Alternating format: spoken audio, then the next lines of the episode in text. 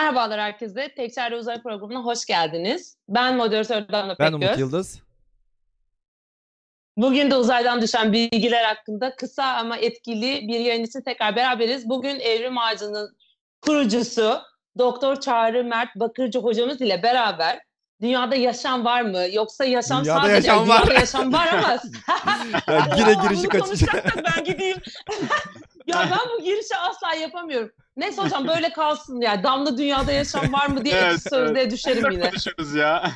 Ya bu, bu yaşam gerçek mi diye hocam neyse Evet. reklamın iyisi kötüsü olmaz. Dünyada yaşam var da sadece burada mı var? Başka gezegenlerde de var mı aslında ve bunun olabilme olasılığı nedir? Çağrı hocamla bunu konuşacağız biraz ve tabii ki öte gezegenlerdeki evrimle ilgili böyle biraz sohbet edeceğiz. Sorularımız var. Ee, videoyu izledikten sonra lütfen sizin de konuyla ilgili sorularınız varsa yorum yapmayı unutmayın. Aynı zamanda eğer videoları beğeniyorsanız da e, beğen tuşuna basın ki videolarımız size öneri olarak çıkabilsin. Ayrıca eğer kanalımıza ve Twitch kanalımıza eğer abone değilseniz abone olmayı da unutmayın diyorum ve konuyu Umut Hoca'ya bırakıyorum. Hocam nasılsınız? İkinize de ayrıca sormuş olayım nasılsınız diye. Evet biz iyiyiz. Hoş geldiniz Çağrı Hocam. Hoş Bu arada her şeyden önce Evrim Ağacı'nın da 10. yılını kutladık hep beraber. Eee, Evet. Tebrik ediyoruz. 10 yıl bir platformun ol, yaşaması çok uzun bir süre. Yani gerçekten öyle kolay Bayağı, olmuyor. evet. İnsanlar ya işte ben bunu kuracağım diyor. Ondan sonra hemen işte ne bileyim gazete çıkartıyor, dergi çıkartıyor ya da bir şey e, web sitesi hazırlıyor derken 3-5 haber, 10 haber, 100 haber ne bileyim belki ondan sonra bir bakmışın kapanıyor.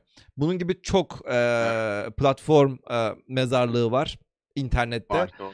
E, sizin bu kadar uzun yaşamanız ve hala daha da büyüyerek e, devam ediyor olmanız çok güzel. Onun için ayrıca tebrik ediyorum. Te- Çok sağ ayrıca ol. evet ben de tebrik ediyorum Çok gerçekten. teşekkürler Damla sağ olasın. Hocam o zaman şöyle başlayalım. Böyle bir ufak yani eminim bu arada hem izleyenler hem de chat'teki insanlar biliyorlar ama biz böyle ulaşabildiğimiz daha çok kişiye de bilgi vermek açısından böyle bir ufak kendinizden biraz evrim ağacından neler yapıyorsunuz, nedir bahsederseniz çok Tabii. sevinirim.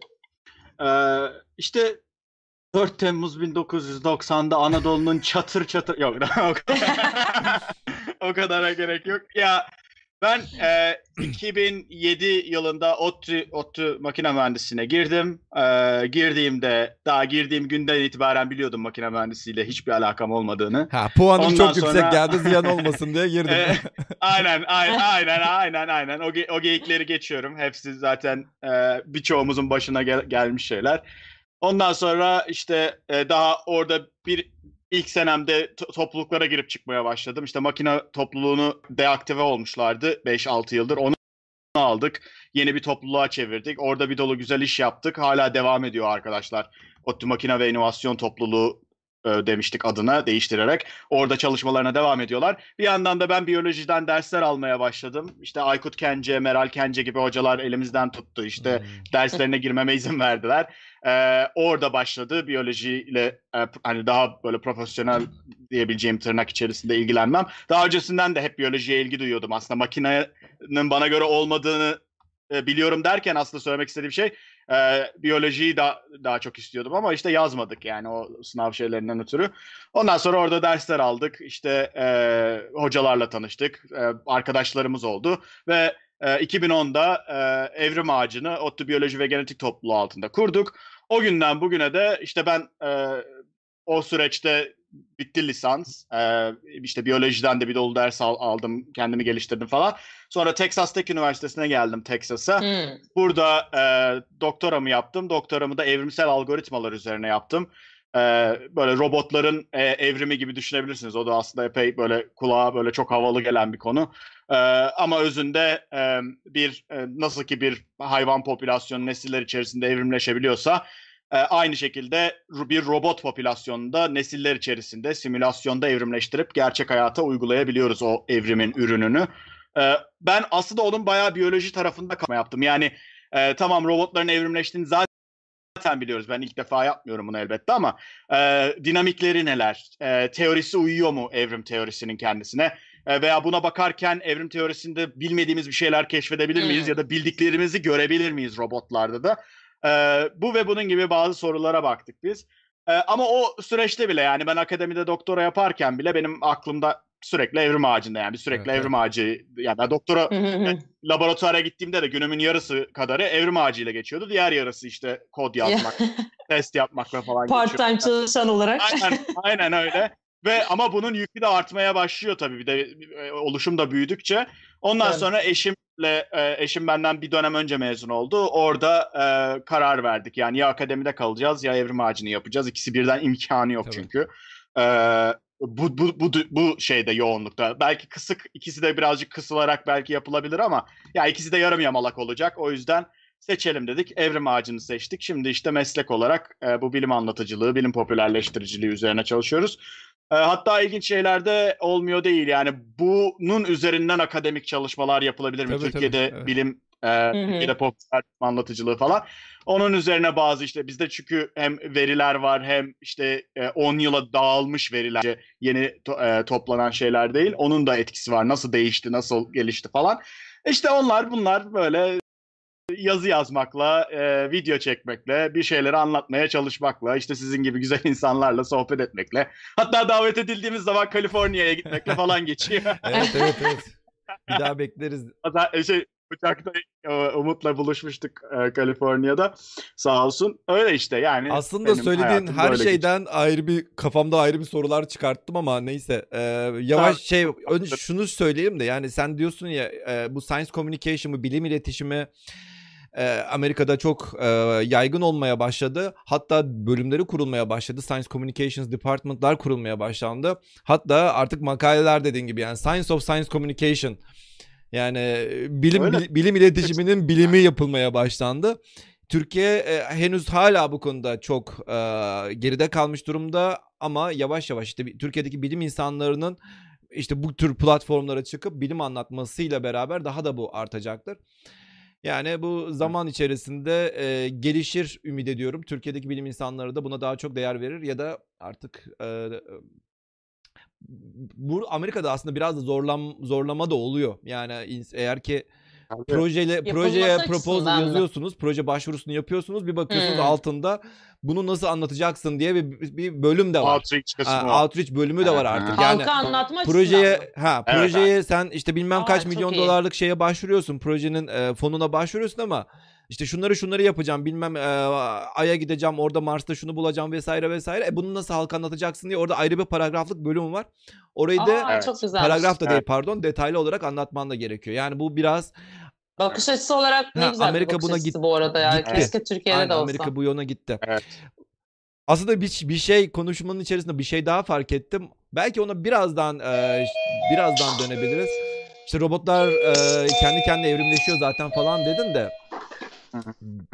Gerçekten evrimleşme evrimleşmediğini neyse e, yani ona Hocam Nasıl- şimdi konuları konuları konuları dağıtmayalım Tamam önce bir evrende evrende yaşamla alakalı. aradan pop-up yapıyorum hemen. O zaman Fark etmez ya onu da konuşabiliriz. De, e, ta- ona ona da yani. girelim. Hocam biz sizi daha çok konuk almak isteriz. Şimdi aynı programın içerisinde ben bunların hepsini sıkıştırmak istemem bu tamam, konunun tamam. moderatörü olarak. Ayrıca. Yeniden Tamam. gelin yine konuşalım. Tamam. Ben- O zaman şöyle ilk soruyla daha şöyle başlayalım. Şimdi ya aslında inanıyorum gerçekten geçmiş insanlar da böyle binlerce yıldır dünyadan böyle uzaya doğru bakınca başka yerlerde insanların da var olup olmadığını düşünmüş olmaları gerekiyor.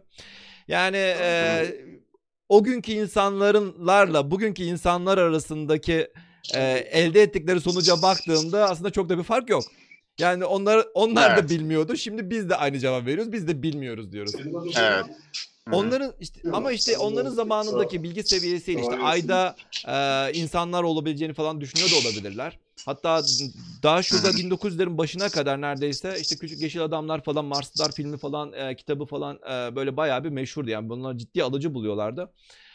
Ya bugün daha çok şey biliyoruz. E, hatta işte yaşam nedir artık biraz daha çözmüş durumda işte DNA'nın işte e, içine kadar çözdük.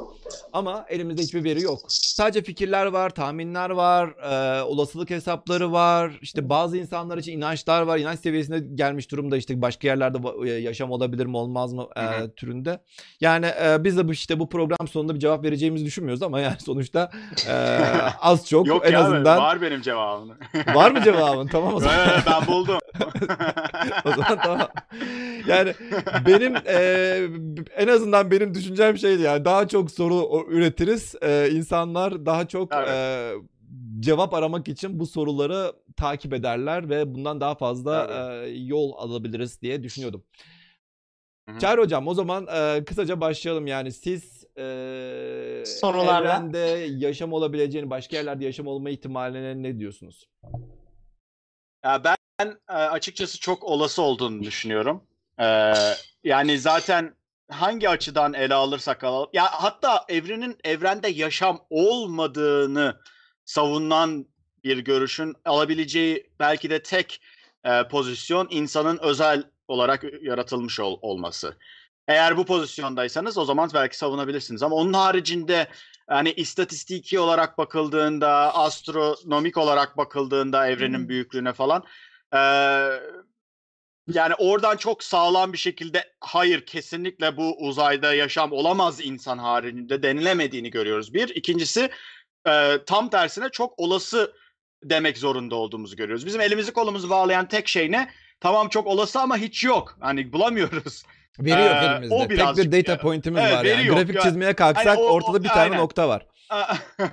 evet bir tane nokta var ki yani aslında o bile hani e, belki istatistiki açıdan düşünecek olursak e, o bile e, çok önemli bir sinyal. Yani zaten e, söylediğim şey oraya geliyor. Bir kere başlayabildiyse yaşam e, ve yaşamın böyle e, doğaüstü büyülü bir şey olduğunu düşünmüyorsak birçok de- defa başlaması hele ki bu kadar devasa bir evrende kaldı ki yani güneş sistemini falan geçtim yani e, çok olası. Ee, ve aynı düşünce hattını takip edecek olursak e, şey de çok olası. Ee, zeki mede- veya medeniyet sahibi, zeki diyebileceğimiz, belki medeniyeti olmasa bile zeki diyebileceğimiz, sonuçta şempanzeleri bulmuş olsak uzayda mesela zeki olduklarını söylerdik mesela. Ha. Ee, bizim kadar olmasa bile. Hmm. Ee, dolayısıyla yani onun da farklı seviyeleri var. Hatta işte bu e, şeyde biliyorsunuz medeniyet seviyelerinden falan bahsediyor enerji Kardeş üretimine evleri, bağlı olarak. O e, evet kardeş ev e, cetveli E, ki onun sıfırla bir arasının da olduğunun hatırlanması gerekiyor. Yani genellikle biz tabii böyle hep uçuk kaçık işte güneşinden enerji toplayan falan filan gibi işte galaksisine hükmetmiş falan düzeyine gidiyoruz ama e, insanların bile 0.4 civarında olduğunu düşünecek olursak o 0 ile 0.4 arasında da bir e, yani birazcık şey skala çok büyük yani oradaki zoom yaptığımızda arada başka birçok seviye de olabilir yani. E, o da söz konusu. Tabii bizden çok daha gelişmiş medeniyetler de olabilir ama dediğin gibi bunların hiçbirine dair veri yok elimizde şu anda.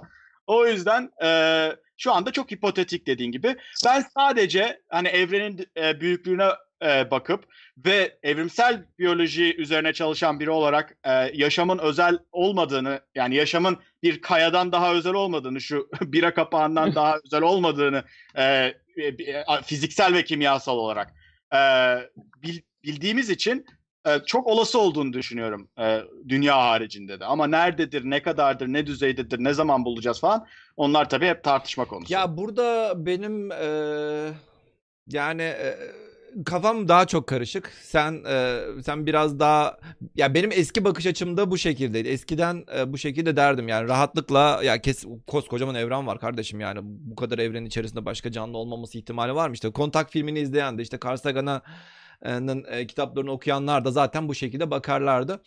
İşin ilginç tarafı şu. Dünyadaki yaşama bakıyoruz. Dünyadaki yaşam işte biliyorsun ya 4,5 milyar yıl önce e, dünya işte güneş sistemi ilk oluşması başlıyor. Ondan sonra aslında çok kısa bir süre içerisinde neredeyse işte e, Çok birkaç kısa. yüz o da o da ha, birkaç bir yüz milyon yıl Evet. sonra yaşam oluşmaya başlıyor e, dünya içerisinde. Şimdi e, birkaç yüz milyon yıl da yani ilk birkaç yüz milyon yılda yani e, dünya ilk oluşurken ki ilk birkaç yüz milyon yılda zaten çok da iyi bir yer değil yani. Volkanlar patlıyor her tarafta Değil. e, at- Aynen alevler, ateşler zaten sülfürik asit bilmem ne e, atmosferi falan filan yani hiçbir şekilde yani yaşamla alakalı hiçbir şekilde bir şeye izin verebilecek bir ortam da yok. Ama işte birkaç yüz milyon yıl sonra başlıyor. Sonra bir bakmışız o yaşam çok çok çok çok çok uzun bir dönem içerisinde evrimleşiyor. İşte bugünkü haline geliyor. Ama yaşamın ilk oluşmasını en azından dünyadaki bakış açımızda baktığımızda çok kısa bir sürede almış oluyoruz. Acaba buradaki soru şu. Ya acaba gerçekten dünyadaki sebepler dolayısıyla mı yaşam bir şekilde oluştu? Ya da uzaydan bir yani, yerden mi geldi? Şimdi mesela şeyi düşününce e, o e, dünyanın ilk birkaç yüz milyonluk sürecini bizi yani e, yüzeyde e, yaşam için uygun değil. Ama işte artık kuyruklu yıldızlarla olduğu düşünüyor. Suyun gelmesinden sonra okyanus tabanlarındaki yaşam şartları da tam tersine tam da yaşamın oluşmasını beklara sahip. Hala yüzeyde uyum, uygunsuz olsa da. Yani dünyayı da böyle bir monolit olarak düşünmemek gerekiyor. Farklı yerlerinde farklı yaşam veya kimyasal koşulların olduğunu görüyoruz. Mesela bunun en güzel örneği ki sen de girmek istediğini biliyorum e, konuşmuştuk biraz. Oksijen. Değil mi? Oksijen şu anda bizim için vazgeçilmez bir kimyasal ama ilk ortaya çıktığında neredeyse yaşamı e, yok etti. Şimdi bakacak olsak aslında oksijenin var olmaması yaşamın başlaması için daha avantajlı. Oksijenin olmamasını istiyoruz. Çünkü oksijen neden? Çok güçlü bağ kurabilen bir evet. e, element. Dolayısıyla bağ kurduğu zaman diğer elementlerin bağ kurma ihtimalini düşürüyor. Yani oksitle oksitliyor, işte oksitlenme dediğimiz olay sonucunda. E, bu istenen bir şey değil mesela. E, oksijen mümkünse olmamalı veya oksijen gibi yüksek. E, evet. Şimdi dolayısıyla evet bizim için hiç uygun değildi ilk birkaç yüz milyon. İnsanı koysan oraya maymunu koysan bir şey koysan yaşayamazdı. Ama e, özellikle de bu e, Atlas Okyanusu'nun te, te, tabanında yapılan e, o e, ayrışma plakaları, plakaların ayrıştığı yerlerdeki volkanik bacalara baktığımızda tam tersine adeta bir fabrika gibi. Neden? Çünkü bir kere sıcaklık gradyanı var. E, magmadan okyanus e, ortalarına kadar olan yerde işte e, 500, 600, 700 derecelerden e, eksi 5 derece işte eksi 2 eksi 3 derecelere kadar giden bir gradyan e, var. Mu, mu, tam harika bir şey. E, e, farklı seviyelerde farklı kimyasal tepkimelere mümkün kalacak bir ortam. E, iyonların dağılımı farklı. E, mikro odacıklar var o e, okyanus tabanındaki e, e, bacaların e, içerisinde. Mikro odacıklar her bir e, e, farklı kimyasal tepkime grubunun yaşanabilmesi için bir farklı derinliklerde oldukları için farklı şartları barındırıyor. Ki burada anlaşılması gereken en önemli şey şu yaşam sayısız kimyasal denemeden bir ya da birkaçından e, e, başladı. Ezici çoğunluğu aslında yaşam demeyeceğimiz, şu anda baksak aa bir şeyler oluyor diyeceğimiz e, e, süreçlere girip e, sonlandı. Yani o çıkmaz sokak e, yolakları gibi düşünülebilir. Bu çıkmaz sokaklar da var. E, bazen insanlar yaşamı düşünürken böyle belli şartlar olacak. Tak tak Hepsi tak oluyor, tak evet. onlar yaşanacak ve canlılık ortaya çıkıverecek gibi bir e, evet. algı oluşuyor. Birincisi e, bir gezegenin farklı yerlerinde şartlar farklı ki Venüs örneğinde her ne kadar şimdi birazcık e, sal, çal, sallantıda olsa da Venüs ile ilgili olayda onu görüyoruz mesela. Yani yüzeydeki ile atmosferindeki bambaşka olabilir. Aynı şey dünya için de geçerli e, farklı yerlerindeki şartlar bakımından. E, ikincisi o uygun olan yerlerde de yaşam zınk diye ortaya çıkan e, şeyler hmm. birçok deneme yapılıyor. Hatta işte protoprotein diye, diye bilinen e, düzgün katlanmamış proteinler oluşuyor mesela. Bunlar yaşam yani birazcık farklı katlansa yaşama gidecek yol olacak ama e, yanlış katlandığı için e, çıkmaz sokağa giriyor. Bunların anlaşılması gerekiyor. Muhtemelen başlangıçta birçok bir farklı noktada yaşam benzeri diyeceğimiz varlıklar oluştu. E, ama şu anda genetik verilerden tahmin ettiğimiz kadarıyla bunlardan sadece bir tanesi üstün geldi diğerlerine. Ha. Şimdi bunların hepsine baktığımızda ee, yani o da çok soruluyor çünkü yaşam hani bir hücreden mi yola çıktı yoksa 100 evet. milyon hücreden mi yola çıktı diye. Muhtemelen 100 milyon hücre benzeri yapı vardı ama en nihayetinde biraz daha uzun zaman skalasında baktığımızda onlardan sadece bir tanesinin soy hattı üstün geldi diğerlerine. Ee, genetik ortaklıktan gördüğümüz kadarıyla e, söyleyebileceğimiz bu. Ama tabii bunlar e, yani ben e, bunlara baktığımda e, Sonra astronomik ölçekte bakalım. E, birçok bir farklı çeşit yıldız var. E, her bir yıldızın kendi işte parlaklığına, sıcaklığına, yaydığı radyasyona vesaire bağlı olarak etrafında bizim bildiğimiz yaşam için oluşan e, tutucu olan ve liberal olan genişlikte değişebilen yaşanabilir bölgeler var. Ve inanılmaz bir tesadüf meydana gelmezse tam tersi yönde bu aralıkta olan gezegenler var olmak zorunda evrende. Tam o olmaması muazzam bir tesadüf olur. Olması çok daha olası. Ee, dolayısıyla e, bu şartların hepsi bir araya geldiğinde, yeterince zaman tanındığında bildiğimiz anlamıyla veya bilmediğimiz şekilde yaşamların başlaması bana e, çok olası olası geliyor. Şimdi bu Dur dur e, her şeyi bitirme. Her şey bir an çok hızlı. Tamam, tamam. Durdum, ben de araya şeyi, şeyi girecektim ya bu hep tartışılan konu olduğu için de biz daha önceki yayınlarımızda da benzer bir şekilde konuşmuştuk. Çok az konuyla ilgili çok az bilgisi olan bir insan olarak bildiğim bir Yok, şey yok. söylemek istiyorum. Ee, yani say, bu, bunu tartışırken şöyle bir soru sormuştuk aslında tam sizin dediğiniz gibi. Aslında yaşamın tanımı nedir diye. Yani biz dünyada bildiğimiz yaşamı tanımlayarak yurt, uzayda bir yaşam arıyorsak eğer belki dünyada bile bir yaşam yok ama orada kendi formuyla bir yaşam olabilir diye özetlemiştik. Değil mi? aslında çok söylediğiniz şeye çok oturuyor aslında. şimdi- Çünkü Evet. Dur dur. O zaman bir dakika ben de buradan şunu ekleyeyim. Ben de şunu ekleyeyim Ay, burada. dur şurada şunu ekleyeyim. Şimdi e, dünyanın o zaman ilk oluşumundaki o dedin ya birçok farklı yerlerde de yaşam belirmiş olabilir ama bazıları Evet.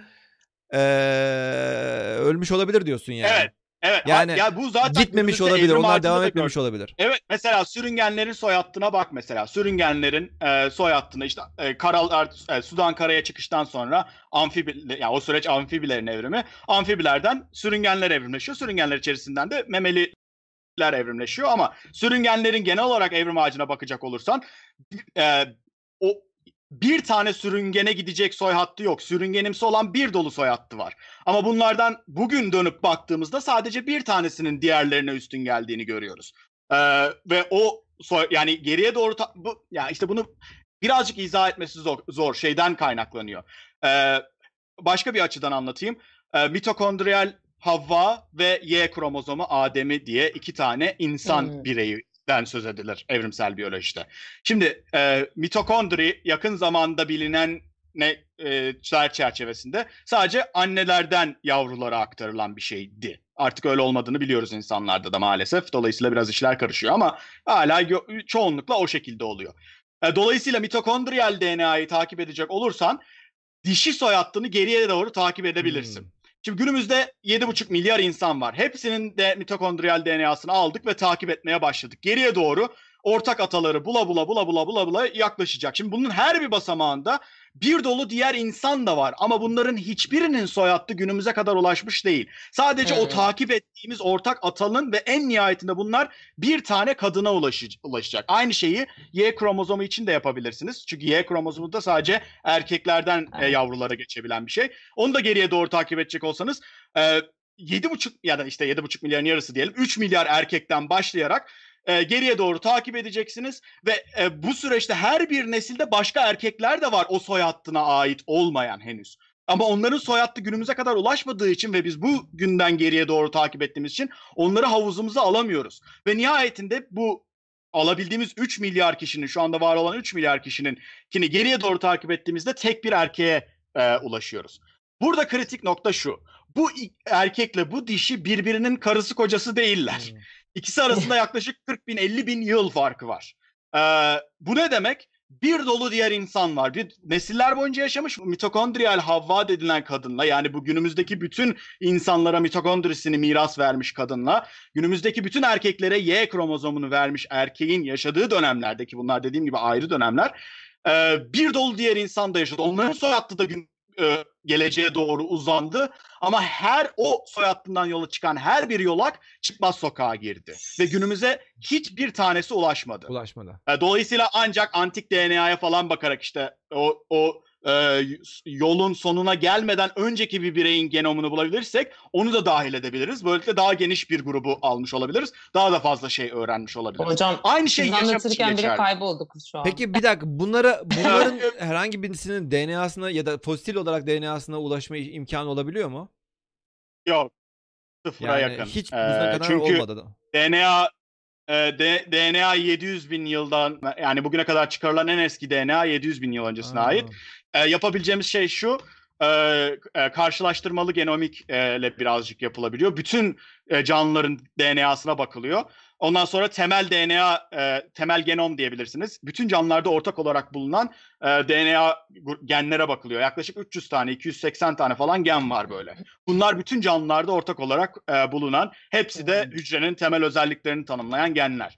E, yani tam da beklendiği gibi evrimden. Yani hepimizde ortak olan genler, ortak hücre yapıyı e, ta- tanımlayan şeyler. O genlerden yola çıkarak işte onlardan kaç tanesini knockout edebiliriz? Ee, yani e, onlardan kaç tanesini sustursak hala yaşamı e, sürdürebilecek e, yapılar inşa edebiliriz. Bunlara bakılabiliyor. Hmm. Ee, bazı mesela hepimizde ortak olmayan ama antik olduğunu düşündüğümüz e, DNA'lar var. Onları yani genler var. Onları e, dahil ederek e, bakılabiliyor. İlk yaşamda yaklaşık kaç e, gen bulunmalıydı vesaire.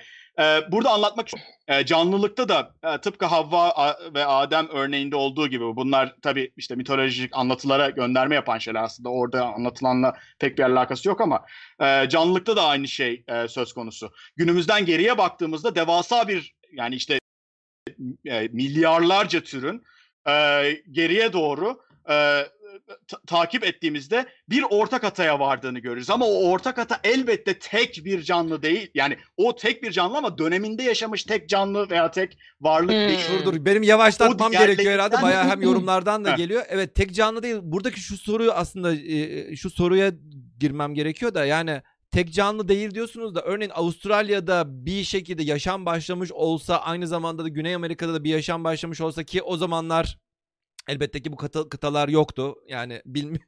Yani anladım. Evet, Sadece ha. dünyanın fark alakasız yerlerinde iki tane yerde iki tane Evet. farklı yaşam başlamış olsa ve bunlar devam ediyor olsa bugün bunu ayırt edebilir miyiz?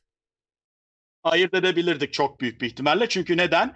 Ee, ya, o yaşamın e, birebir aynı, bir bizim birbirine. Şimdi şöyle, işte kritik noktalardan bir tanesi o. Eğer yaşamın tek bir reçetesi varsa, o zaman ikisi de aynı şekilde evrimleşmiş olmak zorunda. Canlıysa bunlar günümüze kadar gelecek soyatta ürettilerse, o zaman e, ayırt edemezdik elbette. Ama Ha. e, yaşamın birden fazla reçetesi varsa, o iki canlının birebir aynı reçeteyle oluşmuş olma ihtimali tabii daha düşük oluyor. E, Dolayısıyla ayırt etme ihtimalimiz çok daha yüksek olurdu ve baktığımızda bu şekilde iki ayrı reçete görmüyoruz. Bu iki anlama gelebilir. Ya yaşamın bir reçetesi var ya da dünyada yaşam bir reçete hangisiyse artık ya da bin tane de olsa bir tanesinden e, başlayarak çeşitlendi. Çünkü o kadar iki ayrı e, yaşam formu görmüyoruz. Neye bakarsanız bakın çam ağacından arke bakteriye kadar, insandan şempanzeye, aslana, keçiye kadar hepsinin aynı e, e, hücre formuna ait özellikleri taşıdığını görüyoruz. O yüzden diyorum ama e, dediğim gibi yaşam muhtemelen başlangıçta birkaç farklı noktada yaşam ve yaşam benzeri şeyler. E, bunların hepsi yaşama e, dönüşmemiş de olabilir. Onun anlaşılması gerekiyor ve e, Damla'nın da sorusu aslında e, bu e, e, bu noktada ilginç bir soru. Ona da geçebiliriz. Yaşamı nasıl tanımlıyoruz? E, dünyada dün- yani ev- evrende dünyada bilmediğimiz tarzda bir yaşam olabilir mi e, sorusu. Hı hı. Bu aslında e, ilk etapta çok mantıklı geliyor. Bu sadece be- e, kısıtlı bir e, açıdan bakılırsa mantıklı. Çünkü mesela yaşam arayışı e, çalışmaları, çabaları üzere bakacak olursak Hı. mantık çoğu zaman. Neden? Bir yaşamı bulabilecek olsak, onu bir kere bulduktan sonra onun yaşam olup olmadığını çok daha net bir şekilde ayırt edebiliriz. Ha, değil mi? Çünkü Yani sor- elimizde Hmm. yine bir tane nok Aynen, bir tane bu nokta daha var. yeni yazdığım için çok saf bir örnek olacak. E, pornografiyle ilgili bir yazı yayınladık geçenlerde. Daha doğrusu eski bir yazıyı güncelledik. Orada e, bir e, e, şeyden bir e, dava sırasında bir yargıç işte daha şeyde pornografiyi tanımlamaya çalışıyorlar ne olduğunu. Ee, ve şey Tanımlamak önemli. e, sonuçta şuraya geliyor yargıcın şu meşhur cümlesine geliyor. Ee, pornografinin ne olduğunu size tanımlayamam ama bir kere gördüm mü ne olduğunu söyleyebilirim size onun pornografi olup olmadığını. Aynı şey burada da geçerli. Şimdi canlılığı e, biz ararken işte o e, işte e, karbon temelli mi olacak? İşte şu tür bir evet evet. Çünkü yani var mı yok mu onu bilmiyoruz ama bir kere testlesek onu onu elimize aldıktan sonra bunun canlı olduğunu muhte yani belki kesin olarak söyleyemeyiz ama çok Ha. daha rahat söyleriz. İşte neden? Nedeni şu. Yaşam aslında e, bu karbon temelliymiş işte e, oksijen tüketiyormuş, karbondioksit veriyormuş falan gibi şeylerle tanımlanmıyor. Biyoloji hı. ders kitabına bakacak olursanız e, e, lisede orada gösterildiği anlamıyor. Daha doğrusu o yani o da bir başka seviyesi diye düşünün ama o da çok anlamlı. İşte hareket edebilme, uyarana tepki verebilme, ne bileyim beslenme falan filan gibi böyle e, sistemler üzerinden belli e, ça- sistemler üzerinden tanımlandığını görüyoruz. Bu da çok özel bir tanım. Yani anca işte o çocuklara öğretirken e, kullanılacak bir tanım.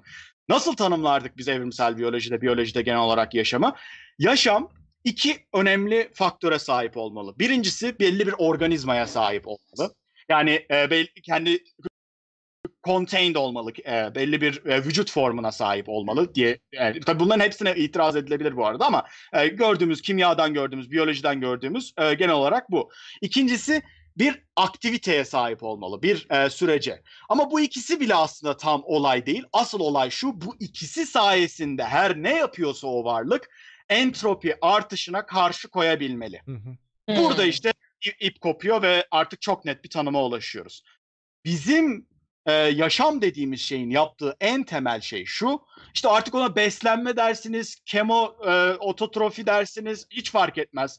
Pa- e, önemli olan şey şu. Bir faaliyet, bir kimyasal süreç işletecek ve bu süreç sayesinde o az önce söylediğim organizma içerisinde kendi e, fi- fiziksel bütünlüğü içerisinde entropinin artışına geçici olarak karşı koyabilecek, lokal olarak, yerel olarak karşı koyabilecek. Bu da genellikle gördüğümüz fizikten enerji sarfiyatıyla oluyor. Enerji sarfiyatı da nasıl oluyor? Beslenerek sağlanabiliyor. İşte bu yüzden de o lise ders kitaplarındaki canlılık tanımına ulaşıyoruz. Beslenmesi lazım diyoruz. Aslında orada olan ne? Paketlenmiş enerji birimlerini açığa çıkartıp onu kullanarak entropi artışına, vücudunuzun dağılmasına bu sürece, bu kimyasal sürece biz canlılık diyoruz. Ve bu yüzdendir ki aslında canlılıkla cansızlık arasında pek bir fark yok denir. Çünkü en nihayetinde ikisi farklı kimyasal süreç türleri. Yani e, çok dışarıdan bakan biri bu ikisi arasında pek bir fark olduğunu düşünmeyebilir bir kaya. Yani e, davranışsal olarak farklılıklar olabilir ama en nihayetinde farklı çeşitteki kimyasal süreçlerin oluşturduğu ürünlerden söz ediyoruz. Kimya düzeyinde baktığımızda bu ikisi sadece farklı kategorilerden ibaret. Hani e, e, son ürünleri bak- bakımından ama o ürüne nasıl ulaştığımıza baktığımızda e, belli kimyasal süreçlerin işlediğini görüyoruz. Ve birinin sonucu entropi artışına karşı koyabilmekken diğerinde bu yok. O ilkine canlılık diyoruz. Düşünün canlının yaptığı şey bu zaten. Beslenme, yap, e, besin dediğimiz şey e, belli bir enerji paketi. Bu Hmm. paketi dağıtıyoruz. Bu arada burada entropinin ihlal edilmediğine dikkatinizi çekmek istiyorum. Çünkü en nihayetinde o e, e, beslenilen şey sistemi bir kademe büyütecek olursanız, avı da dahil edecek olursanız o şey dağılıyor. O dağılmasından siz parçalıyorsunuz işte e, dönüştürüyorsunuz vesaire. Oradan açığa çıkan enerjiyi kullanarak siz entropi artışına, vücudunuzun dağılmasına engel oluyorsunuz. Ki buna işte yenildiğimiz zaman da ölüm diyoruz ona aslında. Yani canlılığı tamamen fiziksel bir temelde e, indirgemek e, mümkün. Tabii ki bu da gene tartışılır. Birçok detayı da konusunda sorun çıkabilir ama o yüzden diyorum bir kere görsek e, uzay dış yani dünya e, dışında e, canlı olduğunu düşündüğümüz bir şeyi e, çok büyük bir ihtimalle rahatlıkla onun canlı mı cansız mı olduğunu söyleyebilirdik evet. e, diye O zaman şu, şu konu şurayı merak ediyorum. Yani aslında o kadar çok söz söyledin ki yani buraya notlar alıyorum ama her birinde de geri dön ge- geri dön dönmek. o zaman bir gezegenin Ben de e, cansızlıktan ya da yaşamsızlıktan yaşama doğru nasıl gidebileceğine dair herhangi bir e, tahminimiz var mı? Yani işte örneğin abiyogenesis diye bir e, Genesis Evet. olayı var. Örneğin dünyada bunun örneğini görüyoruz işte. E, bir şekilde cansızlıktan canlılığa gitmiş. Evet. Bunu nasıl anlayabiliriz? Yani bir gezegen can, yaşamsızlıktan yaşama nasıl gider? Evet. Evet mesela bu, bunu bunu mesela e, kolay ayırt edemeyebilirdik. Bir ge- gezegene gittik diyelim ki belli bir kimyasal süreç olduğunu görüyoruz. Şimdi bu yaşama gidecek bir kimyasal süreç mi değil mi değil mi? Bak bu daha zor bir soru. Çünkü neden? Henüz o e, entropi artışına karşı koyabilecek belli bir organizmaya sahip e, yapıya bürünmüş değil. Bu yüzden diyorum aslında canlılığı ayırt etmek çok zor. Canlı e, diye yani can canlılıktan bildiğimiz özelliklere sahip olacak düzeye geldiyse o gezegende e, yaşamsal süreçler. Ama onun öncesine gittiğimizde bir anda tam da az önce söylediğime uygun olarak bazı biyokimyasal, kimyasal süreçler görüyoruz. Şimdi bunu e, ayırt etmesi çok daha zor olurdu. Ee, mesela e, şöyle şeyler olabilir. Yaşama gidecek noktada abiyogenez teorisi sayesinde öğrendiğimiz neler var? Bunlara bakabiliriz tabii ki. Orada gördüğümüz en kritik nokta kendi kendini kopyalayabilen kimyasal maddelerin varlığı. Çünkü kendi kendini kopyalayabilmenin birçok avantajı var. Ee, birincisi e, e, başka şeylere olan muhtaciyeti azaltıyor, muhtaçlığı azaltıyor. Kendi kendine yeten bir e, yapı, kendi kendine sayısını arttırabilen bir yapı. Bunlara otokatalizör deniyor. E, mesela RNA'nın atasal formlarından biri olduğu düşünülen ribozim denen bir kimyasal Evet. otokatalizör. E, var e, bir tane oluştuktan sonra kendi kendisinin oluşumunu hızlandırıyor. Tabii ki bunu daha da hızlı yapabilen dış enzimler var ama olmasa bile kendi kendinin e, kopyalanmasını art hızlandırabiliyor. E, o tepkimeyi hızlandırabiliyor. Şimdi bu önemli bir parça. Neden? E, çünkü bir dolu kopyalı kopya bir istikrar sağlıyor kimyasal sürece. Yani onlardan çok birçoğu parçalanacak, yok olacak. Bir kısmı başka formlara dönüşecek, hiçbir şekilde yaşama gidemeyecek şeyler oluşacak ama bir kısmı daha dinamik yapılara evrimleşebilir ki bu, bu sürece de kimyasal evrim diyoruz. Yani işin bir biyolojik evrim tarafı var. Canlılık hasbelkader bir şekilde başladıktan sonra nasıl çeşitlendiğini anlıyor. Ee, kimyasal evrimse kimyasal çeşitlilik içerisinden yaşam dediğimiz formun nasıl evrimleştiğini inceliyor. Ki abiyogenez bu kimyasal evrimle ilgili bir süreç. Biyolojik evrimle ilgili bir süreç değil. Ha tabii Ee, ya ki. da Tabii ki yani önce kim, moleküller bir şekilde canlanacak mı Evet. diyeceğiz artık. Ya işte canlılık ne demek? Aynen. yine tanıma geliyoruz yine de. Evet. Sizde şeyden e, astronomide de mesela yıldız evrimi deniyor ona mesela. Birçok yıldız var. Her Tabii. birinin her birinin takip ettiği yolaklar var. Ona da astronomik bir ev, Stellar evrim deniyor. Çünkü eğer ki evet. yıldızlar belirli süreçlere girmeselerdi bu kimyasallar oluşamazdı. Bu kimyasallar oluşamasaydı e, canlılıkta başlayamazdı. Her şey fiziğe dönüyor yani nihayetinde. E, e, e, ee, ve ben bunu anlatmasını çok seviyorum çünkü e, bilimin bütün varoluşun bütün basamakları bilimin farklı kademeleriyle tutulmuş halde. Yani işte e, kuantum ve e, kozmoloji evrenin nasıl başladığını çalışıyor. Evet. Ondan sonra e, işte astrofizikte e, şeyi görüyoruz. Yıldızların nasıl oluştuğunu görüyoruz. Fiziko-kimya giriyor orada içerisinden. Fizikten kimyaya geçişi inceliyor. Sonra kimya, ondan sonra biyokimya, kimyadan biyolojiye geçiş. Sonra biyoloji, sonra e, işte biyopsikoloji vesaire düşünebilirsiniz. Psikolojinin biyolojik temelleri. Yani e, o kültürün oluşması. Yani her bir basamağı farklı bilim dalları çalışıyor. Şimdi biz farklı sorular sorduğumuzda farklı bilim dallarının alanına düşmüş oluyoruz. Mesela şimdiki konuştuğumuz konu biyolojiden çıkıp e, e, kimyanın içerisine Aslında giriyor. benim merak Evet, ettiğim yine de daha çok kimya konusu. Yani e, biyoloji konusu evet. Evet. yaşam bir kere başladıktan sonra zaten devamı geliyor. Yani bir şekilde gidiyor ama o ilk kimyasal olay nasıl oluyor? İlk nasıl oluşuyor? Aslında benim diğer merak ettiğim şeylerden bir tanesi bu enerji konusunda zaten biraz e, bah- bahs- bahsettin orada. Yani canlılık bir şekilde enerjiyi kullanarak e, bir dakika ben bunu tamamen unutmuşum. nasıl? Burada bir tek tek Aynen saslı o ne- bir şey dakika var. ya evet yorumlarda çok yorumlarda geliyordu. Benim ekranım küçük olduğu için göremedim. Ne o? Teksaslı her Teksaslı'nın evinde silah Ya var mıdır şimdi? Nedir o? arada yayında göründüğü için. Ya ona... ya o burası Texas arkadaşlar yani şimdi onlara onlara burada girmeyeceğiz. Bir dakika Onları orada sonra oradaki olay neydi? Şey eee, uyarmadan vurabilirdi. Vurabiliyorsunuz değil mi? anlatırım. Evet tabii. Yani mülküne girdiği anda e, Uyarmak zorunda değilsin. eğer ki post ettiyse yani bir si- sinyal koymak gerekiyor o kadar da değil de e, işte no trespassing falan geçiş yasaktır falan dedikten sonra e, şey e, artık daha da fazla tehdit olduğunu hissedersen teknik olarak vurabiliyorsun ve hani yasal yükümlülüğü çok düşük e, yok denecek kadar az e, özel mülkte olduğun için. E, Yok, yok, öyle yani burada var ya. Kaliforniya'da önce vur, uyarabiliyorsun, uyarman gerekiyor sonra vuruyorsun. Yani uyarmadan vurma Hmm. yok. Onun için arkadaşlar Kaliforniya'yı tercih ederiz. en azından. Hocam ben geleceğe Onu bir ayrıca ko- yani konuşmak tamam yayının lazım. sonunda Bu bunu konuşuruz. Yayının sonunda merak edenler daha uzun versiyonunu Twitch'ten izleyebilirler. Twitch'te her zaman e, bütün uzun yayınları bırakıyoruz bu arada. orada Tamam. eee, yayın- tamam şeye devam edelim o zaman. Eee, benim de bu şeyimi kaçırdın. Dur dur tamam tamam an hatırladım. Eee, enerji konusundan bahsediyordum. Enerji şimdi canlılığın bir enerji kullanarak devam etmesi gerekiyor değil mi? Sonuçta eee, şeyimiz de yani bilgisayarda pil kullanıyor. Enerji ihtiyacı var. Canlılık da aynı şekilde bir enerjiye ihtiyacı var. Ee, yemek yiyor. Yemekten öte oksijen yiyor. Oksijeni e, solduktan Dioksit. sonra bu enerjiye dönüşüyor, değil mi? Yani bir Evet, şekilde evet. bir şey bir, bir şeye bir şey gerekiyor bu enerjiyi oluşturabilmen için. Ben biraz ben e, oksijene çok takmış durumdayım çünkü oksijen evet dünyada var. Bir de dünyadaki oksijeni biz böyle sanki her zaman varmış gibi hissediyoruz ama yok öyle bir olay yok. Yani oksijenin %21'lik oranı çok özel bir oran. Yani şu anda dünyamızda %21 oksijen oranı var ama bu her zaman böyle değildi. Yani şurada e, Evet, evet. birkaç yüz milyon yıl öncesine gittiğinde bu oran daha yavaş yavaş böyle oynadığı zamanlar falan oluyor. Hatta e, bu Evet. cyanobakteriyaların e, ilk ort- o o o işte buçuk milyar yıl iki buçuk önce. milyar Evet. yıl önceki Yani anlatabilirim Ha, o, o, o işte hı. e, Great Oxidation Event bu büyük oksijen e, patlaması olayı. E, oksijen e, Hı yok yok yok et, yok etmesi mi diyelim ya da oluşturması mı diyelim ya artık neyse. O, evet, evet. o zamana kadar oksijen diye bir şey aslında neredeyse e, çok çok çok az bir ortam. Yani dünyadaki ortam neredeyse ilk iki buçuk milyar yıl boyunca hiç oksijen neredeyse yok. Çok az bir durumda. Hı.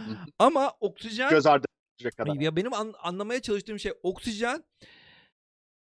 Ya e, şu anda her tarafımızda var ama oksijen yanıcı bir gaz. Yani e, adı üstünde zaten biz de zaten yakıyoruz işte kalori yakarken ad- Evet.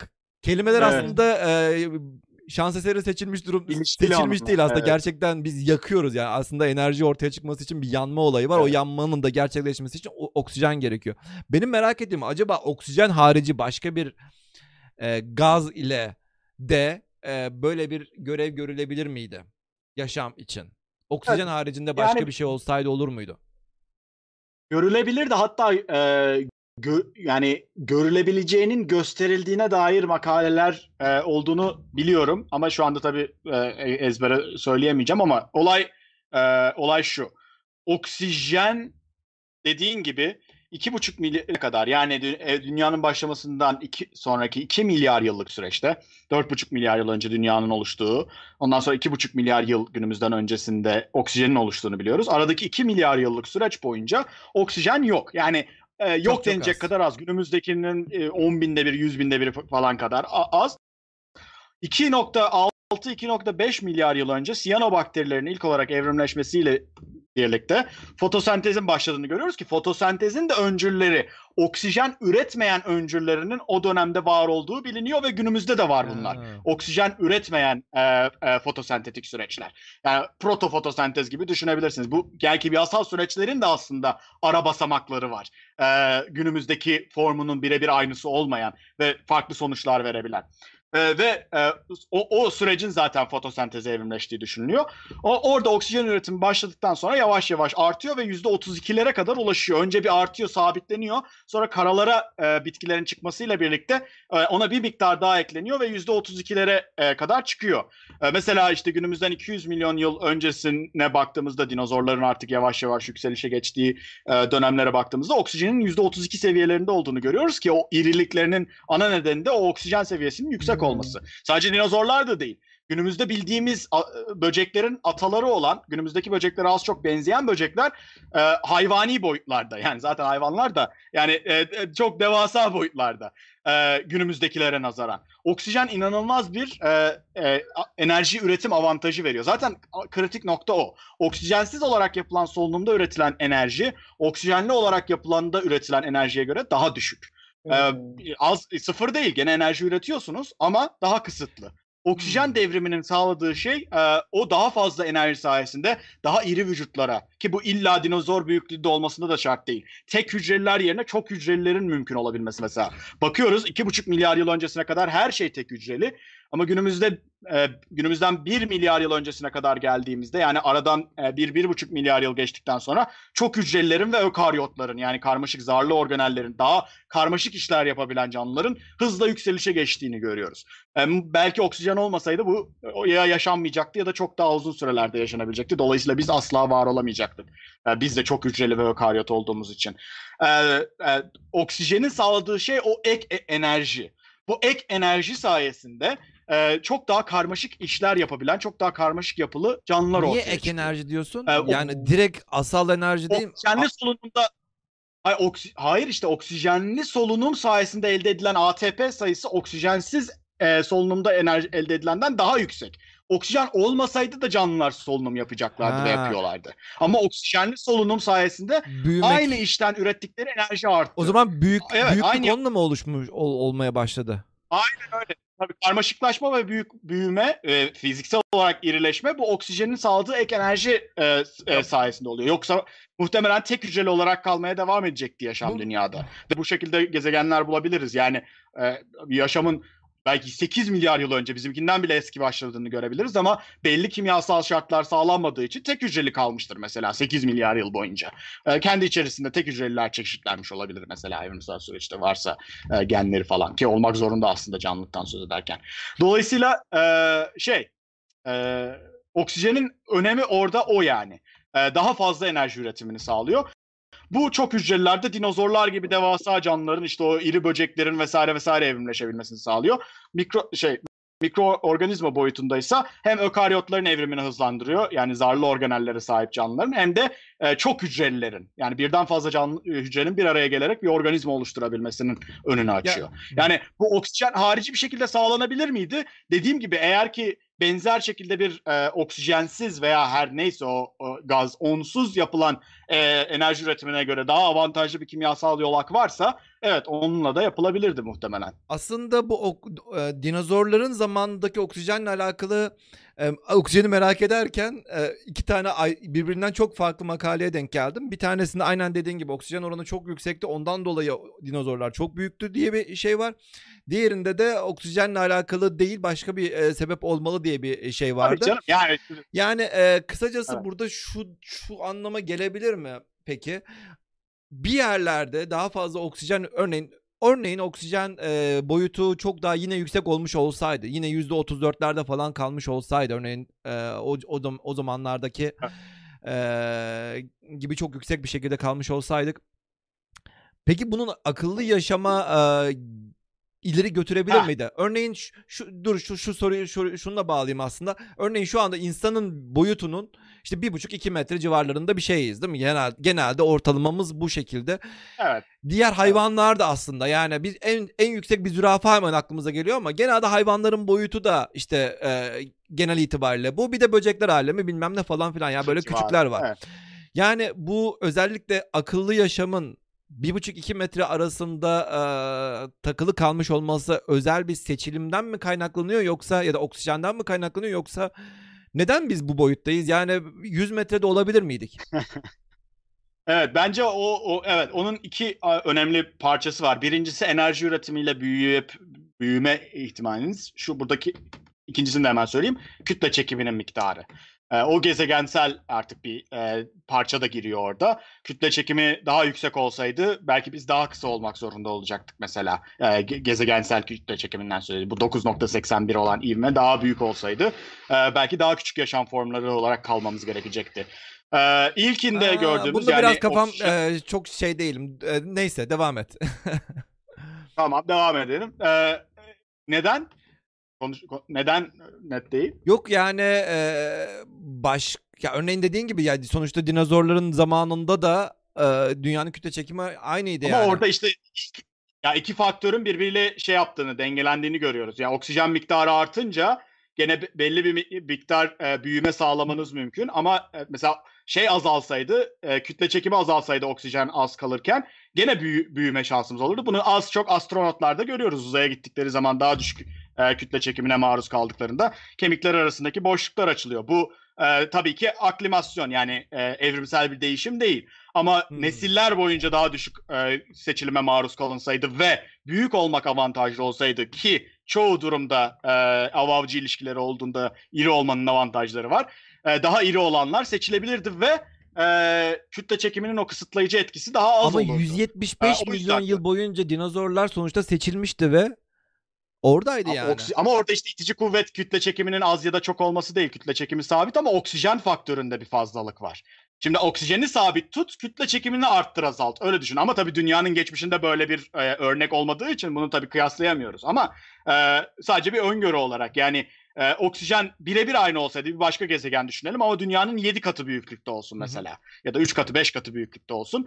E, aynı canlıların aynı oksijen seviyesinde aynı büyüklükte canlıların oluşması e, bana pek olası gelmiyor. Muhtemelen daha e, kısıtlayıcı bir faktör olurdu e, diye düşünüyorum. Ama neyse e, oksijen e, konusuna dönelim. E, şeyde büyüklükle ki kritik nokta şu en, şey zeki yaşam, yaşamla ilgili olarak. Ee, zeka dediğimiz şey en nihayetinde sinir sisteminin bir ürünü. Sinir zekadan söz e, e, edemiyoruz. Ya da çok çok çok çok çok daha kısıtlı söz edebiliyoruz. Mesela cıvık mantarlarda falan zeka olduğu söyleniyor labirentleri çözebildikleri için. Kimyasal bir zeka e, söz konusu orada ama bu da şey gibi işte. E, yaşam olmadan e, olmamasına rağmen böyle yaşam gibi davranan yasal süreçler var. Hani ona yaşam demiyoruz ama şaşırtıcı ama yaşamdan söz ederken onları kullanmıyoruz. Aynı şey burada da geçerli. Zeka dediğimiz zaman belki e, sinir sistemi olmadan var olabilen zekalardan bahsedebiliriz ama zeka, bilinç vesaire dediğimiz zaman karşımıza çıkan şey sinir bilim e, ve sinir sistemi. E, sinir sisteminin belli bir karmaşıklıkta olması gerekiyor ki yeterince fazla miktarda veriyi yeterince hızlı işleyip yeterince e, hızlı bir şekilde cevap verebilsin ki zeka dediğimiz e, işte problem çözme dediğimiz vesaire süreçler ortaya çıksın. E, bunun için de belli bir vücut büyüklüğü gerekiyor. Hmm. Sonuçta sinir denilen şeyin bir e, yapıtı bir yapısı ha, bir boyutu var. E, dolayısıyla e, bir minimum tanımlamak mümkün olabilir orada zeka için ama bu minimum insan düzeyinde değil bariz bir şekilde. Çünkü insan düzeyinde olmayıp boyut olarak hala zeki olan, e, zekası olan, bilinci olan canlılar var. E, daha ziyade bu işte mikro düzeyden mezo düzeye geçişteki e, belki solucanlar düzeyinde, solucan boyutundaki canlılarda artık zekayı görmeye başlıyoruz. E, çünkü yeterince karmaşıklaşmış sinir sistemlerinden söz edebiliyoruz. Dolayısıyla evet belli bir boyuta erişebilmek gerekirdi zekadan söz edebilmek için. Mesela bakterilerden bir medeniyet inşa etmelerini beklemiyoruz. Şimdi e, bilim kurgusal olarak düşününce belki e, çok çılgın bir şeyler hayal edilebilir ama onun temellendirilmesinde birçok bilimsel sorun çıkacaktır diye e, tahmin ediyorum. Çünkü bir yerlere sinir sistemini yerleştirmemiz en azından karmaşık bir veri işleme sistemini illa nöron olması şart değil ama çok e, karmaşık e, ve farklı sayıdaki e, veriyi işleyebilen bir sistemin e, olması gerekiyor. E, dolayısıyla belli bir karmaşıklık düzeyi gerekiyor diye düşünüyorum. Zeka ve medeniyet ve e, üst düzey bilişsel fonksiyonlardan söz edebilmek peki, için. Peki dinozorların 175 milyon yıl önce bir türlü o hani meşhur e, örnek var şey vardır ya böyle ceviz kadar beyinleri falan vardı diye. Ya niye yani neden ne oldu da büyütemediler bunlar? Bunların dertleri neydi? Abi az bir zaman evet, değil ya, ya 175 milyon yıl şurada insanlığın evet. tarihinden biz, evet. şurada birkaç yüz biz bin 6 yıldır milyon yıl varız ki e, IQ'muz da son birkaç yüz yıldır arttı ya birkaç bin yıldır gelişiyor yani. Ondan öncesi evet. zaten tarım toplamı bilmem avcı toplayıcı yani. O evet. Yani 175 milyon yıldır bu dinozorlara ne oldu da niye bir türlü akıllanamadılar onu merak ediyorum açıkçası. Evet bu birazcık uzun bir konu. Ee, çünkü bunu cevaplayabilmek için ne oldu da insanda oldu onu cevaplamamız gerekiyor aslında. Çünkü neden dinozorlarda olmadı sorusu neden farelerde olmadı, neden kedilerde olmadı, neden köpeklerde olmadı gibi çeşitlendirilebilir ve her birinin hikayesi farklı olacak. Ama neden insanda oldu diye sorduğumuzda bildiğimiz sonucunu bildiğimiz bir şey üzerine araştırma yapabiliyoruz. Ve onu sorduğumuzda karşımıza 6-7 tane faktör çıkıyor. Ben bunu kitaplarda da anlatmaya çalışıyorum. Sitede de var Evrim Ağacı'nda.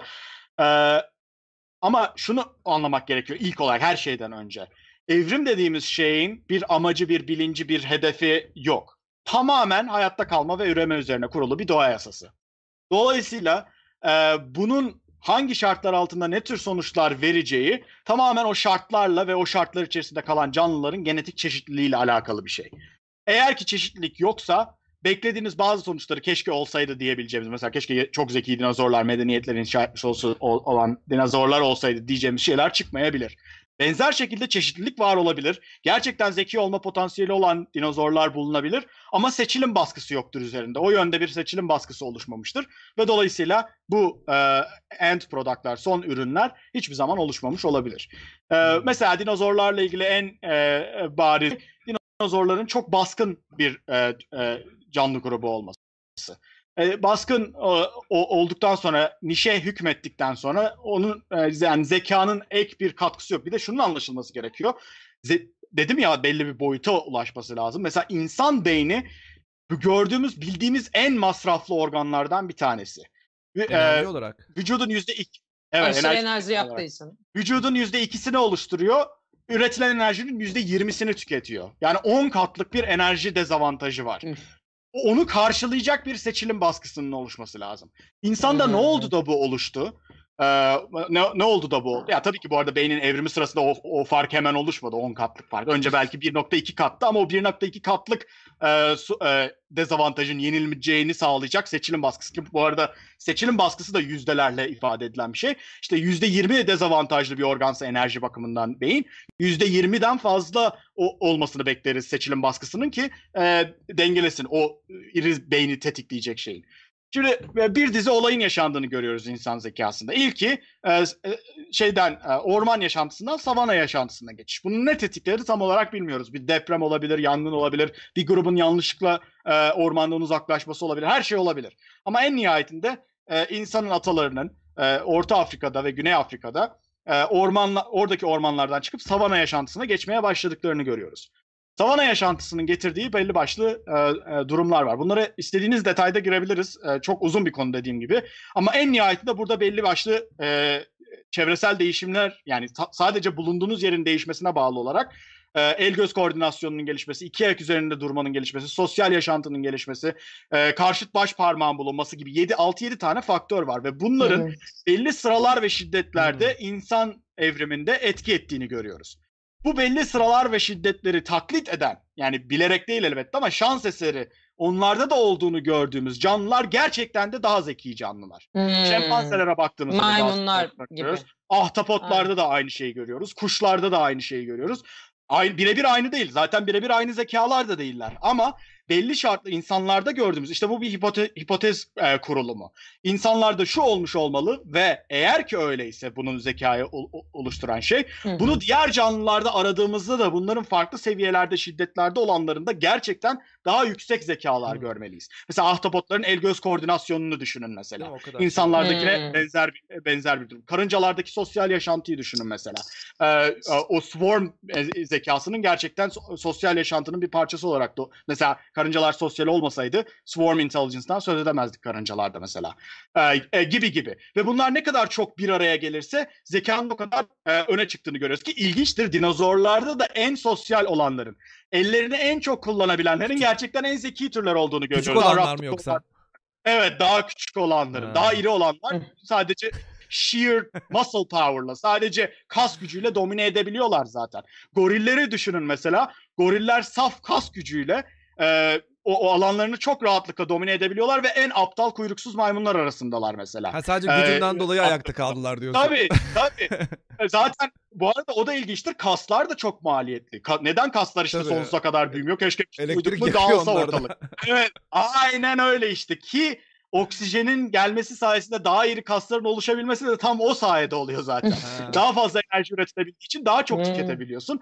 Daha çok tüketebildiğin için daha çok irileşebiliyorsun. Daha çok irileşince daha karmaşık evrimsel değişimlere gerek kalmadan alanına domine edebiliyorsun. Evrim en basit yola doğru gidiyor. Çünkü onun evrimleşme ihtimali istatistiki olarak daha yüksek. Hmm. Yoksa evrim oturup da hesap kitap yapmıyor. Şimdi şunu yapsam şöyle bir sonuç olacak. Hmm, yok o çok masraflı olur. Şunu yapayım. Hepsi deneniyor. her an deneniyor. Ama hangisi gelecek nesillere kalıyor? O en az masrafla en çok işi yapabilenler. Hmm. E, orada canlı da oturup hesap kitap yapmıyor. Bırak evrimi. Dinozorlar da ya ben şimdi evimi boş bıraksam biraz da sosyalleşirim yarın.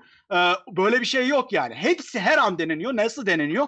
Genetik çeşitlilik var çünkü. Hiçbir iki birey birbirinin birebir aynısı değil e, amitozla bölünen bakterilerde bile mutasyonlar dolayısıyla. Dolayısıyla sürekli farklı gen kombinasyonları sürekli değişen çevrede bir teste tabi tutuluyor, eleniyor veya geçiyor. Bu bizim günümüze ulaşanlar geçenlerin torunları ve işte biz onlara bakarak evrim tarihini oluşturmaya çalışıyoruz. Hocam, Bu da size hızlı peki, bir fiyat özeti. performans fiyat performans diyebilir miyiz buna yani tam olarak? işte, sokma beni ama e, birebir aynısı geçerli. O da teknolojik evrim dediğimiz şey. Teknolojik evrimde de istediği kadar e, tasarımcılar, Steve Jobs'lar otursun, düşünsün, taşısın. Şunu yaparız. Belki ufak sıçramalar yapılabilir ki evrimde de gördüğümüz bu. Evrimde de belli başlı noktalarda çok hızlı sıçramalar görebiliyoruz. Buna e, e, sıçramalı evrim deniyor. Onlara girmeye gerek yok şu anda ama e, belli tasarım dokunuşları, ani değişimler tasarımda belli e, piyasa tepkilerini doğurabilir. E, bunda Tesla'nın başarısında, Apple'ın başarısında bunları Hmm. görüyoruz. Ama en nihayetinde o Apple'ın ne yöne doğru evrimleşeceği piyasadan gelen geri bildirimlerle, Ha, tabii ki, seçilimle belli tabii ki, oluyor. Tabii ki. Ee, orada Evet. belirlerini kurabiliriz. Robotlarda bizim yaptığımız şey de aynısı mesela. Teknolojiye geçince işin doğası azıcık değişiyor ama özünde evrimin yasaları aynı şekilde işliyor. Neden? Çünkü bu bir Hmm. Doğal bir yasası. Bir yerde çalışıp da diğer yerde çalışmaması, kütle çekiminin bir yerde çalışıp bir yerde çalışmaması mümkün mü? Eğer ki bir e, kütle varsa kütle çekimi de olmak zorunda. Aynı Çok şekilde e, eğer ki popülasyonlar varsa, çeşitlilik varsa e, ve nesilsellik varsa evrim ça- çalışmak zorunda. Evet, evet. Bu bir tercih. Zorunluluk. Ya o kadar hızlı konuştun ki şurada hmm. çok güzel bir soru aklıma geldi. Şey yapamıyorum. Yani güzel mi değil mi onu zaten sen karar verirsin de. Teknoya geçmeden, tekno evrime geçmeden önce bir anda e, beyinden bahsederken bu beyin neden mikro seviyede daha çok korunma ihtiyacı hissediyor? Örneğin bir blood brain barrier diye bir şey var. İşte kan beyin duvarı diye bir şey var. Örneğin e, vücuduna sen kötü bir şeyler aldığında beyine ulaşmıyor ve beyni harcamıyor. Neden neden böyle bir e, şey yapıyor? Bu hayvanlarda da var değil mi? Ay, bütün bütün e, Var. diğer canlılarda da. Neden beynin özellikle ya bu, bu burada gelecek görüyoruz. e, bunu koruyalım falan diye bir Hayır, bir yok. seçilimi O- olmuş. o- gene gene geçmişine. Yo yo geçmişine düşünmen gerekiyor. Şimdi şeyde e, beyin dediğimiz şey aslında kendi başına bağımsız olarak var olmuş bir organ değil. Sinir sisteminin evrimine baktığımızda hatta onun gerisine gidip çok hücreliliğe baktığımızda ve tek hücrelilikten çok ben gene e, evrenin başına kadar gideceğim böyle gidersek ama e, şey tek hücrelilikten çok tek hücrelilerin yaptığı o hani gene lisede öğretilen çevreye tepki vermek. O çevreye tepki vermenin tek olayı e, enerji kaynaklarına ulaşabilmek. Yoksa hiçbir e, yani öyle hesap kitapla yapılan şeyler değil. E, tehlikeden uzaklaşıp enerji kaynağı olabilecek yerlere ulaşmak. Bu da belli bir sinyalleşmenin e, sağlanmasını gerekiyor. Yani ne oluyor? Dışarıdan bir tepki geldiğinde hücre kendi içerisinde bir biyokimyasal değişim yaşıyor ve o biyokimyasal değişim sonucunda atıyorum bir e, sili varsa o sili çalıştırarak başka yöne doğru kaçı, uzaklaşıyor mesela. Şimdi bu çok hücrelilere geçtiğimizde dış katmanı özellikle de oluşturan e, hücrelerde e, dışarıdan gelen sinyalleri işleme rolüne veriyoruz. Çünkü bu avantajlı. Daha onu daha etkili, verimli yapabilenler çevrelerine daha karmaşık tepkiler verebiliyorlar. Daha kolay besine ulaşabiliyorlar ve bu onların soy hattı kalıyor günümüze.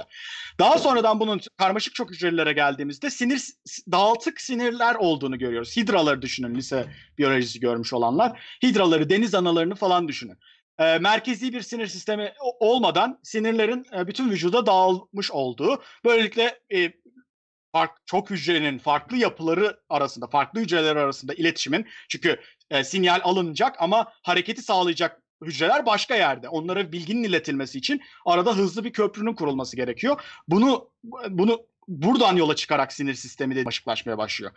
Nihayetinde bu silsile ve arada atladığım birçok basamaktan geçildikten sonra e, bütün bu sinir sisteminin faaliyetini e, merkezi bir şekilde kontrol edecek bir ara birim ol, olmasının avantajlı olduğunu görüyoruz. Ve bu beyin olarak karşımıza çıkmıyor. Ha. O sinir sistemi içerisinde düğüm dediğimiz, nod dediğimiz e, şeyler e, böyle öbek öbek e, daha karmaşık, daha birbirine daha karmaşık şekilde bağlanan. Çünkü unutmayın sinir sistemi dinamik bir transistör gibi en nihayetinde. Transistör sadece üzerine işte belli bir volt gelirse açılıyor, kapanıyor. Buna bir de şeyi ekleyin. Transistör belli sinyallere bağlı olarak başkalarıyla da bağlantı kurabildiğini düşünün kendi e, e, e, kafasına göre diyelim. E, dinamik bir şekilde. Bunu yaptığı zaman bizim sinir dediğimiz şeye çok daha yakınsamış oluyoruz. Ve o pekiştirildiği sürece o bağlantıların e, korunduğunu düşünün mesela. Bu nodlarda da olan şey o. Çok daha dağınık olduğu zaman birbiriyle bağlantı kurması zor oluyor ama nodlarda sinirler çok daha farklı şekillerde birbiriyle bağlantı kurup çok daha karmaşık işlemleri yapabiliyorlar. İşte bu nodlardan yola çıkarak beyin dediğimiz yapıya ulaşıyoruz. O nodlar daha sonra bir araya gelmeye başlıyorlar ve beynin farklı bölgelerini oluşturup bugün beyin dediğimiz e, tek büyük nodu oluşturuyorlar. Ee, ve işte e, bu süreçte o nod karmaşıklaştıkça o nodun korunması da önemli olmaya başlıyor. Hmm. Çünkü bazıları koruyacak yapılara sahip değil. Onlar ne oluyor? Dediğin gibi dışarıdan uygun olmayan bir e, yapı girdiği zaman dağılıyorlar, parçalanıyorlar. Düşünsene yani sinyal geliyor işleyemiyorsun çünkü yabancı bir madde var e, işlemeye engel olan. Her şeyi o kimya düzeyinde de düşünmek gerekiyor. Çünkü her şey o şekilde oluyor. Bir sinyal geldiğinde bir kimyasal yolak tetikleniyor ama orada bir blokaj varsa dışarıdan gelen istenmeyen bir madde o süreç işleyemiyor ve o tepki oluşturulamıyor. O tepki hmm. oluşturulamadı işte elenme dediğimiz şey oluyor. Canlı, Canlı elenmiş oluyor ve hayatını kaybediyor. E, dolayısıyla o korunma da e, geçmişten kaynaklanan bir şey e, günümüze kadar e, gelişi. Şöyle düşünüyorum. Şimdi öte gezegenlerde yaşam da dedik de e, şimdi e, yayının, yayının da ilk başında yani ilk birkaç yüz milyon yıl içerisinde dünyada yaşam ya oluştu ya dışarıdan bir yerden geldi. Onu henüz e, Evet. bir e, konsensusa Ondan sağlamış değiliz. var, Evet. Ama e, evrene baktığımızda, evrensel ölçeğe baktığımızda bazı işte global clusters dediğimiz böyle küresel e, kümeler var. Bu kümeler kümeler çok çok eski, çok yaşlı kümeler. Ya bunların yaşları 10 milyar yıl falan olabiliyor. 10 milyar, 10 yani Çok. çok çok çok eski e, yıldızlar var ve bu yıldızların çevresinde de yani biz sadece birkaç yüz milyon yıl içerisinde dünyada yaşam meydana geldiyse ve işte 4,5 milyar e, ondan sonraki 4 milyar yıl e, süre boyunca da işte örneğin bugünkü gibi bir akıllı yaşama kadar ulaşmışsa düşünün yani sadece 100 yılda bu hale geldik. Bundan 1000 yıl sonra ne hale gelebiliriz eğer kendimizi yok etmezsek. Ondan e, Evet. ne bileyim 10 bin yıl sonra 100 bin yıl sonra 1 milyon yıl sonra 1 Tabii. milyar yıl sonra ne hale gelirdik diye düşünebiliriz. Tabii. Yani eğer ki kendimizi yok etmemiş olsak ki büyük ihtimalle yok Evet. ederiz yani bu e, Çok büyük çünkü ihtimalle. e, savaş bir şekilde örneğin insanlar bu kadar e, silaha ve savunmaya örneğin senin gibi yatırım yaptıktan sonra e, birbirini yok etmeme Hocam o notu düşmeseydiniz iyiydi. sonrasında birbirini yok etmemesi benim çok yüzümden yok olacak yaşam. sonrasında birbirini yok etmemesi çok mümkün Evet. olmayabilir yani bir şekilde o yani dünyadaki insanlık e, insanlığın geleceği yani 1 milyon yıl daha dayanır mı büyük ihtimalle olmayabilir ama dediğimiz gibi yani bir global clusters e, dediğimiz şeylerde 10 milyar yıldır o yıldızlar var ve yaşı onlar durabiliyor ve büyük ihtimalle o yıldızların da çevresinde dünyaya benzer gezegenler vardı, su vardı vesaire vardı. Yani e, yaşam varsa var olmuş olabilir ve gerçekten kendini e, ileri kadar gitmiş de olabilir bence. Ve bir şekilde e, yok etmiş de olabilirler. Bu saate kadar ka- yok Sen etmiş de olabilirler. başta ben şey seni sana soracağım. Neden başta eskiden öyle düşünüp de artık öyle düşünmediğini sö- Kafam, söyledin eee, onu anladım. Yani kafam eee, ya biraz daha geniş geniş bakmaya yaşam olamayacağını mı düşünüyorsun?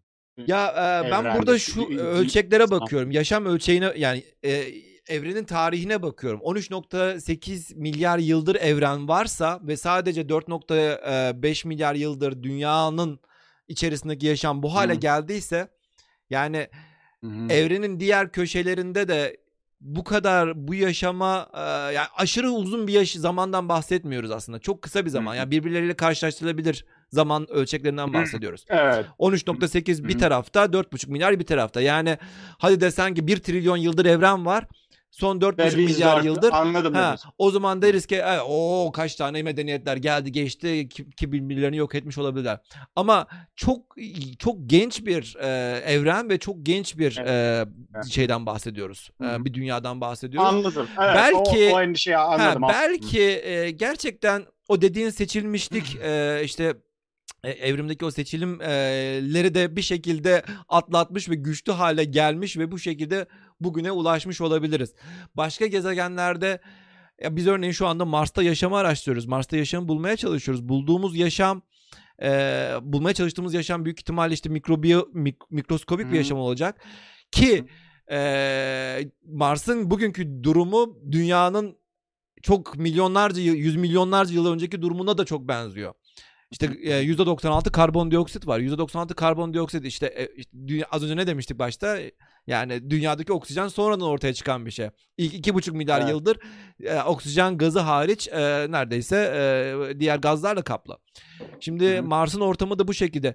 Dünyadaki yaşamı düşünürken işte ne zaman hangi yaşam ve ne zaman e, diye böyle bir soru sormamız da gerekiyor. Anladım, anladım. Aynı anladım şekilde dediğini. öte gezegenlere de baktığımızda, diğer gezegenlere, diğer yıldızların çevresindeki gezegenlere de baktığımızda oralardaki atmosfer koşulları, oralardaki işte suyun durumu, oralardaki e, ne bileyim ya düşünsenize yani sürekli volkanların patladığı bir yerde belki gerçekten yaşam ya bir anda bir oluştu ondan sonra şak diye öldü ve bitti yani. Ya o oluşum O zaman bak o- Oluşup da evet, bitebilir yani. söz etmek.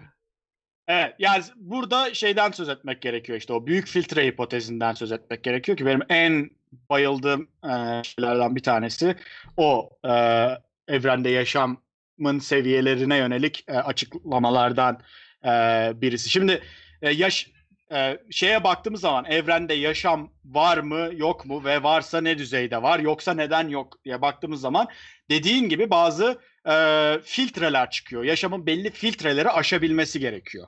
Bunlardan birincisi e, yaşamın başlayabileceği şartların olması. Eğer ki yaşamın başlayabileceği şartlar aşırı özelse hiçbir noktada ya da çok sadece bir noktada belki üç noktada ama yüz milyonlarca noktada değil o şartlar oluşmadığı için yaşam sadece çok kısıtlı bir şekilde başlıyor olabilir. Ama değilse tabii hep değilini de düşünmek lazım. O zaman çok daha fazla sayıda yaşam oluşmasını bekleriz. Ki burada işte o Drake denklemlerinden vesaire vesaire bahsedilebilir o şartların ne olması gerektiği konusunda. Veya biyogenezden öğrendiğimiz Miller-Urey deneylerinden falan öğrendiklerimizden bahsedilebilir. Ondan sonra o yaşamın e, varlığını sürdürebilecek bir şartın olması gerekiyor. O şartların sağlanması gerekiyor. Mesela belli seçilim baskılarının olması gerekiyor. O seçilim baskıları yoksa yaşam o, o yaşamı oluşturan kimyasallar çok atıl kalabilirler mesela. Bunlar oluştuktan sonra e, enerjinin üretimini sağlayacak ve sürekliliğini sağlayacak şartlar olmaz. Bu şekilde filtreler tanımlayabiliriz. E, işte medeniyet düzeyine bile ulaşabiliriz bu şekilde. E, işte zekayı tetikleyecek e, unsurlar olması lazım vesaire. E, ondan sonra az önce gene sözünü ettiğin e, kendimizi yok edeceğiz mi yok etmeyeceğiz mi? Belki medeniyetlerin e, yapısı gereği kendilerini yok etmeye çok açık evet. e, varlıklar. Atıyorum yapay zekayı geliştiriyorlar ve her seferinde yok oluyorlar. Çünkü yapay Ama bir tane şansımız var bizim. Yarat- yok, yok olduktan sonra bir daha bu buna geri dönebilecek miyiz? Ha, ee... O yüzden filtre deniyor zaten. Filtreye takıldığın anda gidiyor. A- aşırı düşük ihtimal o yola devam etme. Yani şeyden yaşamın başlangıcından işte üçüncü seviye Kardashev skalasına kadar bir e, çizelge düşün arasında milyonlarca ufak tefek filtre var. Bazıları çok güçlü filtreler, aşması çok zor filtreler. Bazıları çok basit filtreler. İşte e, ne bileyim seçilimin var olması gibi zaten olması ihtimali çok yüksek olan şeyler diğer yerlerde de. O filtrelere takılıp takılmamak olay. Şimdi burada bir de karşımıza şey çıkıyor. Şimdi biz olasılıklardan söz ediyoruz e, yaşanmış bir şeyin, hali hazırda yaşanmış bir şeyin geçmişine baktığımızda çok fazla sayık ihtimalle olasılığın yaşanması gerektiğini gör, e, görüyoruz ve bu bazı yanılgılara itiyor insanları. Yani bu şeyde şeyde de öyle mesela. O e, Carl Sagan'ın meşhur e, sözü vardır. Hani bir pankek yapmak istiyorsanız evreni inşa etmeniz gerekir. Sıfırdan yaratmanız gerekir. Bir pankeki sıfırdan yapmak istiyorsanuz ya da bir, bir kek diyelim. Evreni sıfırdan inşa etmeniz gerekir. Neden? Çünkü o sizin o keki üretebilmenize kadar olan süreçte bir kere sizin var olabilmeniz lazım. İşte o atomların var olabilmesi lazım. İşte yıldızların, büyük patlamanın vesaire var olabilmesi lazım. Eğer bir şeyi sıfırdan inşa etmek istiyorsanız evreni sıfırdan başlatmanız gerekiyor. Burada da aynı şey var. Biz şimdi yaşamın bizde olduğu haliyle yani gerçekleştiğini yüzde yüz bildiğimiz yaşam var diyoruz çünkü yüzde yüz kesiniz eminiz bundan. Bakıyoruz o geçmişinde neler olmuş da bu noktaya gelmiş yaşam. Her biri inanılmaz düşük olasılıklar. Yani şu olacak da ondan sonra şu olabilecek. Bu olacak da ondan sonra bu olabilecek. Bu insanı çok ilginç bir kaderciliğe determinizme itiyor. Ama burada ben bir yanılgı olduğunu düşünüyorum. Yani şöyle düşün. Osmanlı'nın e, kitapta da o örneği veriyorum. Osmanlı'nın Viyana'yı iş, işgal etmiş şey e, kuşatma altına almış olma ihtimali nedir? Değil mi? Şimdi geçmişe yönelik bir soru soruyoruz. Yüzde yüz biliyoruz bunun yaşandığını. O yüzde yüzlük hali hazırda yaşanmış olan şeyin geçmişine baktığımızda katrilyonlarca olasılığın bir araya gelmesi gerektiğini Tabii. görüyoruz. Bir kere en başında gene evrenin başına kadar gitmemiz lazım. Ya da işte zar atımı. Şimdi ko- e, komik bir şekilde yaklaşılabilir ya da espritüel bir şekilde. Şimdi zarın atma ihtimali bir tane zar atıyorsun diyelim ki. 3 gelme ihtimaline 1 bölü 6. Ama peki sen tam o zarı attığında deprem olup tavlanın devrilmeme ihtimaline onu da katmamız gerekiyor ihtimalin içerisine. Ya, e, bu defa farklı bir sonuca ulaşıyoruz. Peki senin o zarı atabilecek kadar zeki olma ihtimalin ne? Ya olasılıkları hmm. genişlettiğimiz zaman bu bir bölü çok bariz olan şeyler bir anda tuhaflaşmaya başlıyor. Yani eee o da yaşanacak ki bir sonraki yaşanabilirsin. O da olacak ki bir sonraki olabilirsin. Burada işte şeyi düşünmek gerekiyor. Gerçekte bu olaylar her seferinde inanılmaz nadir bir olasılığın tek seferde yaşanmasıyla olmuyor birçok farklı olasılığın sürekli denenmesiyle oluyor. Biz de şu anda deneniyoruz. Yani her birimiz insanlar olarak hayatta kalma mücadelesi veriyoruz. Bazılarımız başarılı oluyor, bazılarımız başarısız oluyor. Biz şimdi doğal seçimi falan çok kırdık. O yüzden zor birazcık düşünmesi. Gerçi Covid döneminde biraz daha kolay. Yani e, hakikaten ölüyor. Yani bildiğin doğal evet. seçilim e, çalışıyor üzerimizde. Ama diğer hayvanları düşünecek olursan, diğer canlıları hepsi sürekli bir şeyler deniyor. Yani bilerek veya bilmeyerek. Kimyasalları düşün. Şu anda evrenin her bir köşesinde durmaksızın e, çeşitli yapılar oluşuyor, dağılıyor, oluşuyor, dağılıyor. Bazıları sürekli oluyor. Üzerine başka bir şeyler dahil oluyor. Sonra dağılıyor. Bazıları gene karmaşıklaşıyor. Aa bu enerji üretebilmeye başlıyor. Şimdi e, ve bunun üzerine o şeyi de ekleyince belli şartlar var olduktan sonra yaşamın gerçekten çok hızlı bir şekilde oluşabildiği düşünülünce e, benim gördüğüm dediğin sorun çok güzel bir sorun. Hakikaten 13.8 milyar yıl önce başlıyor. Aradan e, kaç oluyor işte 13.5 e, 7, 7 milyar yıl falan geçtikten sonra dünyada ya, yaşam başlıyor. 7 7.5 8 milyar yıl geçtikten sonra dünyada yaşam başlıyor. Zaten e, 13.5 13.8 milyar yıldır var evren. E, burada o düşük olasılıklarla o olasılıkların sürekli denendiği e, deneme sayısını düşünmemiz gerekiyor. Bence bana kalırsa işte katılırsın katı herhalde burada kırılıyor nokta. Evrendeki o şeylerin denendiği yer sayısı o tabii kadar ki, tabii ki. Tabii Evet, ki. o- tabii ki. bana bana gözüken o şeyin birbirini dengelediği Yani veya istatistiksel olarak başka yönünde. bir galakside İstanbul yine fethediliyor da olabilir yani. Yani istatistiksel Değil mi? olarak Yani evet yani ya, şu anda dünyada şey aa senle ya. karşılaştık, yolda karşılaştık. Ya böyle şey olur mu? Yani olur tabii ki. Aynen Elbette ki öyle. olabilir. Ha, aynen. Bundan çok çok çok mi? daha mi? Çok- düşük bu yani sen düşük olasılık gördüğün her şey an yaşanıyor. aslında daha da e, Evet. şey olabilir. Yani Ve şu şey dediğin çok doğru. Çok kısa bir sürede evren içerisinde yani çok genç bir evrenden söz ediyoruz. Ama aynı zamanda devasa bir evrenden de söz ediyoruz. Eğer ki evren de devasa olmasaydı, bu, bu kadar büyük olmasaydı e, de- herhalde dediğine çok daha e, çabuk ikna olurum. Hakikaten ya yani e, yani hem çok küçük bir yerden bahsediyoruz hem de çok kısa bir süreden bahsediyoruz. O zaman muhtemelen biz yok özel benim bir sonucum yok. varlığız. Ee, yani sonuç sonuç sonuç Evet, halinde değil sonuçta. biliyorum, evet. O bakımdan kafam biraz daha karışmaya başladı. O Yani istatistiksel evet, olarak evet. şimdi az önce verdiğin örneğin bir tane karikatür vardı. Ee, uzaylılar aşağı dünyaya iniyor. İşte e, şey e, dünyalı birisiyle karşılaşıyor diyor orada ya diyor "E, nereden geliyorsunuz diyor. İşte ben Gliese 581C'den geliyorum diyor. Nasıl ya diyor. Biz de ona biz de ona öyle o ismi verdik falan tarzında. Yani Aynı İzmir'den. yani, yani e, elbette ki istatistiksel olarak 2 trilyon galaksiden bahsediyoruz ve her bir gala- yani kendi galaksimizde 400 milyar yıldızdan bahsediyoruz. Yani bunu bunu çarptığında bir de en az bir her bir yıldızın çevresinde de bir 10 tane gezegen olsa bununla bunları çarptığında trilyonlarca trilyonlarca gezegenden ol- olma ihtimali var. Yani normal Hele ki yaşamın tek bir reçetesi yoksa onu da dahil Nasıl? etmek gerekiyor. Yaşam tek bir şey yaşamın tek Heh, bir reçetesi Ha, de yoksa zaten hele. Böyle bir soru da vardı aslında. Reçete nedir? Ee, tek bir reçete e, dedik dedik değil dedik biz burada.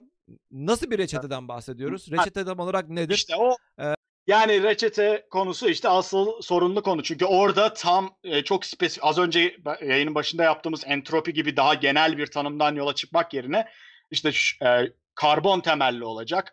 Şöyle protein üretecek, işte şunları yapacak falan gibi çok e, kesin bir e, reçeteye dönüştürmeye çalışıyoruz. O zaten bizi kısıtlıyor. Çünkü yapmak zorundayız. Çünkü arayışımızı ona göre kısıtlandırmamız lazım. E, önümüze ne gelirse bakalım diyemiyoruz ki. Öyle bir teknolojimiz olsa zaten yapardık onu. Her şeye bakardık.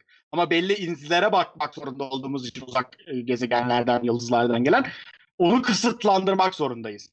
Bence e, yaşamın sadece şu andaki versiyonuyla var olabileceğini düşünmek biraz aceleci bir e, e, düşünce tarzı gibime geliyor. Her ne kadar alternatiflerini düşünmekte zorlanıyor olsak bile. Bunu da be- beni de buna iten şey aslında benim e, evrimsel ro- robotikte öğrendiğim bir şey. Evrimsel algoritmalarda öğrendiğim bir şey. Mühendislikte daha doğrusu yani öğrendiğim bir şey. Biz şeyleri e, e, bu büyük hangarlarda veya büyük e, teleskopların e, tutulduğu yapıları sen iyi bilirsin. Truss sistemidir değil mi? Üçgenlerden oluşur. Üçgen, üçgen, üçgen yani çatıların tutulduğu hangarlarda falan yapıları hayal edin. Onlara truss denir ve üçgen Hmm. e, barlar şeklinde birbirine bağlanır. Bu bizim mühendislikte bugüne kadar geliştirdiğimiz en stabil, e, titreşimi en aza indiren yapı standartlarından bir tanesi. O yüzden her yerde köprülerde görürsünüz. İşte büyük e, e, antenlerde antenleri tutan e, boomlarda görürsünüz. Türkçesi ne bilmiyorum. E, kulelerde görürsünüz falan. Neyse burada görürsünüz. Şimdi bir, istediği kadar bir mühendis otursun ve alternatifini düşünmeye çalışsın ki düşünülüyor tabii ki bu mühendislikte. Bir türlü bulamıyoruz bunu. Ama ne zaman ki biz bu yapıyı evrimsel algoritmaya veriyoruz. Orada ne demek? Şeyi tanımlıyoruz. Bar dediğimiz şeyi tanımlıyoruz. O üçgeni oluşturan barları Evet, tanımlıyor. evet. Ne oldu? Yok tamam anladım demeye çalıştım. Evet devam et. Üçgeni oluşturan barları tanımlıyoruz ve jointleri tanımlıyoruz. İki Evet. bar birbirine nasıl bağlı? Bunu tanımlayıp evrimsel algoritmaya veriyoruz ve bir performans kriteri Evet. tanımlıyoruz. Çünkü nasıl ki yaşamda varlığını sürdürme. Burada e, o akademik çalışmada yapılan şey e, boombox'ın, boom'un ucundaki titreşimi minimize etmekti mesela. Çok güzel evet. Ee, öyle bir tasarım bul ki bana diyorsun evrimsel algoritmaya bu frekansı minimize etsin. Algoritma ve bunu iki boyutta da yapabilirsiniz, üç boyutta da yapabilirsiniz. Her ikisi de yapıldı araştırmalarda. Ee, ve bir tasarım geliyor getiriyor sana. O tasarım öylesine karmaşık ki yani karmaşıklıktan kasıt bir kere estetik değil. Bazı barlar uzun, bazı barlar kısa mesela. Ee, ve yani hiçbir mühendisin, hiçbir endüstriyel tasarımcının onu o şekilde tasarlaması mümkün değil. Ama evrimsel algoritma bunu diyor ki böyle yaparsanız frekansı normalde trust'la düşüreceğinizden bin- yüzde 25 bin miydi neydi ava, e, verimliliği şeye göre insan tasarımına göre. İnanılmaz e, avantajlar sağlıyor ve adamlar onu şeyde üretiyorlar. E, fiziksel olarak, üç boyutlu olarak üretiyorlar ve gerçekten insan tasarımından daha başarılı olduğunu görüyorlar. Aynı şey devre teorisi için geçerli. Devreleri, devre elemanlarını tanımlıyorsunuz, evrimsel algoritmaya sokuyorsunuz ve diyorsunuz ki amacınız şu mantık kapılarını oluşturmak diyelim ki ya da yani onları oluşturanlar avantajı tanımlıyorsunuz. Evrimsel algoritma çalışıyor ve bir devre tasarlıyor size. Tasarladığı devrede bir ana devre var, bir tane yan devre var. Tamam mı? Ee, böyle ana devreye bağlı değil, arada bağlantı kurmamış. Arada bağlantı kurmamış. İki alak yani mühendisler bakıyorlar neden ikinci bir devre var diyorlar burada. Hiçbir mantığı yok e, o ikinci devrenin orada olmasının. Bağlı bile değil ana devreye bir şey yapıyor olamaz. Ana devre normal çalışıyor ama bir de yanal alakasız bir devre var. Zaten ana devreyi e, evrimleştirebilmesi bile amaca uygun bir şekilde muazzam bir başarıyken böyle alakasız bir şey var.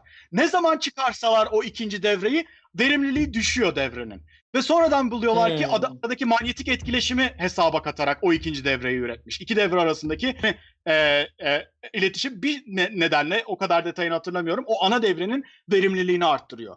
Şimdi bunları düşününce ben mühendislik açısından yaşamın evrimsel süreçte sadece bu şekilde oluşabileceğini düşünmenin e, çok aşırı kısıtlayıcı ve çok çok büyük Evet, ihtimalle yanlış olduğunu düşünüyorum. O kadar çok kombinasyon var ki çünkü. Eğer bu kadar çok kombinasyon olmasaydı kimya dünyanın en basit bilim dalı olurdu. Ama ne, neden bu kadar karmaşık, zor ve anlaması güç? Çünkü inanılmaz fazla sayıda kombinasyon var. O kombinasyonlardan nelerin çıkabileceğini biz insan mühendisler hayal edemeyiz. Ancak Evet, ben evet. evrim sürecinde ortaya çıkabilir onlar. Ee, veya işte yapay zeka falan gelişirse belki belki o e, öngörebilir e, ne tür formlar oluşabileceğini ve bu yapılıyor. Reçeteyi sordun ya biz hep DNA'yı şey gibi düşünüyoruz. İşte tek bir yapısı var ve tek bir canlılığı tanımlıyor. Hmm. Ve e, işte e, harika bir reçete. Yeni yakınlarda yayınlanan bir makalede DNA'nın karman çorman bir çorba olduğunu ve o çorbanın farklı formlarından farklı e, e, yaşam tanımları çıkabileceğini e, ileri sürdü bilim insanları. Bir diğer şey de e, yapıda D, e, araştırmada DNA'nın var olabilecek bilgi taşıyıcı on binlerce belki yüz binlerce kombinasyondan sadece bir tanesi olduğunu e, gösterdiler ve diğer alternatifleri sunmaya başladılar. E, gene bu yapay zekanın falan gelişmesiyle olan hep gelişmeler bunlar. Çok fazla kombinasyon denenebiliyor artık. Şimdi bunlar ortaya çıktıkça ben e, giderek düştüğünü düşünüyorum olasılığın. Ben hayata hep öyle bakıyorum. Yani farklı hipotezler var ve hepsinin e, belli bir olasılığı var ve her yeni veri geldiğinde biasçı yöntem yani düşünecek olursanız her yeni veri geldiğinde bu olasılıkların miktarı artıyor, azalıyor, artıyor, azalıyor. Belli başlıları öne geçiyor ve biz diyoruz ki şu anda çalışan working hypothesis'imiz, üzerinde çalıştığımız hipotez bu çünkü en olası gözükeni o. Belki bu doğrudur ama onu doğrulayacak verilerin üretilmesi lazım ki o öne geçsin. Ve ben benim gördüğüm şey yaşamın özel olduğu iddiası her yeni veriyle birlikte daha da azalıyor. Artmıyor yani daha da azalıyor bana göre. Ee, ve bu benim e, görüşümü şekillendiriyor e, e, şey açısından. Dünya haricinde yaşam var mı? Oluşabilir mi? Bence evet oluşabilir ve e, olma ihtimali çok yüksek bana Evet, kalırsa. Yani dediğimiz gibi yani evet büyük ihtimalle vardır başka bir yerlerde mutlaka olmuş olabilir. Hatta geçen e, tabii bayağı aylar oldu bir yayınımız vardı bizim Tanrı'nın Formülü diye bir kitabın e, kitap kulübü yapmıştık. Orada da evrende zeki yaşam oluştu mu bir daha asla yok olmaz diye bir e, bir şey vardı. Bir, bir e, işte Final Anthropic Principle'ı e, anlatıyordu orada. O yayının da linkini yine şuradan e, bulabilirsiniz. Ee, orada da şundan bahsedin, bahsetmiştik. Yani yaşam bir şekilde bir yerde oluşuyor. Ondan sonra e, yavaş yavaş işte kendini yok etmezse, yok, etmezse yavaş yavaş kendini e, uzaya uzaya e, çıkartıyor. Universal işte replicator tarzı böyle evrensel böyle çoğaltıcı çoğaltılıcı çoğalıcı şeylerden bahsediyor. İşte onları örneğin biz dünyadan işte robotları gönderiyoruz Mars'a. Mars'taki robotlar şu anda herhangi bir oksijene falan ihtiyaç duymadan çalışabiliyorlar, yaşayabiliyorlar. Yani bir nevi yani buna bir de AI eklediğimizde, yaşam eklediğimizde kendi kendine yaşayacaklar. Buna benzer bir şekilde işte evrenin farklı farklı bölgelerine milyonlarca böyle pıtır pıtır pıtır pıtır böyle bizim kendi şeylerimizden, kendi self replicator şeylerimizden DNA'mızı göndereceğiz. Yani böyle yaşayan insan göndermek yerine başka bir yıldıza, gezegene e, bunlardan göndereceğiz ve bunlar e, direkt kontamine. Bunlar yani. ha bütün evreni bu şekilde kontamine edecekler. Bütün evrene dağılacaklar. Herhangi bir yerde şans evet. eseri güzel bir gezegene denk geldiğinde de şak diye aşağı düşecek. Düştükten sonra orada da yavaş yavaş işte o replicator yavaş yavaş o DNA'yı falan açacak. Oradan e, falan sulayacak bilmem ne edecek falan filan derken bir bakmış orada yaşamı bu şekilde devam ettirebiliyorsun. Hatta onun e, devamında da şu Aslında. E, evrende bir kere yaşam meydana geldi bir daha asla yok olmazın e, şeyi e, e, motivasyonu da şu. Örneğin diyor ki biz dünya e, bir şey oldu asteroid çarpmak üzere. E, biz ne yaparız diyor. Ya bir şekilde bu dünyadan en azından en azından evet, bir kısmımızı e, ya e, yerin altında yerleştiririz ya da uzaya e, göndeririz. Bir şekilde yaşamaya çalışırız. Yani bir şekilde kurtulmaya çalışırız. Ya da bir roket yaparız asteroidi engellemeye çalışırız. Yani bir şekilde yok olma, kitlesel yok oluştan kendimize e, kurtarmaya çalışırız diye bir şey. Şimdi evren yok olursa da ya o zamanki artık yaşam artık insan demeyelim artık. O zamanki yaşam bir şekilde evrenin işte nasıl yok olacağını henüz bilmiyoruz ama o zamanlar e, gelecekteki işte yaşam bilecek büyük ihtimal zeki yaşam bilecek. Bir şekilde yolunu bulacak ve olur da işte multiverse teorilerindeki gibi bu evren örneğin içine çökerse ya da bir şekilde hiddet vesaire bir şey olursa e, ondan başka bir evren ne kendi kendini transfer edebilecek, geçiş, geçiş yapabilecek bir şekilde kendine e, yolunu bulabilir. Yani bir şekilde ve böylelikle ev, zeki yaşam bir kere oluştu mu asla ve asla yok olmaz. Sürekli evrenler arası transfer ederek bu şekilde geçişini devam ettirir diye bir e, şeydi. Bu işte büyük filtrenin en optimistik yaklaşımı. Bütün filtreleri kusursuz bir şekilde aşabileceğini varsayıyor bu. Ee, önüne çıkan bütün engelleri e, mutlaka aşacağını varsayıyor ki olabilir, olamaz demiyorum ama bu o büyük filtre hipotezinin optimistik yorumu gördüğüm evet, kadarıyla. Evet. Ee, ama e, yani o olabilir tabii. Aynen ama biz trilyonlarca yıldan bahsediyoruz. Sadece 100 yıl, evet. 1000 yıl, 1 milyon yıl yani, falan değil. Trilyonlarca yıl geçecek. Yani ve bunun evrenin, anlaması çok zor işte. İşte şu anda evrenin o kadar e, evrenin çok aslında güzel bir zamanındayız. Evrenin güzel bir e, yaşında yaşıyoruz. Yoksa e, belli bir zaman sonra zaten kendi galaksimiz harici hiçbir şey göremeyecek duruma gelecektik. Artı evet. e, hatta neredeyse yani şu anda evrenin de evrende ol, oluşmuş oluşacak bütün yıldızların da neredeyse %95'i zaten oluşmuş durumda. Bundan sonra öyle çok da yeni yeni yıldızlar oluşacak bilmem ne falan filan yok yani artık e, ileri ileri seviyelere gelmiş durumdayız. Ya yani bu evrenin de aslında hem genç aynı zamanda yaşlılık e, emeklilik şeyine de geçmiş geçmek geçmiş durumdayız. Yani bunun ötesi artık e, galaksiler birbirlerinden daha da uzaklaşacaklar. İşte nebula galaksiler ha, içerisinde, galaksiler içerisinde oluşacak da yani sonuçta galaksi içerisinde bir tane yıldız patla bak arkamda bir tane örneğin bir molekül e, bulutu var. Yani bir yıldız patlamış. Patladığı yıldızların içerisinde belli yerlerde işte o nebulalar yoğunlaşma bölgelerinin birbirlerine yoğun olabileceği yerlerin çok olması gerekiyor ki yeni yeni yıldızlar oluşabilsin. Evet. E, senin evrenin çok daha genişlemiş, çok daha bir e, çok daha farklı bir evrene doğru gidiyorsun. E doğal olarak bu kadar az e, yoğun ortamda yeni yeni yıldızlar oluşturamayacaksın. Oluşturamayınca da gelecekteki e, evrenimiz çok daha e, yıldız oluşturamayacak dereceye ulaş- ulaşmış olacak. Yani kısacası evrenin güzel bir zamanda yaşıyoruz. Böyle günlük güneşlik galaksimiz bizi yutmaya çalışmıyor. E, ya da galaksimize yakın değiliz. yani uzaklardayız. Dedi e, şeyin konuşmanın başındaki gibi yani böyle e, işte şehrin biraz dışında yaşıyoruz. Galaksimizin tam merkezindeki böyle esas hareketin, heyecanın, partilerin Evet. böyle gece hayatının olduğu bir yer değil. E, burası biraz böyle e, şehrin dışında Köy yaşantısı. köy yaşantısı artık e, outskirts Bir- deniyor. Aynen. Evet. Yani oralarda bir yerlerde yaşam yaşayan e, kurmuş bir e, gezegendeyiz. Yani çok da ya biraz uzaklardayız o bakımdan. Belki de gerçekten böyle bir yere ihtiyacımız vardı. Yani gerçekten güneş güneş sistemimiz galaksimizin merkezine daha yakın bir yerlerde olmuş olsaydı oralarda çok daha fazla kozmik radyasyon olabileceğinden dolayı e, yaşam bir şekilde İşte yaşam olur olmaya muydu? da bilirdi Belki daha yani. çok olurdu. Yani İşte o, o kadar az şey biliyoruz ki olasılığına dair onun. Ee, belki de daha çok olacaktı. Yani Kim- hep evet. biz radyasyonu kötü bir şey olarak görüyoruz mesela kozmik radyasyonu falan ve ilk başlangıç için hakikaten zor ama bir kere başladıktan sonra bu arada e, belki de avantajlı avantajlıdır demiyorum ama belki de e, başka bir yaşam reçetesi için o uygun. Yani evet, daha o kadar çok olabilirdi. daha- kombinasyon var ki işte. Evet, ya ben, daha dayanıklı olabilirdi reçet- belki de.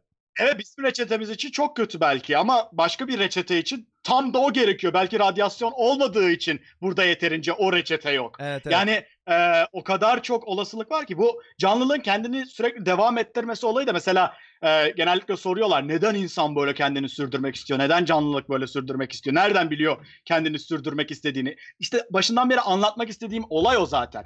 Bilmiyor. Biz o onu yapanların torunlarıyız. Onu yapmayanlar kaya dediğimiz şey, bardak dediğimiz şey, telefon dediğimiz e, kum dediğimiz şey. Zaten %99.999'u yapmıyor onu. O yüzden onlar öyle. Ama o yapanların soyadından gelenler bir bize kadar ulaşacak, ulaşacak olan e, canlılık ol- ol- oluyor. Evet, Ve evet. bu açıdan bakıldığında ikisi arasında özünde çok bir fark yok. İkisi de aynı başlangıç noktasına sahipler. E, yani bu şey gibi oksijenli solunumla fotosentez ikisinden apayrı şeyler. Ama ikisi de özünde bir kimyasal süreç her ikisi de. İşte canlılık dediğimiz şeydir. Bunun çok daha karmaşık bir versiyonu ama en nihayetinde e, bu aynı başlangıç noktasına sahip farklı kimyasal süreçleri bir araya getiren bir olay. Ve o ke- kendini devam ettirebilme olayı zaten canlılığın özelliklerinden bir tanesi. E, bu da gene fiziğe falan bağlamak mümkün entropiye. Yani e, ne kadar siz enerji harcarsanız harcayın en nihayetinde yenik düşüyorsunuz. Çünkü e, enerji verimliliği hiçbir zaman %100 olamıyor dönüşüm sırasında. Mutlaka kayıplar oluyor. evet. O kayıplar zaman içerisinde birikerek tek bir hücrenin parçalanmasına, dağılmasına neden oluyor. Dolayısıyla kendinizin sıfırdan bir kopyasını inşa etmek e, sürerliliğin ana prensiplerinden bir tanesi. Tekil bir şeyin sonsuza kadar var olması mümkün değil. Hele, hele ki sürekli içinde bir e, süreç yaşanırken. Mesela atıyorum bir kaya çok daha uzun var olabilir. Çünkü enerji kaybı yok denecek kadar az olduğu yerde duruyor. Aşınıyor sadece. Ama içinde bir süreç olsaydı o çok daha kolay parçalanırdı mesela eğer kendini kopyalamayacak olsaydı. Ya biraz daha böyle şey düşündüğünüz zaman mekanik yani fizik, kimya, biyoloji. Hani böyle işte ya of biz buradayız düşünüyoruz beynimiz o felsefesi tabii yani muazzam bir şey. Herkes o açıdan da düşünmek zorunda. Ama onun bir ondan bir an e, sıyrılıp ya tamam da mekaniği ne bu işin diye baktığımızda e, çok daha anlaşılır olduğunu Evet, evet, görüyoruz. bu kimyasal anlaşılırlık şeyler, beni evet. oldukça tatmin ediyor. açıkçası.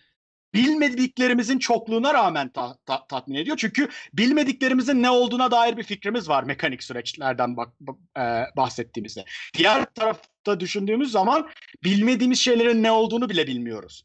Ee, bu, bu arada öteki tarafta da bilmediğimiz şeylerin ne olduğunu bilmediğimiz çok fazla şey var ama en azından bir başlangıç noktası veriyor bize.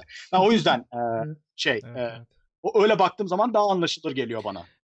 Vallahi Hocam bu arada araya araya gireceğim. gir, araya Yine gir artık. Vallahi gerçekten araya gir artık. aldı başına gitti konu yani. Girmemeye çalışıyorum ama bir buçuk saati falan geçtik ya. Sustukça gidiyor. Yani yayını iki, Bir yayını- ufacık toparlayalım toparlayalım. bence. Yayının ikinci bölümünde e, artık chat sorularına oradan devam edebiliriz. O zaman e, tamam Aynen öyle. toparlamaya toparlamaya gerek var mı? Toparladık zaten hepsini tamam mı? Ya aslında ben Tamam, sen şöyle toparla o zaman. yani konuştuğumuz aynen ben konuş ben konuşacağım ama Çağrı Hoca'ya vereceğim son toparlaması Hayır. için bir. Ona Aslında verme. bayağı bir konudan çok Ya bir uzak dakika, ben- konuşup- konuşuyorum daha fazla. Ya Hızlı- çenesi en düşük hızlı. bendim burada bir dakika ya nasıl oldu? hızlı hızlı diye araya böyle sokacağım. Ya aslında şey yani bayağı bir şey konuşulduk. Burada nasıl toparlayacağım ben de bilmiyorum. Yani notlar falan filan aldım ama oralara girseydik çıkamayacağız şu an. Çok Ee, net. ama bayağı bir şeyler var. Ee, zaten böyle chat bir taraftan sürekli aktı. Ee, ama ben şey noktasında yani benim en başta sorduğum soruyu böyle geniş ve kapsamlı bir şekilde de anlamış oldum bir taraftan da Umut Hoca'nın sorularıyla da daha netleşti gibi. Ee, bir e, şey sorusunu soracağım. Chatte çok fazla bununla ilgili şey geldiği için ben ufak önce bir önereyim. Arkadaşlar çok fazla Çağrı Hoca'ya işte bu konularla ilgili bilgi nerede alabiliriz diye sormuşsunuz. Evrim Ağacı'nı lütfen ziyaret edin. Hem YouTube kanalını hem de web sitesini. Çağrı Hoca'nın anlattığı şeyler hem zaten üzerine yazdığı şeyler hem de farklı yazarlar da var ve bir sürü bilgi kaynağı var orada. Lütfen öncelikle Twitter'dan, YouTube'dan ve web sitelerinden eee, öncelikle hızlıca Evrim Ağacı'na gitmenizi öneriyorum bu konuyla ilgili. Aa, Sonra da Çağrı Hoca'ya sonu, son olarak lafı bırakacağım. Hı, Başka tamam, kaynaklardan şey nasıl beslenirler ve e, nasıl yaparlar diye arkadaşları neler önerirsiniz diye de son size de lafı bırakıyorum sonra kapatacağız. Sadece şeyi söyleyeceğim ben. Ee, bu e, bu tür konulardan bahsederken bazen e, şey olabiliyor. Hani e, nihai cevapmış gibi algılanabiliyor. e, ben bir şey söylediğim zaman falan. Öyle bir şey yok. Yani ben burada ve her yerde yani yapabileceğimin en iyisi o çünkü. Kendi anladığım kadarını anlatmaya çalışıyorum. Benim burada anlattığımın hepsinde binlerce belki asterix var. Yani detay yani var, koyup bak burada böyle itiraz ediliyor, bak burada böyle itiraz ediliyor, bak böyle bunun tersi bir sonuç bulunmuş gibi binlerce var. Ben bunun farkındayım e, değil miyim? Ama şimdi be- benim bütün literatürü size anlatabilmem mümkün değil çünkü kendim bütün literatürü bilmiyorum, kimse bilmiyor. ya öyle bir e, öyle, yani tanrı gibi bir şey olması gerekiyor öyle birinin. İmkanı yok yani.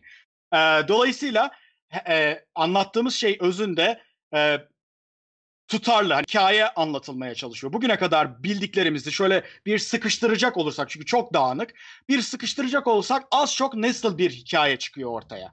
Ben onu anlatmaya çalışıyorum. Hmm. Ee, oksijen düzeyindeki mik- miktar aslında yüzde bir değil de yüzde 3.7 idi mesela ne olur işte fotosentez başlamış onunla alakası olmayan başka sonuçlar bulunmuş olabilir falan filan. Yani konuştuğumuz her şeyle ilgili literatürde birçok şey bulmak mümkün. Benim burada söylediğim hiçbir şey ve bizim bilim anlatıcıları olarak söylediğimiz hiçbir şey nihai şeyler değiller. Bazı anlatımlarımız doğru hale yapıldı. Bu makalede şu sonuç bulundu. Hı hı. Bitti gitti. Tamam o artık kendi içerisinde zaten o makaleyi anlatıyor. Ama bilim anlatıcılığı o e, bilim gazeteciliği. Report, rep- report ediyorsun yani rapor veriyorsun. Şu araştırma yapıldı, şu sonuç bulundu. Bilim anlatıcılığı o araştırmadan ne çıkarabiliyoruz genel dünya anlayışımız e, çerçevesinde, genel bilim e, kültürümüz içerisinde. Çünkü ya bu bu da bi- bütün bilim camiasının tamamını kapsamıyor olabilir bu anlatımımız. Her zaman e, itiraz edenler çıkacaktır. Kimi konuda bu %50-50 dağılabilecek kadar e, çatışma olabilir. Kimisinde %98'e %2, kimisinde %99.999'a işte %0.001 gibi bir ayrım olabilir mesela.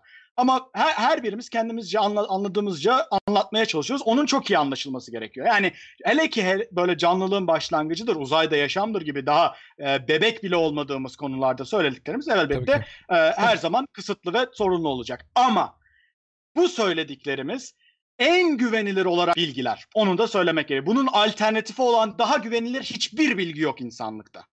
Ee, bunun anlaşılması gerekiyor. Hani bilim hiçbir zaman yüzde yüze ulaşamayacak. Hiçbir zaman yüzde yüze ulaşamayacak. Ama bilim kadar gerçeğe yaklaşabilen de şu ana kadar hiçbir şey keşfetmiş değiliz. O yüzde belki bilim yüzde 0.5 yaklaşıyor gerçeğe. Yüzde 0.4 yaklaşabilen bile yok gerçeğe bilim bilim haricinde. Dolayısıyla e, o yüzden bilimi anlamak gerekiyor, ön- öne çıkarmak gerekiyor ve onun üzerine diğer yorumları inşa etmemiz gerekiyor. Çünkü e, zaten hali hazırda bilim içerisinde yorum yapıyoruz. Bir de onun üzerine ek yorumlar katacaksak eğer e, öncelikle o en azından temelin doğru anlaşılması gerekiyor. Aslında bilim anlatıcılarının yapmaya çalıştığı şey bu. Venüs'te fosfen bulundu mu bulunmadı mı? Bulun, bulunmama ihtimali nedir? Ne, nelerde yanlış yapılmış olabilir? Bulunduysa ne anlama gelir? Bulunmadıysa ne anlama gelir? Mars'a neden gitmeliyiz? Gittiysek e, e, gittiğimizde yaşam bulursak ne anlama gelir? Bulunmadıysak ne anlama Evet, gelir? evet. Bunları e, insanların ilk etapta doğru bir şekilde tespit etmesi, doğrudan kastım literatürün önemli bir kısmını kapsayacak, bilim camiasının önemli bir ortak görüşünü kapsayacak şekilde yorumlaması, anlamlandırması zor imkansız değil. Oturup kendisi de okuyabilir ama çoğumuzun buna vakti yok. Dolayısıyla böyle aracılar var işte. Bilim insanlarının kendileri çok iyi biliyorlar alanlarını. Çok iyi biliyorlar ama anlatacak zamanları yok. Biz işte o arayüzü sağlamaya çalışıyoruz. Ama o arayüzü olur, olurken halkın anlaması gereken şey bütün bilim camiasını yüzde yüz yansıtmak imkan, imkan imkansız. Ya bir konferansa gittiğinizde bile Zaten o camianın yüzde yüzüne maruz kalmıyorsun. ya, direkt yani, yani. Gidenler de izlemiyorlar zaten. ama şey. Giden de telefona e, bakıyor. Aynen telefonda falan oynuyorlar ama yani olay yani bunun çok iyi anlaşılması gerekiyor. Ben onu altın çizmek istiyorum. Böyle hipotetik konulardan konuşmak çok keyifli. Bilimin daha hipotetik olan e, taraflarından. Şimdi e, Krebs döngüsünü oturup konuşacak olsak yani bütün detaylarını e, oturup e, biyoloji ders kitabı gibi e, konuşabiliriz diyebiliriz. Neredeyse her şeyi e, biliniyor sürecin. E, ama bu Krebs döngüsünün nasıl evrimleşmiş olabileceği, başka yerlerde Krebs döngüsünün olup olamayacağını konuşmaya başladığımızda o zaman daha hipotetik alana girmiş oluyoruz. Orada o belirsizlik artmaya başlıyor. Hani bilimde bizim verilerimizin üzerinde bir de bir belirsizlik vardır. O belirsizlik artmaya başlıyor. Ama işte o da hayal gücünü tetikleyen, daha keyifli yapan tarafı e, popüler bilimin.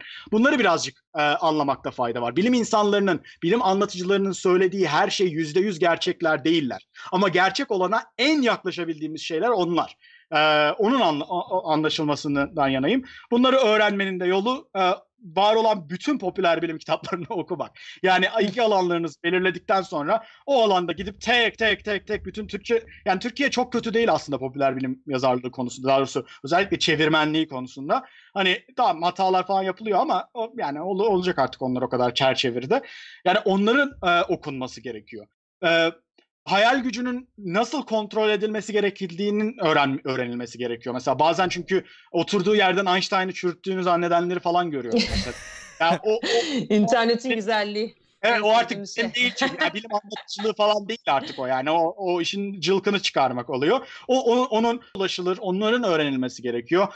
Ee, bir, yani insan nasıl eleştirilir onun bile öğrenilmesi gerekiyor. Çünkü o sayede bir iyi şeyler yapmaya çalışanları doğru yönlere yönlendirmek mümkün oluyor. Aksi takdirde lanet olsun deyip e, bırakabiliyorlar. E, Umut'un başında söylediği şey o e, çok ciddi sorunlar var. Yani işin bir de sosyoloji boyutu var. Onunla, o yüzden bu iş anlatıcılığı da bir bilim ve e, giderek e, e, güçleniyor. Yani e, Bunları herhalde bu tür hipotetik bir e, konuda bunların en, anlaşılması en önemli. Yaşam böyle mi başladı, şöyle mi başladı, e, şunların mı olması gerekiyor? Bunlar hep işin güzel araştırma tarafları ama a, özünde neyi bilmemiz gerekiyor? Bence en önemli kısmı bu. Süper. Gerçekten kısa oldu. Evet. Damla çok hızlı kapat. Damla çok hızlı kapat. tamam tamam. Ben artık şey yapıyorum. Gerçekten ben burayı çok... execute'ü execute order yapıyorum arkadaşlar Star Wars'tan hızlıca.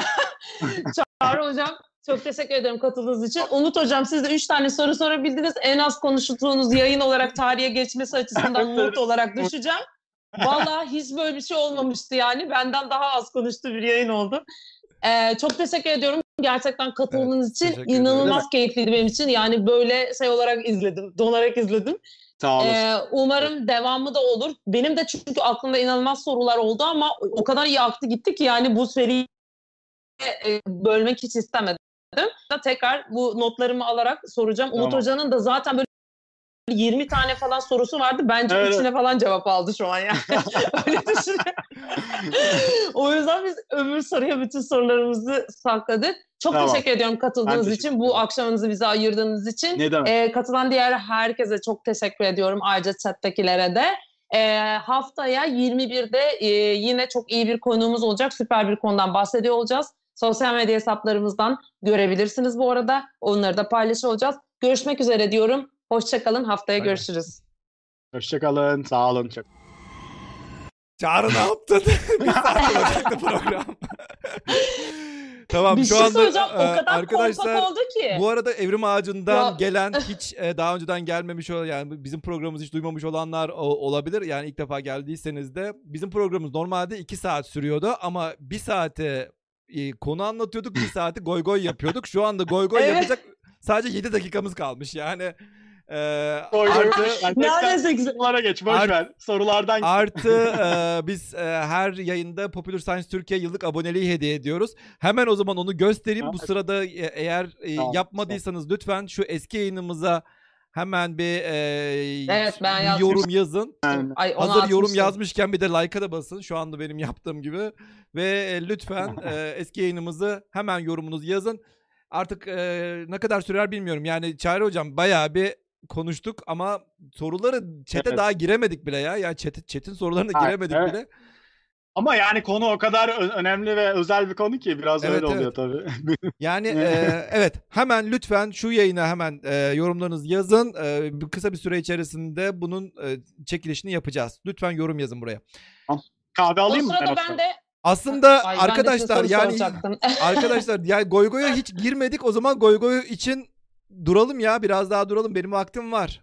Çağrı senin vaktin Benim de var. Tamam o de zaman. var. ya. Daha Benim de O var. zaman a- ayrılmıyoruz. Ee, Çağrı bir kahve al o zaman sen bu sırada. Hemen hızlıca Sen hemen Ee, bir biraz kahve su al. Aynen sen hemen bir kahve Tamam, al. geliyorum. Biz de bu sırada eee, ne yapalım? Biz de hemen bu sırada dediğimiz gibi bunu bunun Doğum günümü kutlayalım. Doğum günüm geçti. Aa, Dört gün önceydi. ya ben Teşekkür seni- ederim. Chat'te ben ben kutlayacaktım demiştin. Umut hocam. Özellikle demiştin ama. Umut hocam valla vallahi chat'te yazdılar hocam. Bilmiyorum Ya artık. e, aslında bakarsın. Vallahi önce chat'te. aslında bakarsan kendi doğum günüm dahil unutmadığım tek bir doğum günü var. O da kızımın doğum günüsü. O da e, unutma unutmama fırsat vermediği için. Çünkü şu andan itibaren sayıyor zaten. Yüz bilmem kaç gün kaldı diye şu anda şey var. e, takvimlerimiz işliyor. Ha o çok iyi. Tabii, tabii, şu Çok anda, e, tak- Öyle bir uygulamada. Tabii tabii takvim işliyor. Yani yok şey yapıyor. Çarpı şey yapıyor. Çarpı atıyor. Yani kağıt takvimimiz var. Ha, takvime kendisi. şey atıyor yani kaç gün kaldı doğum günüsüne falan diye.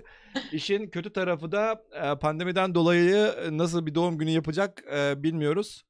Çünkü şey olayı var Vallahi hiçbir şey yapmadık ya. Biz oturduk Yani, evde yani. Yapacak hediye. bir şey yoktu çok. Herkesten hediye bekliyor sonuçta ama. Evet ya. Bu arada şey hazır böyle bir ara olmuşken de e, Instagram'dan ve e, Twitter'dan hashtag'le tekrar uzay hashtag ile ve bizi de etiketleyerek fotoğraflarınızı paylaşırsanız arada ona da bakalım. E, Çağrı Hoca gelene kadar da hem bakarız. 3-4 tane fotoğraf gelmiş oradan aklıma. E, eğer şey yaparsanız e, paylaşırsanız şimdi e, oradan fıt fıt fıt hemen şimdi bakalım. Teşekkür ederim bu arada. Chat'te Evet, doğum, günümü günü kutlu olsun. Ben söylemiş Ee, olayım yine de. Yine de yine söylememiş Aynen. olmayalım. Ay, bu arada hocam şunu da söyleyeceğim. I am not 10.000 olsun. Gerçekten Twitter'da 10.000 olmama şu an galiba 5 kişi kalmış. Aa, hemen. Eğer 5, evet şu an 5 kişi daha takip ederse bugün doğum günü hediyesi olarak Twitter'da 10.000 kişi olacağım arkadaşlar. Rica ediyorum. Ay Twitter linkimi atayım şuraya tam da yüzsün gibi. Insta- Doğum günü hediyesi olarak beni da- artık bir 10.000. Instagram'ı da atalım. Ya Instagram'da olamıyorum. Instagram gel, çok gel. yanlış yerlere gitti. Kuşum da geldi, kuşum da geldi. Evet. Geldi. Duru. Duru da geldi. Duru duymuyor tabii şu anda ama. Ay evet duymuyor. Ben yine el sallıyorum burada. evet. Nasılsın? Çağrı henüz Duru'yla gelmemiş. saçlarımızı pembe yapacağız. O noktadayım şu an. Geldi mi Çağrı Çağrı Hoca? Yok, gelmedi gelmemiş. Birkaç 10 oldu. 10 oldu mu? Ha tamam işte. Evet parti. doğum günün ne zaman kızım söyle. Doğum gününü merak ediyoruz. Ne zaman doğum günün? Gerçekten şu an 10K oldum. Ne zaman? February 23. February 23'de doğum günüsü Aha. var. Evet. Şubat'ta mı? E çok güzel. Şu Vallahi süpermiş. Şurada bir şey kalmamış 100 gün, yakın 100 gün zamanda. falan var yani. 100 günü bekliyor. 100 gün kaldı. Kaç gün kaldı? Saydın? Saymışsın. Ya teşekkür ederim. Ay Kaç bu gün? arada 104. Instagram 104 days hesabımı da kalmış. atayım da Baksanıza saymış belki bile. Instagram hesabımı da atayım da belki bir umut.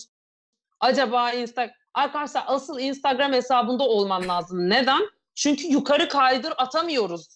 Bu çok sıkıntı bizim için. Swipe up yok. Umut Hoca yapmıyor. Ya ben Duru ne istiyormuş? Duru'ya sorar mısın? Selam doğum gününde Duru. Ne istiyormuş acaba? ne istiyorsun Haber? doğum gününde? Reborn. Reborn. Ya bu Reborn Baby'leri biliyor musunuz? Ya Reborn Baby diye bir Evet. Bilmem mi? Hayır, e, işin, Rica yani bu. YouTube çok Ben- zararlı arkadaşlar. Kapatın. Kapatın. ya YouTube'da Reborn video Çocuk Reborn ne noktaya videolarını geldi? izliyor. Reborn diye bir tane böyle çok canlı bebek e, şeyleri var. Ya gerçekten insana benzeyen bir e, şey var. e, can, bebekler var ve YouTube programı yapan çocuklar doğal olarak videolarında 10 tane 100 tane Reborn Baby kullanıyor. Lan bir, bir, bir Reborn Baby kaç para biliyor Evet. musun? Kaç para bir Çok Reborn farklı. söyle bakayım. 60, 70. 60-70 dollars değil mi yani? 67 alırsın. Lan 60-70 dolar. Gidip de yani 60-70 dolar kusura bakma veremem yani. öyle Hayır YouTube, YouTube'cuların öyle Bir bebeğe YouTube'daki de. çocukların böyle 100 tane be- bebeklerini görünce Aa benim niye yok benim niye yok diyor. Arkadaşlar gerçekten YouTube zararlı. Lütfen izlemeyin. Değil mi? Hocam bu arada şeyi sormuşlar. Duru sadece İngilizce mi konuşuyor da hayır Türkçe de canım, konuşuyor Türkçe bu arada konuşuyor tabii Değil mi? ki. Konuşabiliyorsun değil mi? Arkadaşlar Duru'nun Türkçesi Evet. daha güzeldir ama sayıları e, sayıları şahsen e, İngilizce e, şimdi kafası daha çok karışmasın. Çünkü zaten matematikte kafayı yedik yemiş durumdayız. Bir de bir de aynı sayıların bir de Türkçesini söyleyip de yani toplama çıkartma yaptırmak gerçekten başım e, yani gel gel gelin siz öğretin. Ben ben daha uğraşamam artık. evet. Ya gerçekten şey oldu ya. Aynen, Çocuğun, oha, bin liraya, aynen, e, bin lira bir be- Matematik dersi eziyete de. Gerçek bebek çok güzel. Ha ben Çağrı Hoca'ya şunu sormak istiyorum. Bu chatte geldi. Benim de o sohbet sırasında aklıma geldiği için burada soracağım. Diyelim ki biz mesela Mars'a gittik ya bu oksijenle bizim vücut şeklimizi değişecek. Oradaki insanlar mesela daha tıknaz ve iri olacak falan diyebilir miyiz? Böyle bir Ha, böyle bir teorimiz olabilir mi? Söz etmedik aslında. Ee, şimdi e, değişimin farklı kademeleri var değil mi? Bazen anlaşılmayan noktalardan bir tanesi de o. Şimdi dünyadan Mars'a giden bir insanın evrimleşmesi imkansız. Çünkü evrim bir e, kişide veya bir nesilde olabilen bir şey değil. Ee, mutlaka bir popülasyon ve e, nesil atlaması olması gerekiyor. Ama Hmm. e, değişimin yine de basamakları var. Niye güneş altına girince değişiyor deri renginiz? Çünkü e, modifikasyon dediğimiz bir e, değişim türü de var. Dolayısıyla değişim türlerini iyi anlamak gerekiyor. E, bireyler gelişirler, türler evrimleşirler. Böyle aklınızda Evet, tutabilirsiniz. Bireyler Hmm. gelişirler, türler evrimleşirler. Hiçbir birey evrimleşemez, hiçbir tür gelişemez. Ama e, türün içerisindeki bireyler gelişebilir. Şimdi burada e, sö- söylenmesi gereken şey şu. E, gittiğimiz yere aklime oluyoruz, adapte oluyoruz. Ama buradaki hı. adapte e, tırnak içerisinde. Çünkü adaptasyon evrimsel bir değişim türü. Ama biz dilimize öyle yerleşmiş adapte ortama uyum sağlamayı falan böyle e, anlık değişimleri de adapte olmak diyoruz. Mesela Evet. kamufle oldu diyoruz ya asker kamu aslında kamuflajın e- evrimleşmesi gereken bir özellik. Bir insanda kamuflaj diye bir yetenek yok mesela. Hmm. Ee, biz tabii kıyafetlerle falan hallediyoruz o işi. Ama e, e, gittiğimiz yeni bir ortama girdiğimizde ilk olan şey e, modifikasyonlar. Bu modifikasyonlar anlık olarak çevreye verdiğimiz te- e, e, tepki aslında. İşte güneş ışını daha fazlaysa derimiz e, kar- e, kararıyor mesela. İşte e, ne bileyim kas çalışırsak kaslanıyoruz. Bunlar hep biyoloji derslerine hatırlarsınız. Astronotlar uzaya gittiklerinde uzuyorlar. E, e, uzunluklarının yüzde biri kadar mıydı Umut? E, Yüzde biri kadar mı ne e, uzuyorlar boylarının. E, Yüz- çünkü kemik yüzde bir, arasındaki e, boşluklar yüzde bir kemik ve kas kaybı gerçekleşiyor. Ha işte evet. Ee, şimdi e, bu ama ge- geri döndüklerinde Düzeliyor yani, düzeliyor. o Siz kısa bir güneşten süre için, çıktığınız evet. zaman düzeliyor. S- işte kas yapmayı bırakırsanız geçiyor e, kaslarınız. Bunun Hmm. hiçbir evrimsel tarafı yok. Yani evrime e, seçilime etki edebilecek bazı tarafları var ama artık bu işin çok detayı oraya girmeyeceğim. E, etkilemiyor diyoruz genel olarak. E, ama bir de şu var. Oraya gittiniz, yeni bir ortama girdiniz ve türünüzün içerisindeki bireyler özelliklerine bağlı olarak ölüyorlar veya yaşıyorlar. İşte bu noktada evrimden söz etmeye başlıyorsunuz. Yani evrimden söz ederken bir seçilim olması Hı. gerekiyor. Gene, e, gelecek nesle Hmm. aktarılacak genleri belirleyen e, bir seçilimin olması gerekiyor. Bunu iki büyük kategoride inceliyoruz. Aslında 4-5 başlığı var ama biri doğal seçilim, diğer diğeri cinsel seçilim. Neden iki başlık var? Çünkü e, canlılığı tanımlarken kullandığımız o sürerlilik'nin iki basamağı var. Birincisi hayatta kalmanız gerekiyor, ikincisi kopyalarınızı üretmeniz gerekiyor. Hmm. Nelerle entropiye yoksa çok hızlı yenik düşerdiniz. Sürerliliğiniz olmazdı üreyebilenlere nazaran. Ki onu yapan varyasyonlar da olmuştur ve olmaktadır mutlaka. Bunu hiç unutmayın. Her şey deneniyor her an. O e, kilit mesajı unutmamak gerekiyor. Ee, diyelim ki Mars'a gittik. Bu arada aslında Umut'un girmek istediğini düşündüğüm konulardan birine de aslında burada girmiş oluyoruz. Farklı gezegenlere ulaşmış olmak evrimimize nasıl yön verirdi? Ben hani hep soruyorlar ya insanlığın evrimi gelecekte nasıl e, şekillenecek diye. E, burada en önemli faktör çünkü e, dedik ya evrimin bir bilinci bir gelecek öngörüsü yok. Dolayısıyla bizim evrimsel biyolojide size e, e, insanın nasıl evrimleşeceğini söyleyebilmemiz için sizin bize gelecekteki gerekiyor. Şartları söylerseniz simülasyonlarla vesaire biz onu öngörebiliriz neler olup neler biteceğini az çok. Ee, geleceğe yönelik tahminlerimiz çok kısıtlı olduğu için yani hava durumunu düşünün işte bir hafta sonrasını doğru düzgün tahmin edemiyoruz ya da bir ay sonrasını. Ee, kaldı ki bütün e, çevresel faktörleri bundan 10 milyon yıl sonrası için tahmin etmeye çalıştığımızı düşünün. Neredeyse hiçbir şeyi bilemiyor olacağız. Mesela jeolojide bu biraz daha iyi. Kıtaların az çok nerede olacağını 250 milyon yıl sonrasına kadar falan bile bilebiliyoruz. Ee, şu anki hareketlerinden ve simülasyonlar sayesinde ama oradaki hava durumunu bilmiyoruz mesela. iklimi bilmiyoruz mesela. Ee, dolayısıyla e, o faktörlerin e, bilinmesi gerekiyor. Şimdi Mars'a gittik ya da Mars'a değil de daha uzak bir yere gittiğimizi düşünüyorum. Çünkü Mars'a gidip gelmek kolay. Muhtemelen bizim Mars'a gönderdiğimiz kolay tabii komik kaçıyor şu anki teknolojimizden söz ederken ama yani Alpha Centauri'ye gitmekle arasında çok ciddi bir fark var Mars'a gitmenin. Ee, e, Mars'a giden popülasyonların bizden farklı bir şekilde evrimleşebilmesi için birincisi doğal seçilimin veya cinsel seçilimin değişmesi gerekiyor. Cinsel seçilim değişir mi değişmez mi? Bu tartışılır. Yani birbirimizle neye göre çiftleştiğimiz Mars'ta bulunmamıza bağlı olarak değişir mi? Ee, bilmiyorum. Pek zannetmiyorum açıkçası. Hele, hele ki yeterince büyük bir kolonimiz varsa. Ama e, doğal seçilim bizi etkileyecek çok büyük ihtimalle. Neden? Mars Hmm. az yüksek radyasyon oranlarına sahip dünyaya göre. Hatta o nedenle e, teknolojik ekipman bile sıkıntıya d- düşüyor. Dolayısıyla ne olacak? Belki yer altına kapanmamız gerekecek. Belki e, e, çok özel kıyafetlerle ancak dışarı çıkabileceğiz vesaire. Veya veya bir diğer evrimsel olasılık olan genlerimizi de zaten baştan değiştirerek gitmemiz gerekecek. E, bayağı e, CRISPR'ı falan kullanarak gen modifikasyonu Ama karbondioksiti gidip de soluyamayız herhalde değil mi yani? An- anaerobik İşte canlı çok köklü bir anaerobik değişim. canlı halinde Evet bir insan yani- olabilir mi? E, çok e, bu evrimde hep e, bir diğer insanların anlamadığı önemli şey şu. E, evrimde bir değişim yaşandığı zaman çoğu zaman o negatif taraflarla da geliyor. Her zaman zannediyor ki insanlar işte bir şey değişim yaşandı hop her şey çok güzel oldu o canlı için. O evrimi geçirdiği için. Bak beyinde gördük mesela. İnanılmaz bir enerji sarfiyatıyla geliyor mesela beyin. Ve beynin bir, bir dolu diğer yan sorunu da var. Halüsinasyonlar yaramıyor görmek canım. gibi. E, e, ya çok ciddi e, yan etkileri de var, sıkıntıları da var. Aynı şey e, çok basit şeyler için de geçerli. Mesela Lansky'nin uzun dönem bakteri deneyini düşünelim. Orada bakteriler e, e, işte o- 30 bin nesil içerisinde falan ya da 3 bin nesil miydi? Kaçta hatırlamıyorum tam sayısını. Belli bir binlerce nesil geçtikten sonra e, yeni oksijensiz ortamda yeni besinler, şey, oksijenli ortamda yeni besinler tüketebilmeye evrimleşiyorlar. Yepyeni bir beslenme tarzı evrimleşiyor. Ama bu e, bakterinin içerisindeki azot sürecini bozuyor mesela. Bu evrim. Şimdi şöyle düşünmek gerekiyor. Getirisi götürüsünden fazla olduğu sürece buna trade-off ilkesi deniyor evrimde. O şeyin ve üzerinde seçilim baskısı varsa ve seç, e, çeşitlilik varsa o yönde onu mümkün kılacak. O yönde bir evrim yaşanmasını bekliyoruz. Hmm. Ee, dolayısıyla bu bakterilerde o besini oksijenli ortamda tüketebilmek tüketemeyenlere nazaran daha avantajlı olduğu için ve getirdiği dezavantaja göre daha avantajlı olduğu için evrimleşiyor. Hatta ilginç bir şekilde neyi görüyoruz? Sonraki evrimsel basamaklarda bozulan şeylerin düzelmeye başlayabildiğini görüyoruz. Çünkü onu düzgün şekilde işletebilen varyantlar ortaya çıkıyor mutasyonlar sonucunda.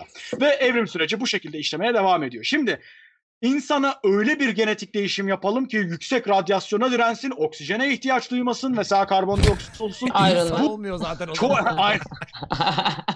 inanılmaz e, kapsamlı bir değişim. Yapılamaz mı? Teorik olarak mümkün. Çünkü eğer ki böyle bir canlı var olabilirse var edilebilir de demektir. Ama var edilebilirliğin önündeki kısıt teknoloji ve bilimsel algı. E, evrime bıraksan o, o yönde de evrimsel süreç yaşanabilir. Az önce anlattığım örneklerden de düşünecek olursanız. O kadar çok kombinasyon var ki. Bizim ama insanı insandan çıkarmaksızın onu yapabilmemiz mümkün mü? Orada soru o aslında. Aa, Çünkü o kadar çok bu soru var. yayında kalmalıydı. Neyse. E, evet ya. e, Bir çünkü o zaten evet cevabı istiyoruz. o Cevabı istiyoruz. Evet cevap. Ay, Pardon. Aynen. Evet. Ee, şeyde e, e, ve diğer gezegenlere gittiğimizde e, dolayısıyla şeye karar vermemiz gerekecek. Ya genlerimizi değiştirerek belli başlı avantajlar sağlayacak. Bu çok hızlı bir evrim gibi düşünülebilir. Aslında evrime pek girmiyor bu. Direkt genetik müdahale bu. E, yani Hmm. e, genetik mühendisliği yapıyoruz orada. E, böylelikle bazı avantajlar sağlayacağız. Ya da oraya gönderdiğimiz koloniler bildiğiniz özelliklerine bağlı olarak hayatta kalacaklar ve ölecekler. Tıpkı bizim atalarımızın Afrika'da ve dünyanın geri kalanında belli özelliklerine göre hayatta kalması ve ölmesi gibi. Şu anda aklımız almıyor bunu. Ya nasıl biz günümüzde va- vahşi ort ya da ya- e, yaban hayat koşullarına bağlı olarak ölebiliriz veya hayatta kalabiliriz ama şöyle düşünün.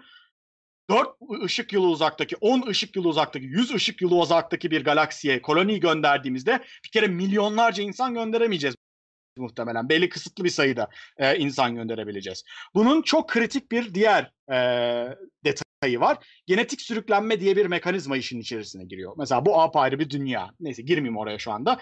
Ama daha küçük bir popülasyon göndermemiz gerekiyor. Ve bu küçük Hmm. popülasyon kısıtlı miktarda kaynağı olacak. Bizim dünyadaki gibi 100 bin bilim insanının COVID-19'u çözmesi çabası gibi bir şey söz konusu olmayacak. Kaynakları olduğu gibi hızlı bir şekilde gönderemeyeceğiz belki. Göndereceğiz gidecek. O Umut anlatıyor ya replikatörler göndereceğiz veya bir ufak bir koloni göndereceğiz. O koloni bildiğiniz hayatta kalma mücadelesi verecek. Çünkü belki şartlarını bile bilmeyeceğiz o gezegenin tam olarak. Hani belli bir faç, az, Hmm. az çok fikrimiz olacak ama yepyeni şeylerle karşılaşacaklar orada ve bazıları ölecek. Ama evrenin süreçte. zaten Ve o- süreye ihtiyacı yok. Olay o zaten. Yani bizim bizim Aynen. vaktimiz yok belki. O 100 sene yaşayabiliyoruz maksimum şurada da.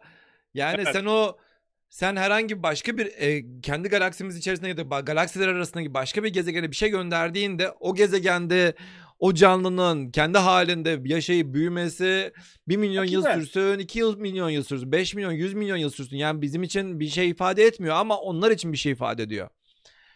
Aynen öyle. Aynen öyle. Ve o yani o şartlar altında e, ki belli genet şey oraya göndereceğimiz koloni içerisinde genetik çeşitlilik olacak. Bazıları daha uzun olacak. O Bazıları zaman her türlü daha böcek böcek her şeyi gönderirsin doğal olarak. Böylelikle yaşama ihtimali daha Aynen yüksek olan öyle. şey. Ha, ha bak o da kritik bir nokta. Sadece insan da gitmeyecek. Ee, hayvanlar da götüreceğiz. Çünkü onların hep sen söylüyorsun ya psikoloji en büyük sorun diye. Mars görevinde bile 6 ay iki adamı, üç adamı, kadını bir araya kapat kafayı yerler yani normalde eğitilmeseler aksi e, takdirde.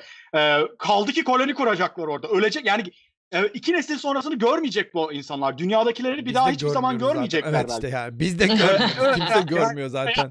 Evet. Sadece tarih okuyoruz. ya- O kadar yani geçmişe dair. öyle de hani devamı gelir mi, gelmez mi o bile belli değil. Hani burada en azından az çok biraz daha güvende olduğumuzu düşünüyoruz. Tabii dediğin Ya doğru aslında aslında o açıdan Şu da. anda kayıt olmamış olsa zaten biz eski tarihimiz ya kayıtın olduğu Bilmeyeceğiz halde zaten. bile ya kayıtların Evet. olduğu halde bile yani nüfus, bilmiyoruz yani, nüfus mü- memur müdürlüğü gidip de bu alt üst e, soy ağacını ortaya çıkartmamış olsa kimse dedesinin dedesinin dedesinin ismini bilmiyordu zaten bugüne kadar. Kimse bir ben Birkaç bilmiyordum şahsen hala kimse bilmiyoruz. bilmiyordu. Yani bu kadar kaydın olduğu durumda yani herhangi bir hayvan yani bir tane zürafaya baksan bir tane köpeğe baksan ya benim dedemin dedesi şuydu diyebilecek herhangi bir şeye şey durumu yok. Yani e, ya çok hızlı konuşuyorsun biraz nefes al ki araya gireyim. tamam. Şurada çok güzel bir şey söyledi, söylüyordun. Şey aklıma geldiydi yani orada Mars'a gidecek canlılar ya Mars'a gidecek olan insanda e, değişimleri yapmaya kalksan yani genetik değişim ya da doğal olarak ya oksijen oksijen yemeyen oksijensiz bir canlıdan bahsediyorsun. E o zaman doğal olarak e, ne bileyim soluk borusuna ihtiyaç yok. Şak bunu kaldır. Bunun yerine e, karbondioksiti e, başka bir şekilde Gerek transfer yok, eden evet. ve onu alan bir şeye ihtiyaç olacak. Ya ağza ağza e, a- ağzımıza neden ihtiyacımız var? İşte yemek yemek için. Yemek yemek yerine biz enerjiyi başka bir şekilde üretiyor olsak ya da beyindeki beyin oksijen kullanıyor değil mi? Yani şeker kullanıyor, oksijen kullanıyor. Bunun yerine sen bunu direkt basan bir şey şey yapsan ya zaten direkt robot oluyorsun. biz de, Zaten biz de buna evet, robot diyoruz bak-? Bak 3 Bir dakika. 3 olasılık var. Aynen öyle. Yani insanın gelecekteki evrimiyle ilgili zaten 3 olasılık var. Sen ik- ikisine e, az çok değinmiş oldun bunu söyleyerek. Birincisi başka gezegenlere açılmamız. Yani dünyada da aynısı geçerli de diğer gezegenlerde düşünmesi birazcık daha kolay. O gezegenlerde doğal bir şey gezegenin şartlarına bağlı olarak bazılarımız ölecek, bazılarımız hayatta kalacak. Genetik sürüklenmenin, cinsel seçilimin vesaire etkisiyle ve doğal seçilimin elbette e, belli özellikler ön plana çıkacak. Belki daha uzun kollar evrimleşecek, belki daha kısa bacaklar evrimleşecek, belki daha iri kafalar, daha küçük kafalar, daha büyük kulaklar, daha küçük gözler, daha ayrık gözler vesaire. Artık baktığımızda olan bunlarda bir anormallik var diyebileceğimiz kadar farklı e, canlılar evrimleşecek ve bir noktadan sonra onlar artık insan denilemeyecek başka bir şey. Homo e, novus Evet, neden ihtiyaç falan. duyuyoruz Evet. yani gerçekten neden Evet. bu bu Tabii. yani ellerimizin Tabii, var olması, zaten karaciğerimizin var olması bir şeyimiz olduğun yani bir ihtiyaç olduğundan dolayı o ihtiyacı Aynen öyle. yemek yemezsek bu- mideye ihtiyacımız olmayacak. Yani Bu zaten e, e, kategorik düşünmemizden kaynaklanıyor. Doğada insan diye bir şey yok. Köpek diye bir şey yok. e, tür diye bir şey yok. Dünya, evrende gezegen diye bir şey yok. Cüce gezegen diye bir şey yok. Yani e, düşünecek olursan biz bunları doğadaki farklı şeyleri sınıflandırmak için ki sorun da şu bu olguların hepsinin arasında süren bir geçiş var. Hiçbiri kesintili değil. Yani dedim ya hep başta büyük patlamaya kadar döneceğim bu gidişle diye. Ee, hakikaten öyle ya da o Carl Sagan'ın dediği bir pankeki sıfırdan yaratmak istiyorsanız evreni sıfırdan yaratmanız gerekir diye. Çünkü hepsinin arasında bizim bugün bu, burada var olabilmemizin nedeni bir noktada bir yıldızın ölmüş olması mesela e, bildiğin gibi. E, ve o, o, o süreçten ayrık düşünemeyiz aslında canlılığın varlığını ama düşünmek zorundayız. Çünkü biz insanlar öyle anlaşabiliyoruz ancak. Bu da bize kategorik düşünme zor, zorlantısını getiriyor. Yani biz her şeyi kategorilere ayırıyoruz. Homo sapiens, Homo habilis, Homo neanderthalensis bunlar arasında teknik olarak bir fark yok. Hepsi bir belli bir soy ağacının devamı. Zaten o yüzden ağaç olarak gösteriyoruz. Kesintili sıçramaları göstermiyoruz mesela. Çünkü öyle bir şey yok. Her biri belli bir soy hattının devamlılığı halinde aslında. Bütün yaşam için bu böyle. Bütün evren için bir böyle ki o yüzden büyük patlamada tek bir noktada her şey vardı diyoruz. Ee, o büyük Aa, patlamanın e, o- evet o, o ya tamam neyse, neyse, ona o- girmeyelim. Tamam neyse ama ama neyse ne olursa olsun sonuçta çıkıyor. o, o- hiç önemli değil. O noktada her ne olduysa o süreç bu süreçleri mümkün kıldı. Yani o süreçle bizim şu andaki varoluşumuzu ayrıştıramayız birbirinden. Orada bir şeyler oluyordu da ha burada da başka bir şey oldu diye bir şey yok. Hepsi Hmm. birbirine bağlı Şöyle. Ee, dolayısıyla Devam et. ee, e, o, o- işte o, o yüzden insan dediğimiz şey hangi noktada insan olmazdı sorusu tamamen e, bizim karar vereceğimiz bir şey ve doğada hiçbir karşılığı olmayacak bir şey. Tıpkı bizim Plüton'a şimdi cüce gezegen dememiz gibi bu yarınki videomun konusu mesela bununla ilgili. Ama yani Plüton için ya da evrenin geneli için hiçbir anlamı yok bizim cüce gezegen dememizin ya da gezegen. Bizim belli fizik kurallarına uyan, belli-. Biz, ha bizim de yok işte insanlar onu anlamıyor yani birazcık. bizim varlığımızın şeymiş evren gibi. için bir anlamı yok. Sadece evrenin Tabii ki. tabii evreni araştırabilen m, canlı haline gelmiş durumdayız. Ama az önce baştan da Evet. söylediğin gibi Belki yani Big Bang'e kadar gitmemiz gerekebiliyor bazı şeyler için. Vücudumuzda Heh. %70 su var değil mi? %70 de değil mi? %70 civarı su var. Evet, %70, yani 65 70 yani su su hangi ne hangi atomlardan oluşuyor? E, H2O yani hidrojen, Evet, hidrojen, ve ve oksijenden oluşuyor. Ya bu ne demek oluyor zaten? Vücudundaki en yüksek atom, en çok bulunan atom hidrojen. Ondan sonra oksijen geliyor. Ondan sonra Evet. zaten karbon ve ıvır zıvır bir diğer şeyler gelmiş oluyor. Evet. İşte ölünce zaten işte su herhalde buharlaşıyor. Herhalde ondan dolayı sadece karbon haline geliyorsun falan. Ama eee, teknik öyle. olarak yani hidrojen oksijenden meydana geliyorsun. Hidrojenin oluştuğu zaman da zaten Big Bang. Yani sen Hı hı. bugünkü var olan varlığını zaten Big Bang'e borçlusun muhabbeti eee, Evet, yanlış o- bir şey o değil. sürekli Ama eee, Biz diye ölüyoruz kategori. evet, diğer bunları. atomların oluşması için de yıldızlara ihtiyaç vardı. İşte oksijen, karbon, bilmem ne, nitrojen işte şu anda soluduğumuz nitrojen de. Nitrojene çok ihtiyacımız yok aslında ama nitrojen sadece herhalde şey katalizör evet. e, Yani biz sol- olurken hiçbir şey kullan hiç kullanmıyoruz. kullanmıyoruz. Nitrojen Sadece hiçbir şey o o %21'de tutan şey herhalde. %21'de tutması için eee, Ha. gereken bir şey değil mi? Kimyada ne önemi var bilmiyorum tam olarak. Yani şey açısından bitkiler Yani- kullanıyor. Yok şey olarak yani bir percentage olarak sen o şeyi hava soludu havayı soluduğunda başka bir argon gazı falan olsa yani tepkimeye girmeyen başka bir gaz olmuş olsa da Var. zaten herhalde aynı Var. görevi görecekti da- yani sadece illaki nitrojenin var. Zaten o yüzde birlik kısmının önemli bir kısmı argon gazı zaten e, ya atmosferin. nitrojen yerine başka Ee, bir gaz olmuş olsaydı da zaten ihtiyacımız ol, yani o- o- olmayacaktı demek istiyorum. Yani. Evet, o sadece yani atmosferimiz o şekilde. Yani biz, bizim için önemi yok. Bitkiler için var ama e, azot bağlayıcı e, bakteriler için var Ha, mesela. doğru, Yani doğru. azotu kullanıyorlar ha- ha- havadaki azotu. Ee, ama şey e, bir- yani bizim için önemli değil ama tabii bizim için bitkiler önemli. Dolayısıyla en nihayetinde bizim için önemli oluyor. İşte bu da her şeyin birbirine bağlı olmasıyla alakalı aslında.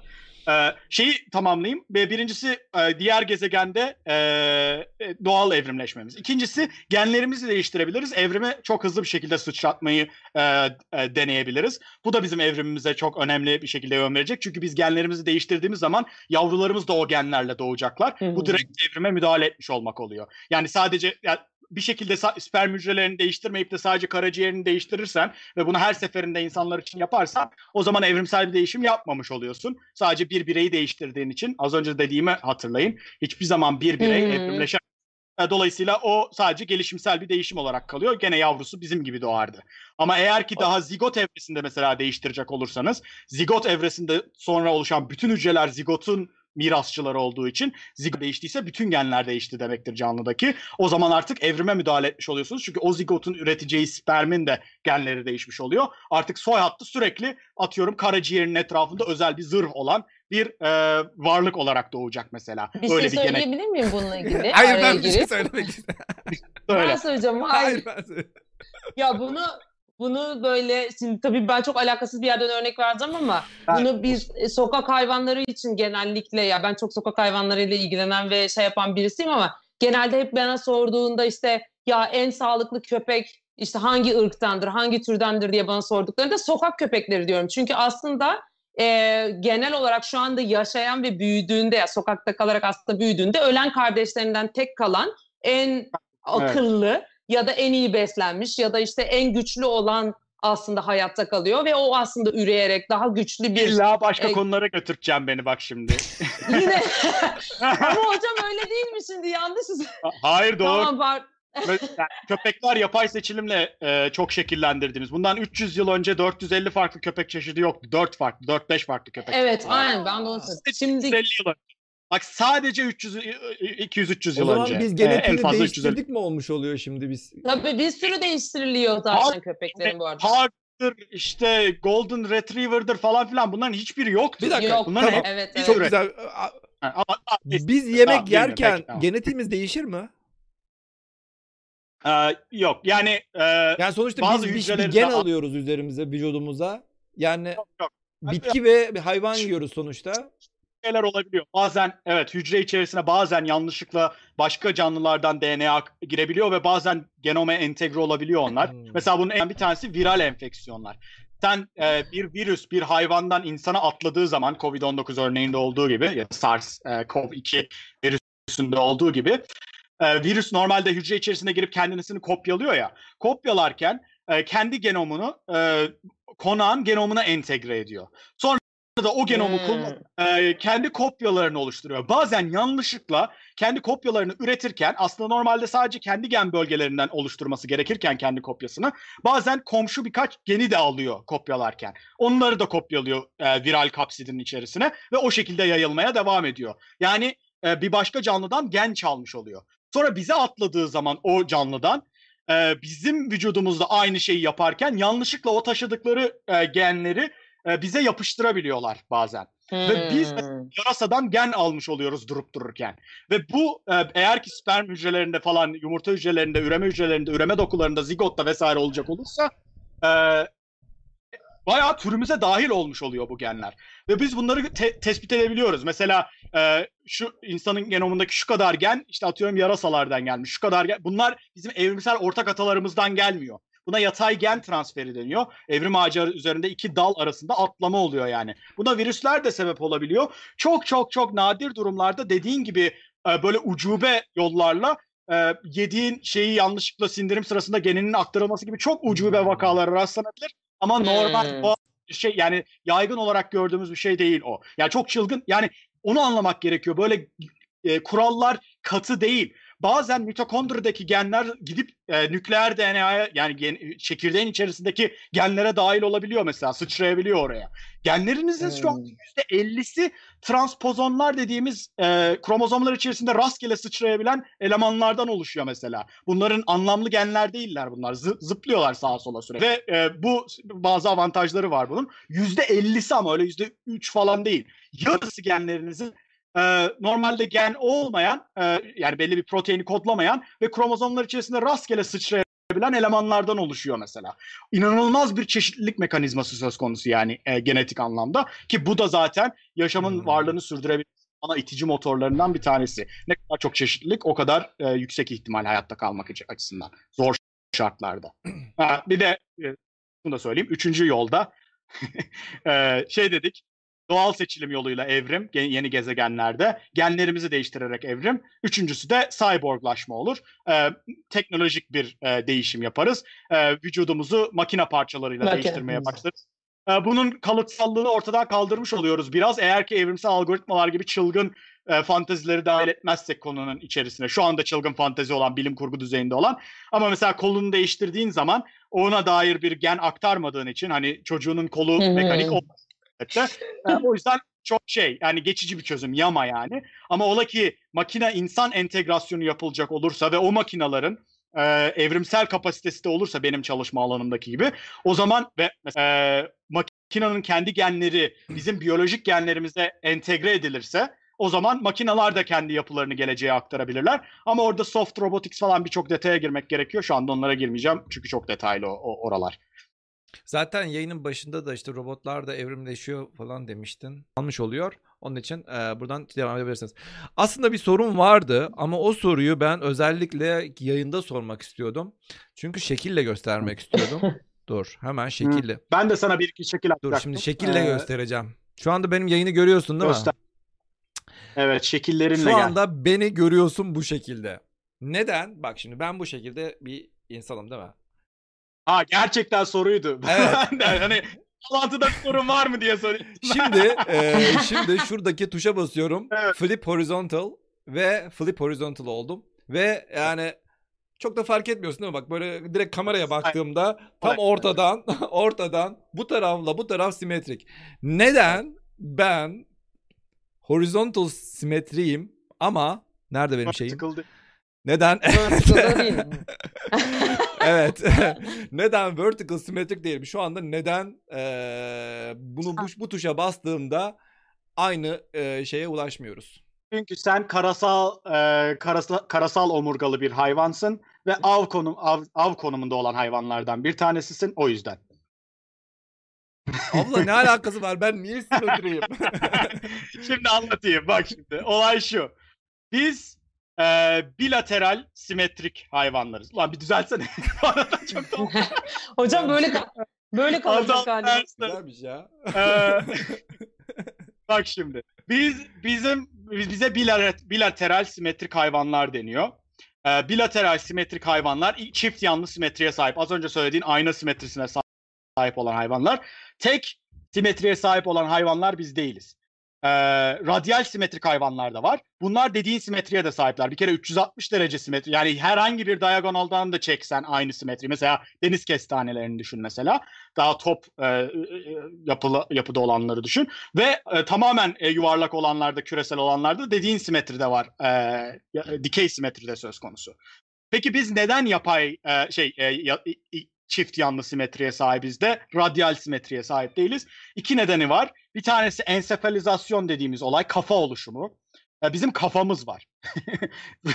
yani kafamızın olması senin dediğin şeyi Balık, e, doğuran balıklarda ilk da element. aynı değil mi yine de aynı simetriye ulaşmıyorlar mı? Evet evet. Onlarda da var. Ensefalizasyon onlarda da var. Kafa yani kafa dediğimiz şey ne? Sinir e, merkezi sinir sisteminin ve ana duyu organlarının bulunduğu yer. Buna hangi hayvanlarda var? Genellikle belli bir yöne e, doğru gitmek zorunda olan hayvanlarda. Bu hem avlarda görülüyor hem avcılarda görülüyor. Tamam mı? E, e, belli bir yöne gitmen gerektiği zaman vücudunun hepsi aynı yönde aynı e, ortama girdiği zaman sakat. E, çünkü eğer bir tehlike varsa bir anda den- e, e, riske atmış oluyorsun bütün vücudunu. Ama eğer vücudun e, e, sensory organlarını önce sokarsa oraya e, çok daha hızlı bir tepki vererek vücudunun büyük bir kısmı daha tehlikeye girmeden oradan uzaklaşma e, şansın var. E, bu e, ensefalizasyonun ana itici güçlerinden bir tanesi. Tek değil ama ana e, motorlarından bir tanesi. Bu e, uza, uz- uzunlaşma senin dediğin simetrilerden bir tanesini kırıyor.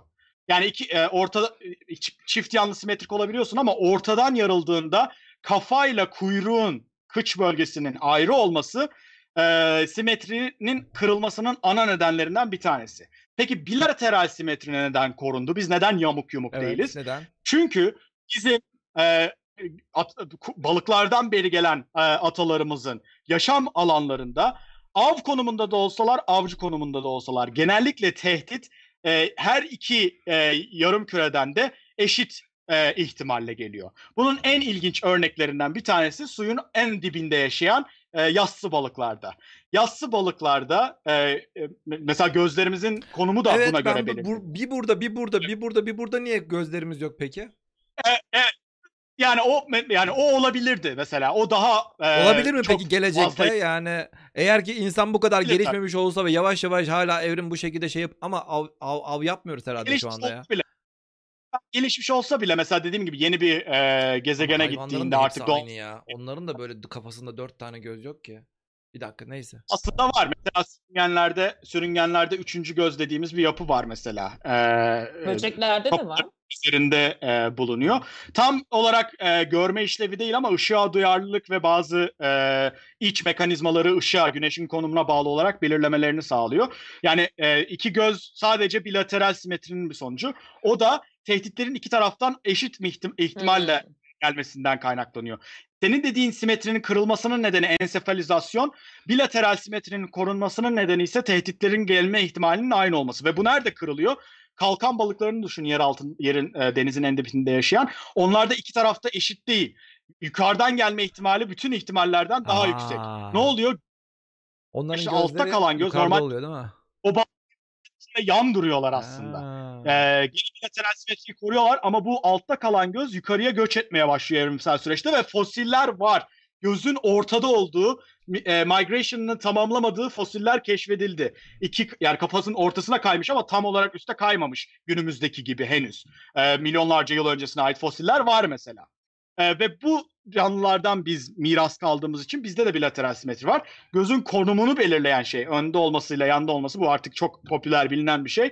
Ee, av veya avcı olmanızla alakalı. Ee, avlarda gözler genellikle e, vücudun iki tarafında oluyorlar. Geyiklerde, atlarda vesaire. Ee, bu sayede 360 derece görmeleri mümkün oluyor ama e, stereo görüşe çok sahip değiller. Yani Üç- üç derinliği boyut pek iyi anlayamıyor. Ha.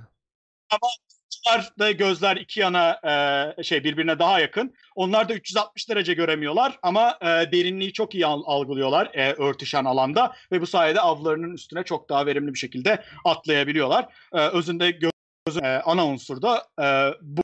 Bir de gözün tek tipi de yok mesela. Compound gözler, bileşik gözler harekete çok duyarlılar mesela. O yüzden bir sineği öldürmen çok zor. E, elinle bir sineği öldürmeye çalış imkansıza yakın. Neden? Süper güçlere mi sahip? Hayır. Se- en en küçük hareketleri bile çok hızlı bir şekilde fark edebiliyor senin oraya Hmm. vurma şeyini. Ama onlarda derinlik algısı çok kötü ve görüntü çok bulanık. Ama harekete inanılmaz duyarlılar. Ee, biz de öyle değiliz mesela. Biz de harekete pek duyarlı değiliz. Ee, bizim bu e, iğne göz e, iğne kamerası tipi göz, gözlerimizde. E, o yok ama bizde de görüntü çok berrak mesela. E, ve dediğim gibi ikisinin yakın olmasından dolayı stereotipik görüşe sahibiz. Üç boyutlu görüşe. E, falan filan. Ya bunların hepsi inanılmaz konular. O kadar keyifli konular ki. ama o kadar çok da detayı var ki. Ya mesela köpekler dedin ya. e, Hı hı. Köpeklerde mesela biz yapay seçilimle onları çok hızlı bir şekilde değiştirdiğimiz için e, atasal formlarına dönme ihtimalleri aşırı e, yüksek. Çok kolay dönebiliyorlar. Çünkü sadece belli özellikleri belirlemişiz biz. Hızlı koşsun, işte kuyruğu kıvrık olsun, işte şöyle olsun, böyle olsun. Çok yüzeysel şeyleri seçmişiz ve bunu sadece 200 yılda yapmışız. Şimdi sen bunları vahşi doğaya bıraktığın zaman dediğin gibi sadece vahşi doğaya en uyumlu olanlar hayatta kalıyorlar. Bunlar da zaten Ha, hazır Zaten ölecek diyorsun. Ev, hay- ve ev, ev, ev hayvanları.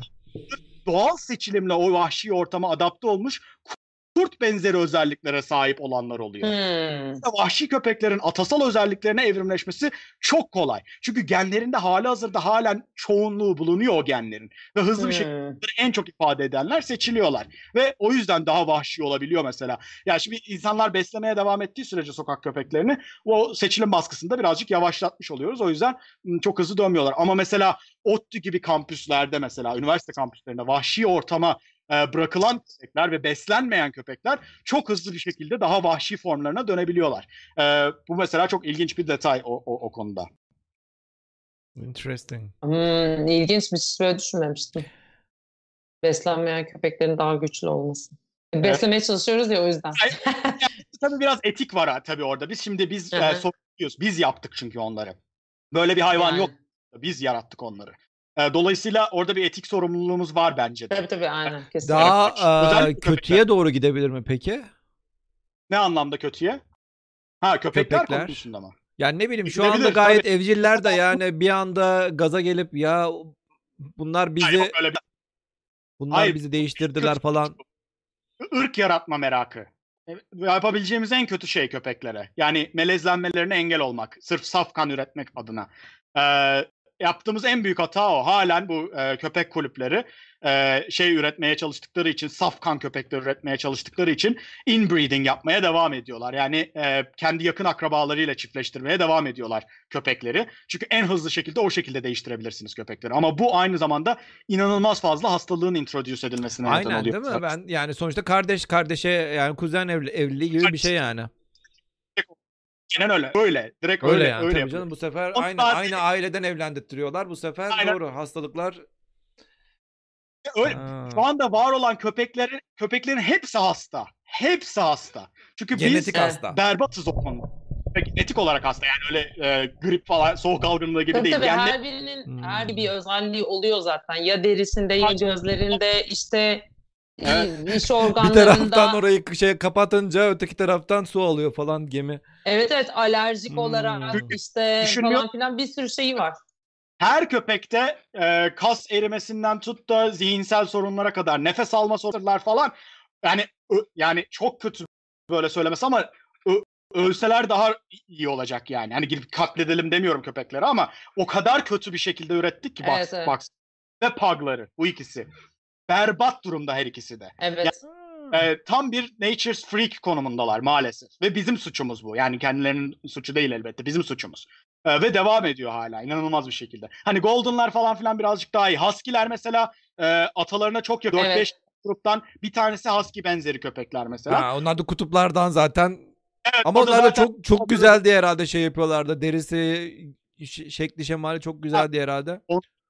Onlarla ilgili çok ilginç çalışmalar var. Hakikaten seçilimin etkilerini kemiklerinin e, yapısında da görebiliyoruz. Kızak çekmeye yönelik adaptasyonları. En başarılı olanları hayatta tutup diğerlerini eledikleri için e, kemik formu kızak. Yani normalde doğada kızak diye bir şey yok. Dolayısıyla öyle bir şey için evrimleşmelerine gerek yok hayvanların. Ama e, kızak çektirmek e, üzerine seçilim uyguladığı için insanlar e, sırtlarına takılan kızaklı uyumlu şekilde omurgaya yükü dağıtacak e, adaptasyonlara şeylere çeşitliliğe sahip olanlar hayatta kalmışlar mesela. Ve bunu görebiliyoruz. Yani direkt kızağın evrimsel bir etkisi olmuş hayvanlara. Bu Çin değil bakın dikkatinizi çekiyorum. O en önemli nokta. Bir köpek kızak çekti diye değişmez. Ama kızak çekenler Hı hı. arasında hep en iyi çekenler seçilirse her neyse o onlara e- en iyiliği sağlayan şey Kasları. onların soyadları daha çok yürüyeceği için bir süre sonra e, anatomik yapısı kızak çekmeye daha uyumlu olan bireyler e, daha yaygın oluyor popülasyon falan filan. Çok e, gene ayrı Ya konular. yine de e, sonuçta yani biz evet biz yaptık diyorsunuz. Tamam tebrik ederiz insanlığı bir şeyler becermişler ama e, iyi mi kötü mü sonradan e, yani o, o, o konu ayrı bir e, muhabbet konusu elbette ki de. Yani doğada da zaten bu şekilde e, zorlamalarla bu şekilde yeni Abi, şeyler olmaz ya. mıydı yani? Ya yani sen biz bu, çok doğasal bu da bu da doğadan bir şey değil mi aslında? Yani insanın zorlayıp da köpekleri bu yeni köpek üretmesi de aslında e, biz Doğanın e, parçası değil doğanın mi? bir parçası değil mi yani? İşte bu e, çok önemli bir gene etik tartışma konusu e, ve benim bir cevabım yok buna. E, insanın yaptıkları şeyler yapay mıdır, doğal mıdır? Soru bu aslında özünde. E, biz yapay demeyi dönemi. diyoruz. Mesela yapay seçilim neden ya- yapay seçilim? Yani neden yapay seçilim diyoruz? Halbuki sapiens doğal bir tür. Homo sapiens'in yaptığı şey de doğal bir şey olmalı. Yani, yani geyik mesela- yapmış olsa ya da as- aslanlar geyikleri gitse de desek yani evet siz sadece burada yaşayabilirsiniz diye ittirse ittirse oradan Mesela, çıkanı evet. kes yerim dese e, doğal olarak onlar da belki bilmiyorum yani ona doğal diyecek. Şimdi orada bir, mesela ilginç bir tartışma konusu var ve örneği var bunun. Hani sen orada hipotetik bir örnek verdin. Ee, bazı karıncalar bazı mantar türlerinden tarımcılık yapıyorlar.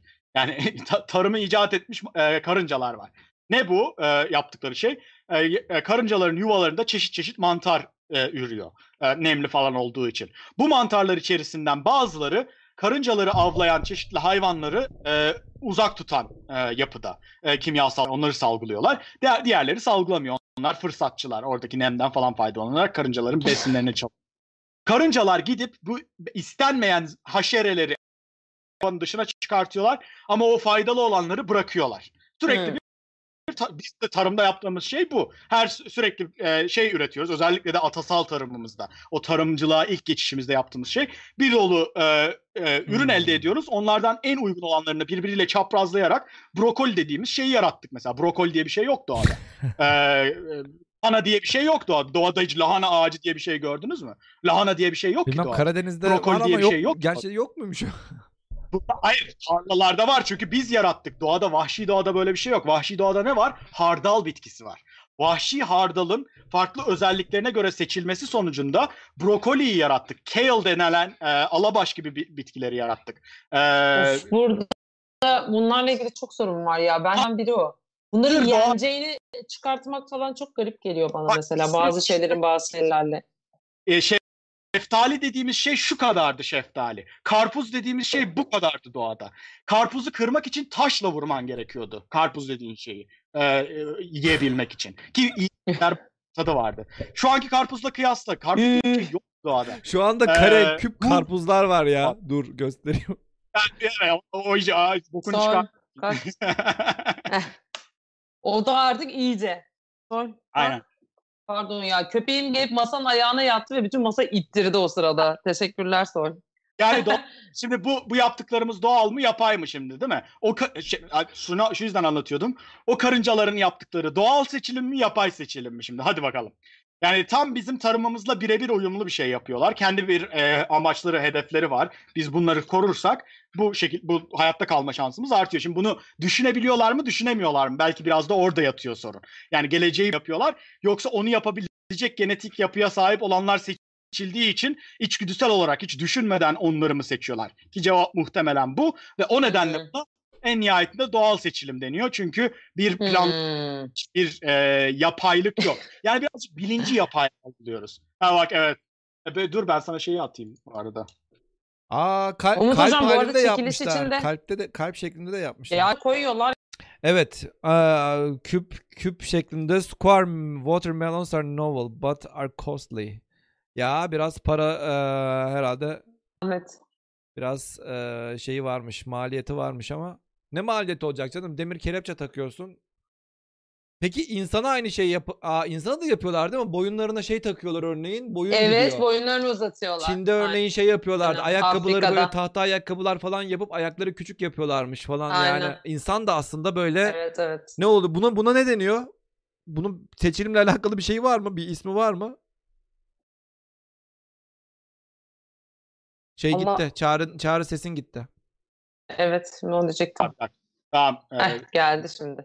e, şey e, ne diyecektim? E, orada doğal genlerden kaynaklanan bir çeşitlilik yok. Sonradan eklenmiş bir modifikasyon söz konusu onlarda. Dolayısıyla hiçbir kalıtsal tarafı yok. Onların çocukları normal boyunlu doğuyorlar. Dolayısıyla bir seçilim baskısı yok. Ama şu olsaydı e, belli, e, boynu bir sebepten ötürü diğerlerine göre daha uzun olanlar daha kolay çiftleşseydi, erkekler bir nedenle onları seçseydi, e, nesiller içerisinde boyunları daha uzun olan insanlar o evrimleşirdi mesela. Evet. Yani orada gerçekten genlerden kaynaklı bir çeşitlilik olması gerekiyor. Sonradan yapılan eklemelerin bir özelliği yok. Bak şimdi bu ekranda gördüğünüz şey vahşi lahana bitkisinden ürettiğimiz, e, günümüzde tükettiğimiz bitkiler. Bunların bir kısmı Türkiye'de pek popüler değil ama Amerika'da e, yenen şeyler ama önemli bir bölümünü Türkiye'de de yiyoruz.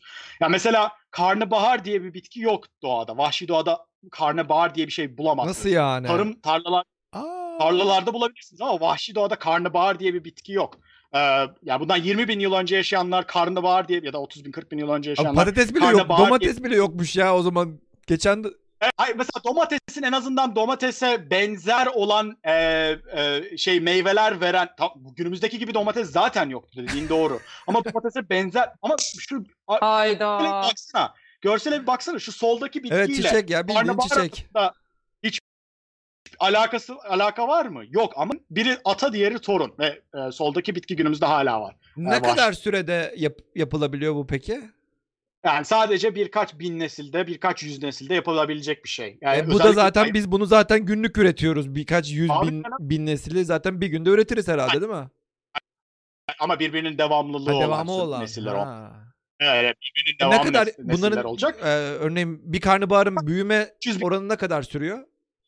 Ha, işte oradan hesaplayabilirsin. Yani e, yani bir, bir, bir yıl olsa mesela sezonluk e, üretildiği için bir yıl diyelim kabaca. E, mesela bin nesilse bin, bin yıl içerisinde bu, bu, bu tür bir değişim görmeyi bekliyoruz. Zaten Ya dedim biz ya nasıl bir dakika köpeklerde. biz madem ya biz 300 yıl önce diyorum ya. biz bunların bu şekilde o meydana getirdiysek e, nasıl bin yıl geçmedi ki? Nasıl yaptık biz bunu? Üç- işte tar- tarımda tarımdan Ha itibaren. bu a, sonradan On- yaptığımız şeyler. Ha Ha. pardon pardon. Yani şu son zaten zamandaki bu GDO'larla alakalı değil yani. Yok yok. Anladım. Yok ya. So- ya bu- bunu bir de bilerek de yapmadık. Yani me- mesela bunun hikayesi ilginç. Ee, tam emin tam kesin değil ama şu soldaki vahşi lahananın e, antik Yunan'da e, şarap yapanlar eğer ki şarap üzümle şarap yapılacak üzümlerin etrafında Vallahi şaraptan çıktığı düşünüyor bunların birçoğunun. Şarap yapılacak üzümlerin e, e, o, etrafında bu bitkiler vahşi lahana yetişiyorsa üzümlerin kötü tadının yani şarabın kötü olduğunu Ha. ve onları elemeye başlıyorlar belli özelliklerini bilmeden. Ya bu e, bir faktör olmuş olabilir oldu demiyorum ama bunun da faktörlerden biri olduğu düşünüyorum. Antik Yunan'da ve öncesinde sadece şarapla da ilgili değil. Üzümleri genel olarak tadını bozuyor. Bak gösterdiğin muz mesela muz bitkisinin atasal formu. Ya evet evet. Muz da öyleymiş, değil mi? Aşırı çekirdekli olması. şunu mu yedi bizim dedelerimiz? Aynen, eskiden öyleydi. Dede, de- dede şey. Yani derken muz- de herhalde çok çok geri çok da geçmiş değil herhalde ya. Sadece e, birkaç yüzyıllık mı? Ha. E tabii bu da birkaç e, birkaç bin yıl öncesinde falan yoktu e, şu aşağıdaki gibi muz.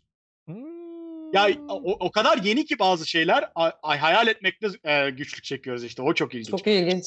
Karpuza bak mesela Türkçe bizde e, karpuza şeftaliye bakabilirsin. Ay muza bak gerçekten. Tatlar kaçtı şu an. Watermelon Evolution.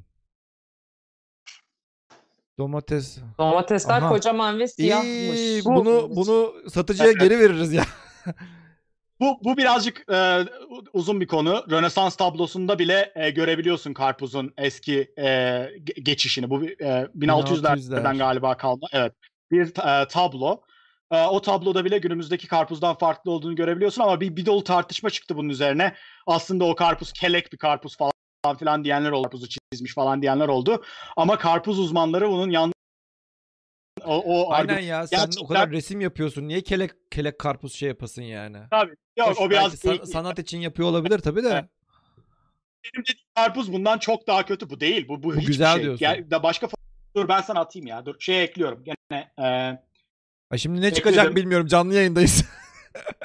şeyi ekledim açsana bir e, sunumu. Hocam Google'dan şimdi Aynen şimdi Google'dan şey yapmayalım. Başımız Ee, belaya başımız girmesin. belaya girmesin. İn bir tane aşağıya. Doğal karpuz. Bak. Karpuz dediğin şey şöyle birazcık zoom atayım ona ya da Ben- ben sen de yapayım. yapabilirsin ben de yapabilirim. Bak soldaki gibiydi karpuz dediğimiz şey. Boyutu ve e, şey e, içeriği bakımından. 50 milimetre. Ee, evet 50 milimetre şu andakinin e, hacimsel olarak e, işte kaç katı düşün. Yaz, yazmıştık onlarda nerede bilmiyorum. Ee, 18 civarında çekirdeği olan çekirdekleri var. Onun yağı mesela içinde yağ var. Yani bu bitkilerin hiçbiri ya biz şöyle lezzetli bir şeye dönüşelim de insanlar güzel güzel bizi sulu sulu yesinler diye evrimleşmediler. Hepsinin amacı üremek. Şimdi üreme stratejilerin kokulu e, etli meyveler üreterek hayvanları üzerlerine çekmek. Neden? Çünkü şu içerisinde gördüğümüz bizim çekirdek deyip sevmediğimiz şey adamların üreme yapıları, Tabii, tabii. tohumları yani onu Tabii. toprağa ulaştıracak, Hı hı. E, üreyecek. O dolayısıyla bunun en avantajlı yollarından bir tanesi hareket edebilen bir cismi üzerine çekmek. Bazen işte rüzgar oluyor, rüzgarla oluyor polenlerin falan uçması. Kimi bitki ise işte bu e, besleyici, e, koruyucu yapıyı üretiyorlar ve onun onu çeke onun, üzerine gelen hayvanlar bunları yiyip ya- yayıyorlar e, bunların tohumlarını. E, dolayısıyla bitkilerle hayvanlar arasında da e, bir o şekilde karşılıklı. Hmm, karpuzun çekirdeklerini ayırınca aslında teknik olarak karpuza destek olmuş olan bir ekip mi var yani aramızda? Tabii, karpuzun şimdi ayırırsan Bak bir tane aşağıya in abi. Mısır'a attım. Teosinte Karpuz dediğimiz atasal diyor. formuyla. Bak şimdi bu e, mısır. Mısır bitkisinin koçanının evrimi. Ee, solda teosinte yani teosintenin hangisi olduğu birazcık tartışma bazen e, ikisinin hibritine de teosinte deniyor ama e, mısır denmiyordu bu yani o, o canlıya mısır demiyoruz. E, teosinte adını veriyoruz. Teosinte e, so, son derece az sayıda e, şeye kernele yani mısır tanesine sahip olan e, ve bu taneler çok daha iri. O taneleri bu bunun üremeye çalışmakta kullandığı tohumları aslında onları toprağa ulaştırmaya çalışıyor. Ha. Biz onlar içerisinden en çok taneyi üretenleri sürekli seçerek bugün Mısır dediğimiz şeyi ürettik. Mısır'ın atalarıyla çok bir alakası yok yani. Bunların hepsi yapay seçilimle yaptığımız zeytin dediğimiz şey benzer şekilde. Zeytinlerin çoğu çok iri bir çekirdeğe ve çok az sayıda ete, çok az miktarda ete sahipti mesela. Ee, Biz daha etlileri seçerek şu anda küçük çekirdekli iri etli zeytinleri ürettik mesela. Bunların hiçbirinin GDO ile falan alakası yok. Genlerini müdahale edip yani bulunuyoruz aslında ama öyle e, CRISPR'la falan yapılan bir müdahale yok. Sa- tamamen seçilim baskısıyla. Ama e, genleri bir değişti iş. sonuçta yani şu andan itibaren E, evet, şu andan itibaren E, tabii. yeniden e, bunları üretmeye kalktığında bu şey seçilmiş olanlar e, üreyecek. Çalışıyor. Aynen öyle. Bu seçilmiş olanlar yürüyor. Vahşi doğaya bıraktığımızda da genellikle atalarına geri döndüklerini görüyoruz. Çünkü Hmm. aslında o canlı buna evrimleşirdi. Şu soldakine evrimleşirdi. Ee, şu anda şartlar çok fazla değişmediği için o zamanlara nazaran bu bitki için. Ee, dolayısıyla ataya dönüş köpeklerde de aynı durum. Kurtların yaşam alanı e, bir miktar değişti. Hatta e, günümüzdeki kurtlardaki e, yani günümüzdeki kurtlar günümüzdeki köpeklerin ataları değiller. Kurtlar o kadar çok değiştiler ki o kurtla köpeğin atasından beri, kurta daha benzer olan canlıdan beri artık tam, yani bizim bizimle Neandertaller gibi aslında. Neandertaller bizim atamız değiller. Ee, or- Ee, yani falan filan işte çok Ya peki var. çok saçma bir soru soracağım da neden Ben ne- neden bu bugünkü çok maymunlar insan olmuyor ya. Ya peki bunlar neden yaşamak ihtiyacı neden yaşamak e, istiyorlar? Neden aynı ya- şey. yani Söyledim ya. tamam yani hadi hayvanlar bir şekilde hareket ediyorlar falan onları anlıyoruz da yani bitkiler neden böyle üremek e, İşte- ihtiyacı hissediyor? algı bu zaten. Biz zannediyoruz ki ha- Dertleri ne bunların? Manyak- Canlılık- ne, ne yani niye? hiçbir derdi yok. İşte o yüzden dedim canlılıkla cansızlık arasında hiçbir fark yok diye. Der, bir derdi yok. Fotosentezin derdi ne? Neden oksit oksit neden oksitlenme ihtiyacı hissediyor? Ha, Oksijen değil mi? Aynen öyle yani. Demir. Neden iki tane Ne- atom neden- yan yana geldiğinde bir şey oluşuyor yani? hiçbir i- i- ihtiyacı yok. Yani bu her şeyi, doğadaki her şeyi yasalara kadar indirgemek mümkün. En sonunda da soracağımız şey neden o şekilde de bu şekilde değil. Onun da cevabı yok. İstersen Allah öyle yaptı de, istersen Allah o de, istersen tamamen rastgele oluşmuş de. Yani ne dersen de o hiç fark etmez. Ama nihayetinde belli yasalar var ve o yasalar belirli sonuçlar doğuruyorlar. Ve bu üst düzey sonuçlara baktığımız zaman biz ereksellik görüyoruz. Yani canlılar yaşamaya çalışıyorlar diyoruz. Halbuki öyle bir şey yok. Onu yapabilenler günümüze kadar ulaşmışlar, ulaşmış olanlar. Onu yapamayan birçok şey var doğada. Onlar da işte yapamayanlar. Hani sorduğun senin neden yap, bunları niye üremeye e, ya da e, üremese ne olurdu? İşte o olurdu. Taş olurdu. işte kum olurdu. Gezegen olurdu. Yıldız olurdu. Bilmem ne olurdu. Yani diğer şeyler de üremeyen şeyler işte. Aynen öyle. Ha, o Neden yüzden bu diyorum üremek ben- istemiyordu? Gidiyor Mısır koçanı Evet, üremek işte istiyor. Evet olurdu işte mesela. Üreme üremek dediğimiz şey de en nihayetinde bir biyokimyasal süreç. O da bir e, kendi altında yatan fiziksel ve kimyasal süreçlerin bir sonucu. E, dolayısıyla biz ona bakıp daha burada bir ereksellik var diyoruz ama yok yani. O onu yapabilen bir e, varlık formu var. Tıpkı oksitlenebilen bir varlık formu olması gibi. Yani demir gibi mesela. E, onu anlamak önemli. Ya, Canlılar bilerek, isteyerek hayatta kalmaya çalışmıyorlar. Mesela ne olurdu hayatta kalmak istemeyenler? Yok muydu e, hayatta kalma dürtüsü daha zayıf olanlar? Elbette vardı, hala var. Ne oluyor? Eleniyorlar onlar, onların torunları günümüze ulaşmıyor. E, e, işte zaten olay o.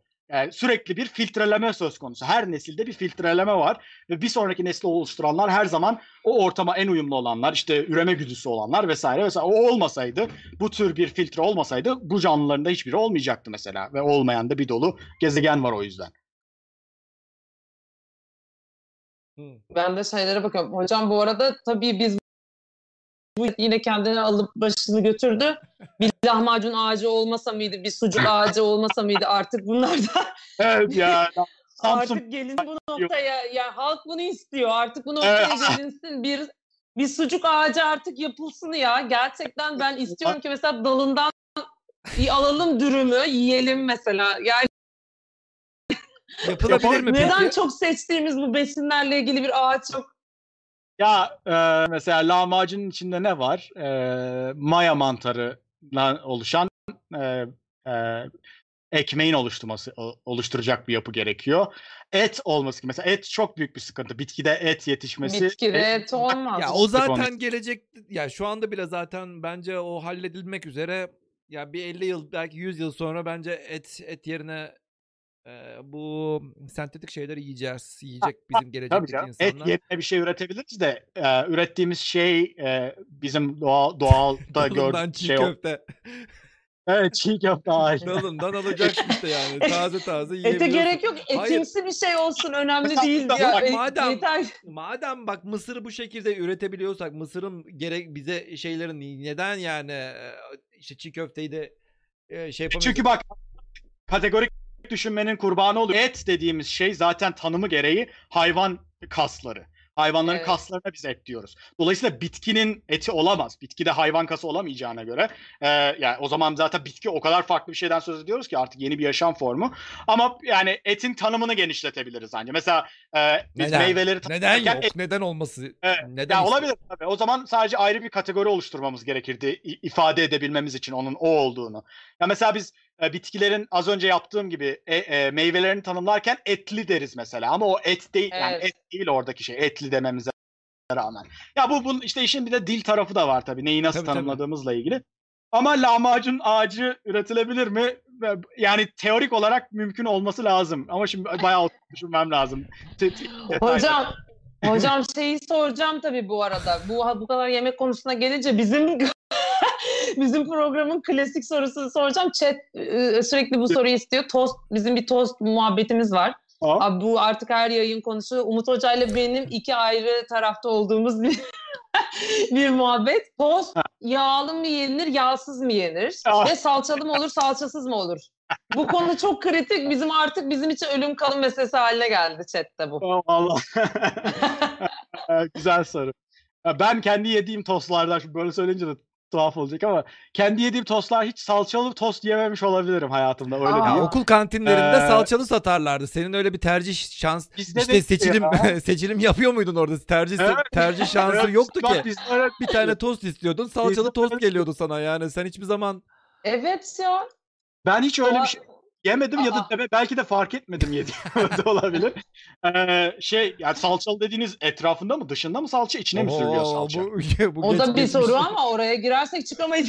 Ha tamam peki ikincisi yağlı mı olup bize yapılanlar hep yağlı oluyordu mesela bildiğim Yağlı kadarıyla. O oluyor yüzden da yani. Yağ, yağlı- yağ, yağ işte yani evet yağ çok enerji veriyor örneğin bize ama e, aynı zamanda biz bunu fazlasıyla biriktirmeye meyilliyiz. Bunun sebebi neydi bu arada? Neden biz özellikle o- yağı biriktirmeye çalışıyoruz?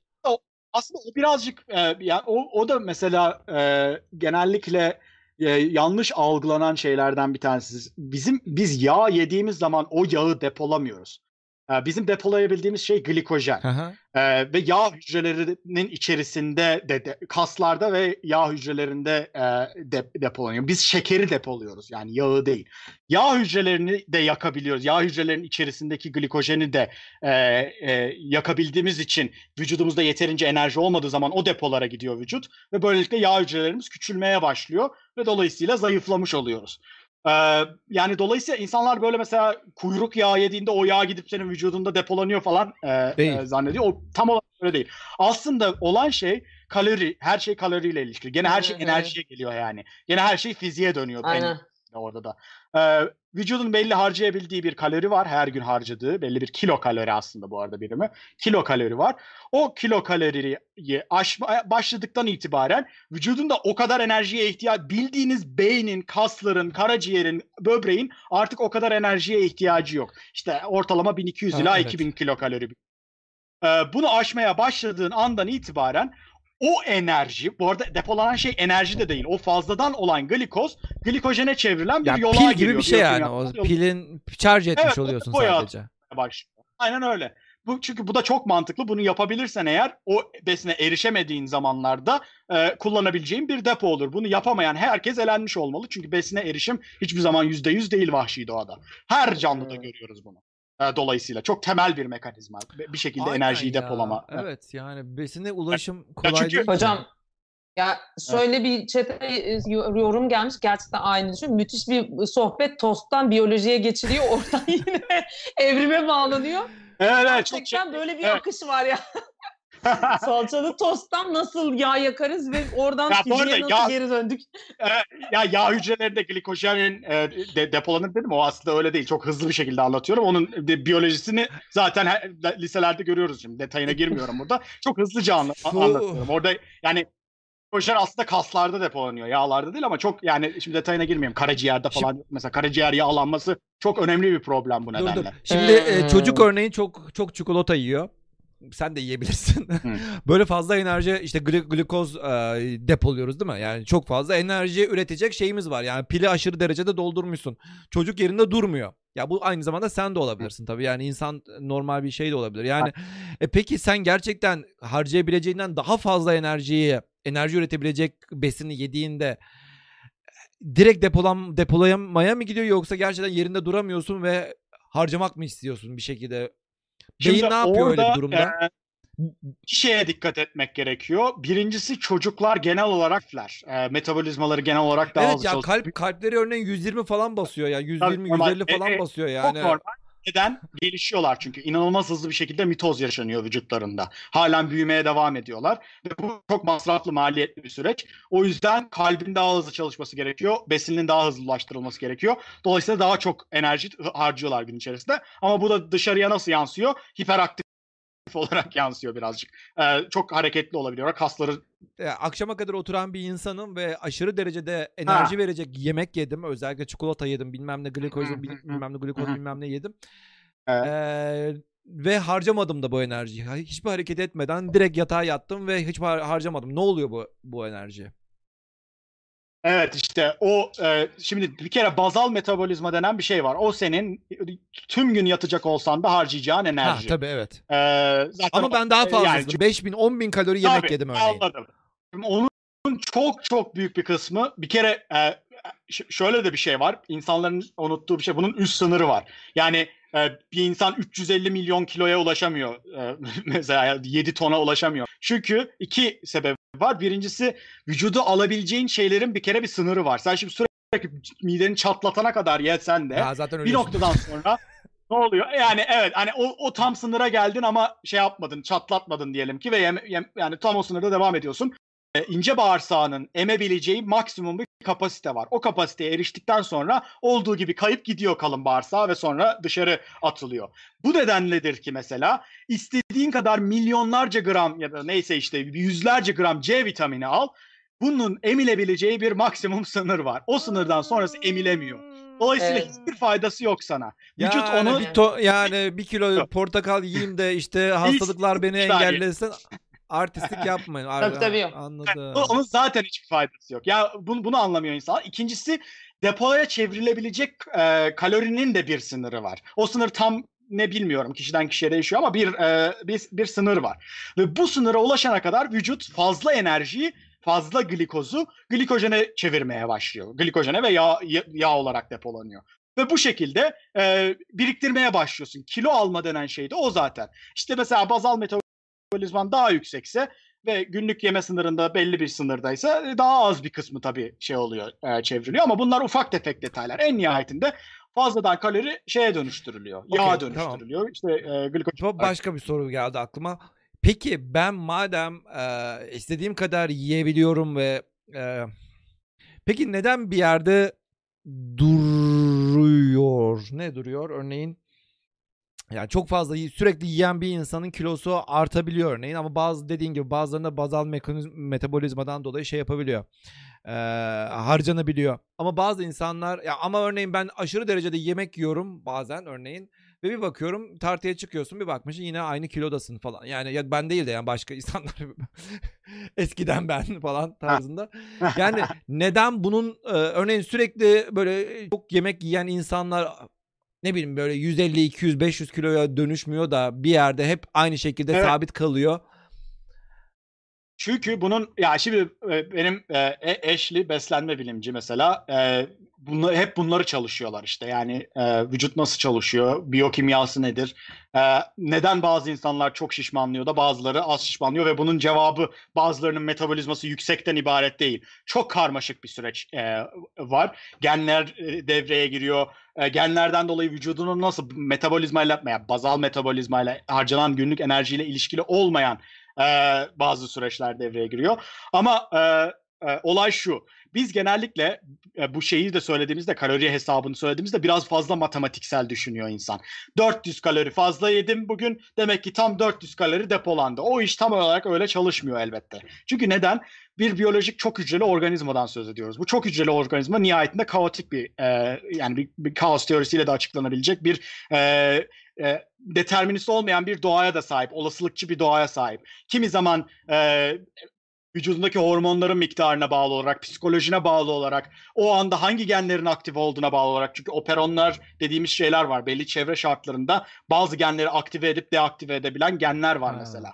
Bunların hangilerinin aktif olduğuna bağlı olarak senin o gün içerisinde aldığın enerjinin ne kadarını depoladın, ne kadarını harcadın, ne kadarı glikojene dönüştürüldü falan bunlar hep değişiyor. Yani biz o, o kadar da şey değil 2 artı 2 eşittir 4 şeklinde çalışmıyor. Ee, ve tek bir noktaya da indirgememek lazım. Bunun bir e, bir zaman aralığına dağılmış bir olay olduğunu. Yani bir gün çok yedim tam o kadarlık kalori e, oluştu. Çünkü mesela ne oluyor? Çok normalde yediğinin çok üzerinde enerji aldığında e, birden metabolizman hızlanabiliyor mesela onu yakmak için. Ama onu sen sü- sürdürdüğün zaman metabolizman tekrar yavaşlamaya başlayabiliyor. Ha buradan besin kaynağı geliyormuş gibi. Bu mesela hipotezlerden bir tanesi. Çürütmeye çalışanlar var. Aksi yönde e, iddiaları olanlar da var. Biz de işte bunları okuyoruz hep. e, yazmaya da çalışıyoruz olabildiğince. Yani mesela şey olayı vardır. E, bu e, işte e, çok fazla kalori al- mesela e, aç bırakma kendini değil Evet. mi? Eğer ki kendini çok aç bırakırsan iddialardan bir tanesi şu. e, vücut stres altında olduğunu anlayacak ve depolarını kullanmayacak. Dolayısıyla kendini aç bırakmak iyi bir şey değil. E, hafif hafif yemeye devam edip vücuda bak besin geliyor merak etme endişelenme e, mesajı veriyorsun. Damla'nın şarjı bitti bu arada. Ben hemen e, şuraya geçeyim. Ee, side by side'a geçiyorum. Dur bir dakika. Canlı yayında şey yaptım.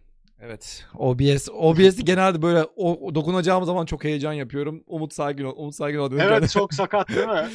Çünkü e, kendin konuşup aynı zamanda OBS'le uğraşmak kadar kötü bir olay yok. O kısmı tekrar alabilir miyiz Evet. lütfen? Hangi? Tamam son kısmı ya şey diyor işte o herhalde e, bu e, süreç sürecin kaotikliğinden çok o probabilistik olmasından e, bahsediyorum. Çoğu zaman insanlar e, şöyle bir algı var. Kendini çok aç bırakma.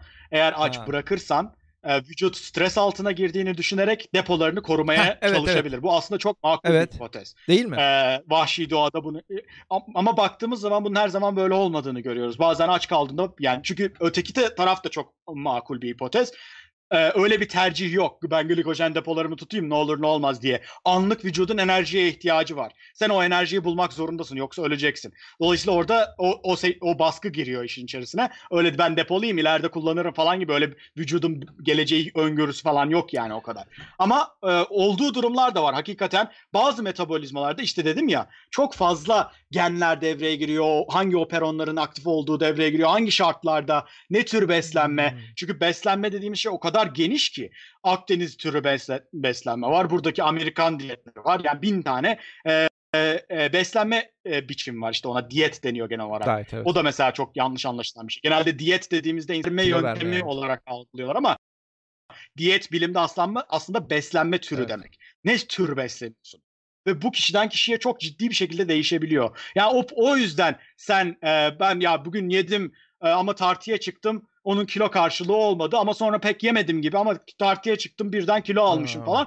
Ya onu o kadar e, moleküler düzeyde takip etmediğimiz için o e, probabilistik süreç içerisinde hiç beklenmedik sonuçlar çıkabiliyor. İşte beslenme biliminin amacı o- onu çözmek birazcık da. Hangi mekanizmalar nelere neden oluyor ve bu bir derya deniz inanılmaz geniş bir konu. Evet evet.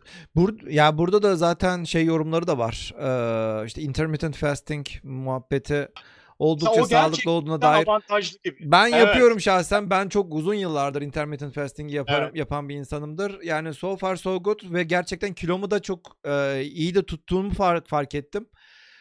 Şöyle söyleyeyim. Yani normalde kilo verdikten sonra e, hızlı alırsın muhabbeti vardır ki doğru. 5 Gerçekten de sene içerisinde %95'i geri evet dönüyor yani işte o %95'in içerisinde olmamak için hep dikkat etmeye devam ettim. Ee, şu anda bak taşınma muhabbetinden falan dolayı hiç şey yapmadım. Yani hiç eee, bir ay önce bir ay falandır böyle hiç hiçbir şeye dikkat etmiyorum. Bir tartıldım yine 90. Yani zaten 90'a inmiştim. Çok- 90'a e, yine Çok- baktım 90'ım yani 89-90 arasında. Yani demek ki o 5 sene muhabbetin içerisinde umarım o %5'lik kısma girdim diye ümit ediyorum. Evet o eğer oradan çıkarsan çok büyük ihtimalle korumaya İşte da ha, devam korumaya ediyorsun. koruma e, muhab- durumundayım. Bu DMT ne ya? Ben DMT çok e, muhabbeti var. Ha, o şey ya bu hip psikoaktif e, e, madde olayı işte e, bazı bitkilerden e, psikoaktif e, bir kimyasal aldığında işte ha- halüsinasyon gördürüyor falan zekayı arttırdığı falan söyleniyor. Ama Ha, e, yani şey o tek gibi. bir kimyasalla zek e, tek bir e, kimyasalla e, bun, bununla ilgili yazımız var mıydı ya? Kimyasalla zeki olacağınıza gidin kitap okuyun arkadaşlar. Ya da Tek Çare Uzay ve Evrim Ağacı izleyin ve okuyun. Şey, yani ha, e, sadece bir soru cevap girdimiz var. E, dimetiltriptamin e, diye bir madde DMT denen şey bir psikoaktif bir madde. Tek psikoaktif madde Ha, değil. Limitless, Mesela Limitless diğer dizisi, meşhuru- evet. Dizisi ve filmi. Ha, Limitless. Onunla ilgili direkt analizimiz var sitede okuyabilirsiniz. Ha. Limitless fena bir film değil. Yani mesela şeye göre daha iyi. E, Lucy Lucy'ye göre bir evet. Lucy çok ya Lucy çok çok kısa kesmişler. Aslında çok da güzel olabilecek bir filmdi. Animasyonları falan güzel de onun dışında bilimsel tarafı Ya, rezalet bilimsel yani. tarafını zaten E, şey bayağı yapmıyoruz yani. Ee, Ama şey kimyasal e, tek bir kimyasal maddeyle zekayı birden açmak mümkün değil.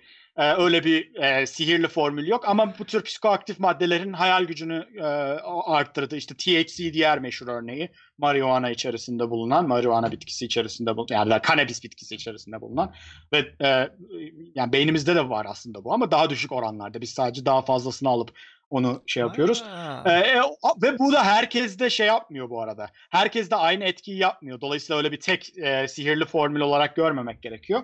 Ee, ama bazı insanlarda yaratıcılığı arttırdığına dair ki onu çürüten araştırmalar da var bu arada. Yani e, e, ilginç bir şekilde e, yaratıcılık algısını pekiştiriyor ama yaratıcılığın kendisini geliştirmiyor olabilir e, diye de bir e, bulgu var. Yani bu- bunlar e, insanların genellikle maalesef şey derdimiz var. Kolay yoldan E, e, sonuca ya, evet, ulaşmak. evet. Bir Evet bir hap olsun zayıflayı verelim. Bir hap olsun İngilizce zekileşi öğreneyim. verelim. Bir hap olsun. Evet, ha İngilizce öğreneyim. Bir kulaklığı takayım. e, çalışmayayım bile şey e, şey Cem Yılmaz'ın söylediği gibi kalkan balığının pullarını ayırın. E, ya da ne bileyim yumurtanın akıyla beyazı şeyini ay- ayırın sürmeyin bile. Çok güzel oluyor. Bari sürseydik diye aynı mantık. Ee, öyle bir şey yok maalesef. Doğa ya bizim olduğumuz seviye hani fiziğin belki çok basit parçalarında bir ele- elektronun değişmesiyle devasa şeyler değişebilir belki ama e, bizim olduğumuz seviyede e, öyle bir molekül alayım vücuduma bütün hayatım değişsin diye bir şey yok, e, yok. maalesef söz konusu değil. Yine de Ee, arkadaşlar e, kitap okuyun. kitap okuyun Evet, yani olacak. o yüzden e, çok farklı şeyler. Yani illaki bir şeylerden ya insanlar hep şey e, Amerika'daki klasik şey muhabbeti gibi yani evet bir öğrenci ya işte şu şu sınav öncesi bir bir hap içeyim bilmem ne şu şekeri yiyeyim bilmem ne falan ondan sonra sınava gireyim Var falan. var yani Amerika'da da çok Evet. benzer versiyonu. Ya şu hapı hapı içeyim ondan sonra zayıflayayım. Yani Amerika klasik Amerika'da ben Ya, Amerika'ya ilk taşındığımda şimdi e, ya hiç Amerikan televizyonları falan izlemiyorum. E, ama yani sonuçta biz artık 21. yüzyıldayız. Yani sonuçta ya Netflix çağındasın ya YouTube falan izliyorsun. Ama Amerikan televizyonu Biliyorsun. nerede izliyorum? Genelde ho- otele falan gittiğimde açıyorsun öyle bakıyorsun falan. Yani Evet, neden evet. ben bunu hiç özlemediğimi ve aramadığımı her seferinde yeniden böyle tekrar ediyorum. Niye? Çünkü tele, bir film oluyor. Filmi açıyorsun. Her işte 10 dakikada bir 5 dakika reklam var ve reklamların da hepsi ya sigorta reklamları ya da zayıflama reklamları vesaire. Yani genel itibariyle inanılmaz bir Eee, piyasa inanılmaz bir sektör oluşmuş durumda. Artı bu işten hem çok para kazanıldığının bir kenara bırak ama insanlar da hep şunu bekliyor. Yani evet şu hapı bir tane hap gösteriyorlar. Şu hapı iç ondan sonra kilo vereceksin. Şunu şu yap bilmem ne olacak. Ama eee, olay öyle değil. Çabuk sonuç diye bir Zaten şey yok. kontrollü deneyden geçmemiş iddialar zaten. Bazıları FDA tarafından denetlenmediği için saldım çayıra mevlam kayıra diye inanılmaz iddialarda bulunuyorlar. Ya var mesela e, çeşitli yani metabolizmayı hızlandıran, yağ yakımını arttıran ilaçlar var. E, ama bunların hepsinin yan etkileri de var. Yani ila- sonuçta dengeyi yani vücudun kurduğu dengeyi bozmaya çalışıyorsun bir şekilde. Ve bunun yan etkileri de var. Hatta doğal şekilde kilo vermenin de e, yan etkileri olabiliyor. E, mesela ketosis falan gibi şeyler oluyor çok hızlı kilo verdiğin zaman veya çok aç bıraktığın zaman e, kendini. O sırada bazı e, radikaller e, salınabiliyor e, e, kimyasal. Vücuduna zarar verebiliyor bunlar falan. Yani e, veya var haplar var işte e, anksiyete hapları, depresyon hapları falan bazen ba- ba- insanların işte zihnini açtığını söylüyor. Daha iyi çalıştıklarını, daha uzun süre gittiklerini söylüyorlar. Haplar var. E, lizozom faaliyetini arttırıyor hücre içerisindeki. Enerji yani baya, bayağı daha fazla enerji üretiyorsun. Yani daha hızlı bir şekilde var olan besini daha hızlı parçalıyor hücreler. Ha. Ama bu, bu bunun yan etkisi olarak bazen hücrenin kendisi parçalanıyor mesela bokunu çıkardığın zaman. Yani e, dediğim gibi böyle bir matematiği 2 artı 2 eşittir 4'ü olmadığı Olmuyor. için e, çok sakat yerlere gö- götürmek mümkün onu. E, ama çok ileri durumdaki hastalarda aslında e, çeşitli ilaçlar var kullanılan ama yan etkilerini kabullenmek zorundalar onlar. Çünkü Ha. durumları çok ağır mesela. Ama normal bir insanın onu o için o risk çok yüksek. Doğal sürecinde Yani halletmek daha mantıklı oluyor. Aynen E, ne kadar olursa o kadar iyi. Ya tabii, burada bir yorum Çünkü doğal gelmiş de zaten kilo vermek beyinde biter diye şahsen bunu yaşayan ve uygulayan bir insan olarak gerçekten ki. öyle kilo vermeyi düşündüğüm zamanlar hep kilo verdim. Gerçekten ver yani normal tamam şey yapmıyorum falan yani çok takmıyorum falan dediğim zaman da hiçbir şey olmuyor. Ve aynı şekilde yemek yesen de yemesen de aynı aynı hayat hayatı devam ettiriyorsun. Ama kilo vermek istediğimde kilo veriyorum. Ne beyinde bitiyor Ya, bilmiyorum işte. Yani bilmiyorum ama şimdi, Şimdi bu- bilimsel bu- bu konuşmuyor mesela olabilirim mes- şu anda. Ha, yo yani sayılır çünkü şey e, beslenme bilimindeki en önemli parçalardan bir tanesi davranış değiştirme. Evet. Davranışlarını değiştirmen gerekiyor ve dav- e, davranış değiştirme teorileri üzerine çalışıyorlar. Bir insan davranışlarını nasıl değiştirir? Çünkü ben yani bak e, e, kendim de örneğim mesela buna. Diyorsun ki eğer ki e, o, o e, aşırı kilolu veya obezsen 60 yaşında ve sonrasında 55-60 yaşından sonra kalp krizi geçirme ihtimalin 3 kata, 4 kata, 5 kata kadar artıyor. Bu bilimsel bir gerçek. Yani katını değiştir ama risk artıyor. Belli bir katı var. Araştırmaya göre değişiyor. Bunu istediğin kadar söyle erkeklerde özellikle. Bundan yola çıkarak bir insanın davranışlarını değiştirme ihtimali aşırı düşük. Çünkü insanlık ve genel olarak bu da evrimsel olarak çok mantıklı. Kısa dönem karı uzun dönem karı her zaman tercih ediyor. Zaten bütün ekonomik Hmm. sistemi de bu açıdan bile incelemek mümkün. Kısa dönem karı uzun dönem karı her zaman tercih ediyoruz. Kısa dönemde ben keyfimi alayım, çikolatamı yiyeyim. Uzun döneme sorun olursa bakarız. Tamam mı? Öncelikle bu uzun dönemi algılamamızı e, gerektiriyor ki bunun aslında bu gerçeğin evrimi anlamak konusunda, büyük patlamayı anlamak konusunda, evrenin yaşını anlamak konusunda da çok fazla çıkarımı var. Uzun süreleri, uzun geleceği, uzun geçmişi anlamak konusunda berbatız. Uzun, şey, büyük sayıları anlamak konusunda berbatız. Tabii ki. E, e, bu onun algılanması gerekiyor e, öncelikle. Dolayısıyla davranış değiştirmek gerçekten çok önemli. E, öyle bilimsel veri vermekle olmuyor. İşte sigara içerseniz akciğer kanserine yakalanma ihtimaliniz 3 kata, 4 kata, 5 kata kadar artıyor, 10 kata kadar artıyor. Ya ne oluyor işte? Hiçbir şey olmuyor. Onun e, bilincinin sağlanması gerekiyor insanlara. O işte çok küçük yaşlarda başlıyor veya geç başlayacaksa da belli başlı yöntemleri var. Davranış nasıl değiştirilir? Ee, o yüzden dediğin şey çok doğru. Yani e, da ya da yorum atan arkadaşın dediği şey. Yani e, ilk olarak o mentaliteye girmek gerekiyor. E, ve şunu da anlamak gerekiyor. Vücudun aslında ihtiyacı olan günlük ihtiyacı olan enerji miktarı aşırı düşük. Yani oldukça düşük. Ha. 1200 kilokalori, 1500 bin kal- kilokalori. Yani e, 4-5 tane e, çikolatayla bile e, erişilebilecek bir şey. Ama doygunluk aynı şey değil. Doygunluğa kolay kolay erişemiyoruz. Zaten bunu da e, geçmişine e, e, bakacak olursak işte neden et tüketmeye başladık vesaire ya da ot tüketen hayvanlar neden inanılmaz kendi ki- kilolarının 3 katı falan ya da %30'u kadar işte ya da %70 kadar yemek zorundalar. Hepsi işte bununla ilişkili. Bir e, gereken enerjiyi almak var bir de o doygunluk hissini e, sağlamak var. E, ve e, dolayısıyla o kilo ile ilgili, enerji tüketimiyle ilgili bir kişinin üzerine düşünmeye başladığı zaman fark ettiği şey ya ben bunu yersem 500 kalori alarak günlük kalori ihtiyacımın %30'unu karşılamış Evet, olacağım. evet. Ee, ama bu beni doyuracak mı, doyurmayacak mı? Yani o 24 saati tamamlamamı sağlayacak mı, sağlamayacak mı? Bu çok kritik bir nokta ve bu farkındalığa eriştikten sonra çok daha fazla dikkat etmeye başlıyor insan. Çünkü ben onu yemek yerine e, ot ağırlıklı beslenirim, daha salata ağırlıklı beslenirim. Hem kalorisi düşük hem daha çok doygunluğa eriştiriyor beni ve e, o, o- onu e, o- onu tercih edebilir mesela insanlar. Ufak Hmm. anlık mutluluk verecek ama Ya bitti ya. Büyük Hayır ihtimalle ama kapandı. devam ediyor. Stream key aynı olabilir. Sen Star Streaming'de neyi dene bakalım. Hayır Star Stream'den öte e, stop streaming yapamadım. Yapmak istemiyorum. Bir dakika yapma. Belki bağlanabilir. Bağlandı işte tamam. Geldi. Şu anda canlı bağlandı mı? Evet, evet, evet. Çünkü evet. Bir dakika. OBS'te şeyin bağlantısı kesilmemiş olabilir. Ee, aynı stream key'i kullandığı için. Yok artık. Bu inanılmaz bir teknoloji. Nasıl yani? Yani- Stream'i sonlandırmadığın sürece e, şey bekliyor. YouTube tarafı bekliyor. OBS'te göndermeye çalışıyor. Ne zaman ki internet geri gelirse e, şey yapıyor. e, bağlantıyı tekrar kuruyor. Unbelievable. Okay. Adamın aklı çıktı. Adamın aklı çıktı şu anda. Dur hemen hemen girişlerimi yapayım o zaman. Yap yap. Aa, aa, aa.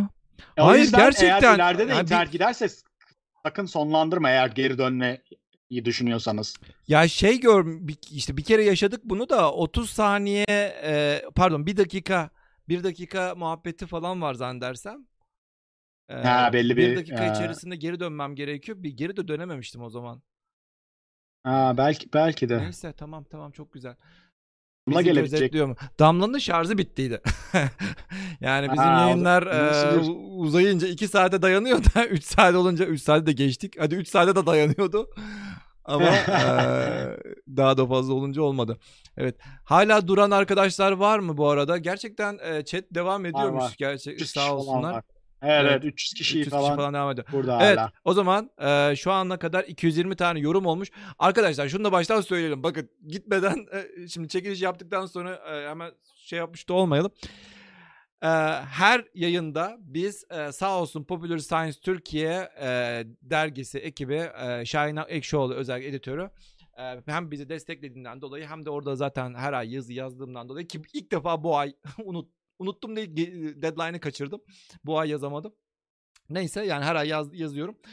Ee, bize her haftaki programımızın sonunda bir Popular Science Türkiye yıllık aboneliği hediye etmemizi e, için e, bize bir şey verdi. Onun için bunu hediye ediyoruz. Ve bir önceki yayına yazacağınız yorum önemli. Onun için lütfen yorumunuzu örneğin Çağrı ile olan yayınımız bittikten sonra direkt yorumunuzu yazın şimdiden.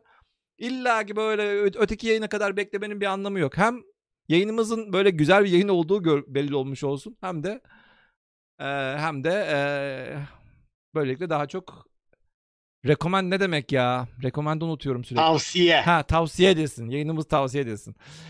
Evet. Tebrikler. farklı farklı özellikle felsefi yorumlar çok geldi yayın içerisinde. Sen de fark etmişsindir belki. Özellikle e, chatte çok fazla felsefi sorular geldi. Hı hı. Eee, girmek ister misin birazcık? Özellikle evrimle alakalı. Konuşabiliriz biraz. Yani sonra kapatabiliriz. Evet sonra kapatabiliriz. Evet bir tane arkadaşımız var. Sabahtan beri bütün chat'in başını ağrıttı. Cem diye bir arkadaş. Artık ilk, ilk, ilk, defa, ilk defa mı geldiniz bilmiyorum ama eee, sabahtan beri bütün chat'in başını ağrıttı. evet seni de burada meşhur edelim. Oluyor öyle ya. tebrikler. Evet. tebrikler. Bu kadar. Sonunda başardım. Azmin zaferi. Azmi Zafer. Evet sor bakalım sorunu. Sor bakalım sorunu. Ee, madem ne demek istiyorsun ee, cevaplayalım. Cem fenomen oldu. Çetin fenomeni oldu. Yani millet de laf yetiştirmek için yayınımızı dinlemiyor. oluyor ya. Şey, şey, bazen böyle şeyler oluyor. Evet. Ya ben aslında az önce şey sorusu bir, bir şey sorusu soruyordum ya. Sen sor sen. Ee, tam olarak e, yiyeceklerden bahsediyorduk da yiyecek yiyecek yiyecek yiyecek yiyecek. Ee, Evrim yok diyorum sorum yok demiş bu Ne? arada. Tamam. Ya şeyi oymuş söyleyeceği şey. ha evri- evrim, Evrim yok. diyorum. So Arkadaşım o kadar saattir bunun bu muydu yani? Ee, neyse, evet, sen sor. e, Neyi soracaktın? Yok ba- arkadaşlar sorunuz varsa bu arada sorularınızı da yazabilirsiniz. Güzel bir e, güzel sorularınız varsa hemen burada sorabiliriz. Çünkü ben e, bir anda kal geldi. Normalde bak ilk defa mikrofonu aldım. Kal geldi. Görebiliyor düş- düşünebiliyor musunuz? Evet evet. Konuşmuyorum. Hadi bakalım. Sen sen Evet o, o- olan bir durum değildi. Genelde konuğu konuşturmazdık. E, dım e, pardon dım. Oradan kızacak Hayır anladım. konuk, Kendi adına konuk konuş. susmuyor ki. Konuk konuğun nefes almıyor ki konuk. Nefes aldığı yerde gireceğim zaten. Ki şeylerde ç- chatte de böyle yorumlar var zaten. Umut Hoca ce- Bak virüslere canlı diyebilir miyiz diye sormuş Semih mesela yorumlarda. Bu güzel. Tam canlılığın tanımıyla e, test Ha, edebileceğimiz evet, bir evet, şey evet. mesela. Burada soru vardı. Ee, söylemiştim ya bir organizasyona sahip olmalı ve e, bir iç aktivitesi olmalı yani ve o aktivite de amaç yani amaçtan kastım birçok iç aktivite tanımlayabiliriz ama nihai çıktısı e, bir enerji tüketimi yoluyla e, entropi artışına lokal olarak karşı koymak olmalı. E, virüslerde e, çok ilginç bir durumla karşılaşıyoruz. Virüsler ki geleneksel olarak zaten cansız olarak kategorize ediliyor virüsler. Ee, virüslerin bir organizasyonu var. Mesela SARS-CoV-2 virüsünün artık meşhur olmuş bir e, hani dış zırhı var değil mi? İçinde genomu var. Evet. Ama o gen o zırhın içerisinde aktivite yok. Ee, ölü yani çok fazla bir şey olup bitmiyor onun içerisinde. Bir enerji üretimi, bir e, hücre çekirdeği falan filan cartı curtu yok. Sadece bir genom var ve birkaç belli işte protein var. Bunlar e, bu yapı konak hücreyi bulduğu zaman e, açılıyor e, o zırh ve e, şeyi enjekte ediyor genomunu bakterinin içerisine. Şimdi ne oldu? Zırh ve ak- o genom, o DNA, RNA veya DNA artık türüne bağlı olarak virüsün. Ne oldu? Bu aktivite başladı. Kendini kopyalamaya başladı. Belli zırh proteinlerini üretti. O bakteriyi e, esir alarak, onu kullanarak. Ama bu defa da kendince bir organizasyonu yok virüsün kendine ait. Ee, ve e, ondan sonra bir kap kendi genlerini kopyalıyor ve tekrar vücut oluşturuyor ve hücreyi patlatarak veya işte içinden çıkarak terk ediyor. Bu defa gene o aktivitesini yitirdi. Organizasyonu var ama bu defa da. Yani bizim canlılık tanımımızın yarısını hücre dışarısında sağlıyor, yarısını hücre içerisinde sağlıyor, diğer yarısını. Bu nedenle biz virüsleri bu tanım dahilinde de cansız olarak kategorize ediyoruz. Ama bir kaya kadar cansız mı? Hayır, tam canlı e, cansızlıktan canlılığın eşiğinde olan can, e, bir varlık olarak tanımlıyoruz. Ki bu da e, gene o sürenliği çok güzel gösteriyor. O canlılığın 4,5 milyar yıl önceki başlangıcında o kadar çok virüs ve virüs benzeri yapı, belki virüs değil ama virüs benzeri böyle ikisinin arasında geçiş gibi olan varlık oluşmuş olmalı ki ve günümüzde de aslında dedim ya protoproteinler oluşabiliyor mesela. Ya- Yanlış katlanmış proteinler oluşabiliyor. Bunlar vücut içerisinde oluştuğu zaman hastalıklara neden oluyor ama e, bu okyanus bacalarında mesela şu anda bile muhtemelen ve gidip baktığımızda örnek aldığımızda da gördüğümüz ve dolayısıyla muhtemelen şu anda da devam eden çok ciddi bir biyomolekül oluşum süreci var. Kimyasal madde oluşum süreci var. Ee, virüsler bu konuda tam geçişi gösteren çok ilginç. Yani virüsten geç virüs bir ara basamak olmak zorunda değil canlılığın ilk başlangıcında. Belki alakasız bir form da olabilir. Onu bilmiyoruz tam olarak şu anda. Ama e, virüs benzeri bir varlığın o geçişte olmuş olması çok olası mesela. Yani şey gibi hani teori ne zaman kanun olur gibi bir şey e, virüs ne zaman canlı deriz, deriz o zaman? Ne İşte, olur? ve Ne olur da? Ne zaman ki evet ne zaman ki dışarıdan ener aldığı besinle veya kendi içinde ürettiği besinle enerji üretmeye başlar ve kendi kendinin yapısını Kendi kendine. o enerji sayesinde sürdürür. O zaman en azından ben ve büyük ihtimalle bilim camiasının ezici çoğunluğu e, virüsleri de canlı kategorisine sokardı mesela. Peki bu konsensus mu? Ee, bununla ilgili ilginç bir anım var. Bir gün rakı masasındayız. rakı masasında Danimarka'dan Martin Hanzic var. Ee, İsrail'den Eva Yablonka var. Eva Yablonka evrimin e, tanrıçalarından bir tanesi. E, Evrimin Dört Boyutu isimli kitabı da yazmış e, kişi. Türkçe'de de çok güzel bir çevirisi var. Okumanızı tavsiye ederim. Biraz ağır bir kitap ama evrimin hani biraz üst düzeyini öğrenmek isterseniz çok iyi bir kitap. E, Martin Hanzich ise bize işte e, ODTÜ'de de, gösterdiği TED konuşması da var. E, cansızlık canlılık geçişini çalışan bir e, e, biyolog. E, kimya ve kimyager ve biyolog. Ee, ürettikleri kapsüllerle yağ kapsüllerine şeker basarak işte çeşitli kimyasallar ekleyerek canlı benzeri kapsüller oluşturuyorlar. Bunlar canlılar gibi davranıyorlar. Besine ulaşmaya çalışıyorlar. İşte e, belli faktörlerden kaçınma davranışı sergileyebiliyorlar falan. Ama e, canlı olarak kategorize edilebilir mi edilemez mi? Kendi iç mekanizmalarından ziyade ortamdaki malzemenin anlık difüzyonuyla falan yapıyorlar bunu. Ee, işte o tartışmalara giren e, bir e, e, araştırmacı. TED konuşmasını da kesinlikle tavsiye ederim. 2000 ya bayağı eski bir konuşma ama çok güzel. Şimdi daha da gelişmiş versiyonları var. Onlarla oturup e, rakı masasındayken bunu konuşmuştuk Ankara'da. E, canlılığı nasıl tanımlarız? Ve onlarla bu e, tanım üzerinden mesela e, bu az önce yaptığım tanımı e, ihlal eden örnekler bulabilir miyiz? Mesela bilgisayar örneğini vermiştin sen. Bilgisayar da enerji alıyor dışarıdan. Ee, ama o, o enerjiyi kendi yapısını sürdürmekte kullanamıyor bilgisayar mesela. Eğer ki yeterince çalışırsa hard diski bozulacak mesela ve onu yenilemesini e, sağlayacak bir mekanizmaya sahip değil. Dolayısıyla bizim tanımımıza uymuyor bu ve canlı olmadığı kanaatine varıyoruz. Ateş. Ateş canlı mıdır mesela? Kendisini kopyalayabiliyor, çoğaltabiliyor. Ama belli bir organizasyonu yok mesela ateşin. Hep bu örnekler üzerinden örnek bulmaya çalıştık. Öyle bir şey olsun ki hem organizasyona sahip olsun hem kullan enerjisini entropiyi dengelemek için kullansın e, ama canlı rahatlıkla canlı değildir diyebilelim. Ha, evet. Biz bir örnek bulamadık o rakı masasında. Siz bulabilirseniz bu da bir hani böyle ufak mini challenge olarak düşünün bakalım. Öyle bir şey olsun ki e, bu şartları sağlasın ama hani mutabık kalabilelim. Yok o canlı değildir e, konusunda mutabık kalabilelim. Bu tanım güzel bir tanım. Ve e, birden fazla kaynakta da Carl Zimmer'lar olsun işte yani çok meşhur anlatıcıları olsun bilimin ve akademide de bu tanımın çok yaygın olarak kullanıldığını, bu tanım ve benzerlerinin bazıları mesela e, genetik materyal vurgusu yapıyor bu tanıma ek olarak. İşte bazıları üreme vurgusu yapıyor. O biyoloji dersinde gördüğümüz canlılığı ayırt etmekte kullanılan yedi özelliğin e, bazılarına özel vurgular yaptıklarını görebiliyoruz ama bence bu yedisi benim söylediğim bu iki özelliğe indirgenebilir şeyler en nihayetinde. Ee, bu konuda az çok yani mutabakat birazcık büyük bir terim olur. Çünkü canlılığı dünya haricinde başka bir örneğimiz olmadığı için aceleci olur yani onu söylemesi. Ama güzel bir tanım gibi, iyi bir başlangıç noktası öyle söyleyebilirim.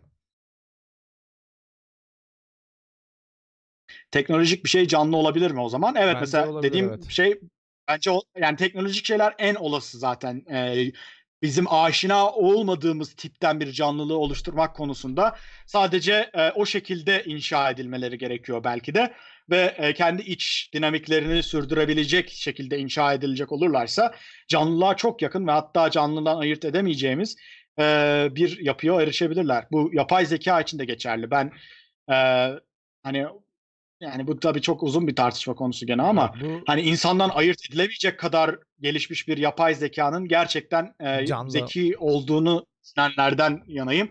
Çünkü eğer ki hakikaten ayırt edemiyorsak oradaki kilit nokta ayırt ed- ed- edememek.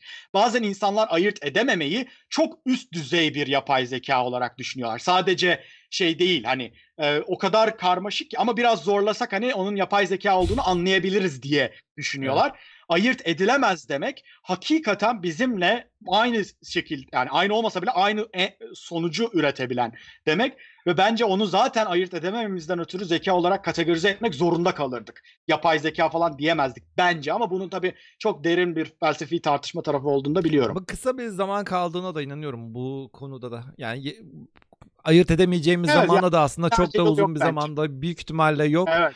Ee, yani biz ölmeden evet. bunu rahatlıkla göreceğimize zaten inanıyorum. Eğer olur da kısa bir zaman önce ölmezsek. Ee, yani bizim yaşam dönemimizde bunu rahatlıkla göreceğimizi düşünüyorum. Büyük ihtimalle Umarım ilginç olur. İlginç olacak. Evet. Yani bunu neye neye yol açar onu zaten Ee, o dediğin gibi o da apayrı bir şey. Apayrı bir konu. Evet yani çok derin felsefi tarafı var elbette. Yani ben gene çok özet veriyorum ve nihai bir cevap değil benim verdiğim elbette ama. Ya hissedebilir mi? İşte ayırt edememe değil mesele bizim gibi hissedebilir mi? His ne demek? Ama İşte what is, what is sorun his mesela. yani ne yap ne, Yani- nedir yani? yani Hissediyorsun da ne oluyor Yani yani? zek- Yani zekayı hissetmekle ilişkilendirmek zaten e, yaygın bir Hmm. kullanım değil. Biz e, hayvanlarda, etolojide, hayvan biliminde zekayı tanımlarken işte hislere sahip olmak üzerinden pek çıkmıyoruz. Yani Evet. e, zeka onun o önemli bir bileşen, duygusal e, e, zeka bir parçası zekanın elbette ama yani o olmasa da gayet rahat ikna olabileceğimiz zekalar e, zaten hali hazırda doğada mevcut. E, dolayısıyla şey e, o, o bence insanın birazcık kendini halen ayırt etme inadından kaynaklanıyor. Biz bunu antropolojide de görüyoruz. İnatla insanı maymunlardan ayırmaya çalışan e, şeyler var, bilim insanları var. Yok abi kesinlikle bir farkı olmalı insanın diyenler var ama hepsi suya düşüyor Hiç en mi? nihayetinde. Çünkü yok yani ya Bize de konuşmak dersin olur biter.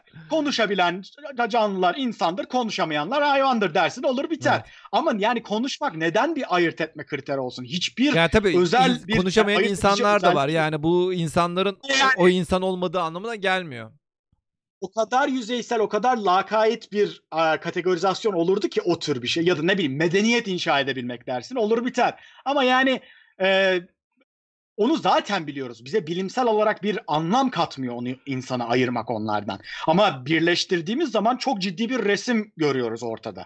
Yani o ayrıklığın zaten olmadığını görüyoruz ki öyle olduğu için buna itiliyoruz aslında kategorik olarak. Ayırmamaya itiliyoruz doğa tarafından. Çünkü doğada öyle bir kategorizasyon yok. Yani hi- Yani ha, e, ben ya benim ö- özellikle hisler konusundaki en azından bakış açım biraz daha şeye yani biraz da böyle ya beyindeki kimyasal e, tepkimeler olarak e, bakıyorum.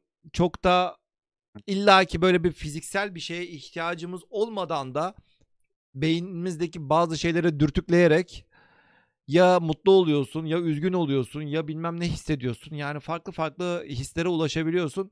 Bunu da illaki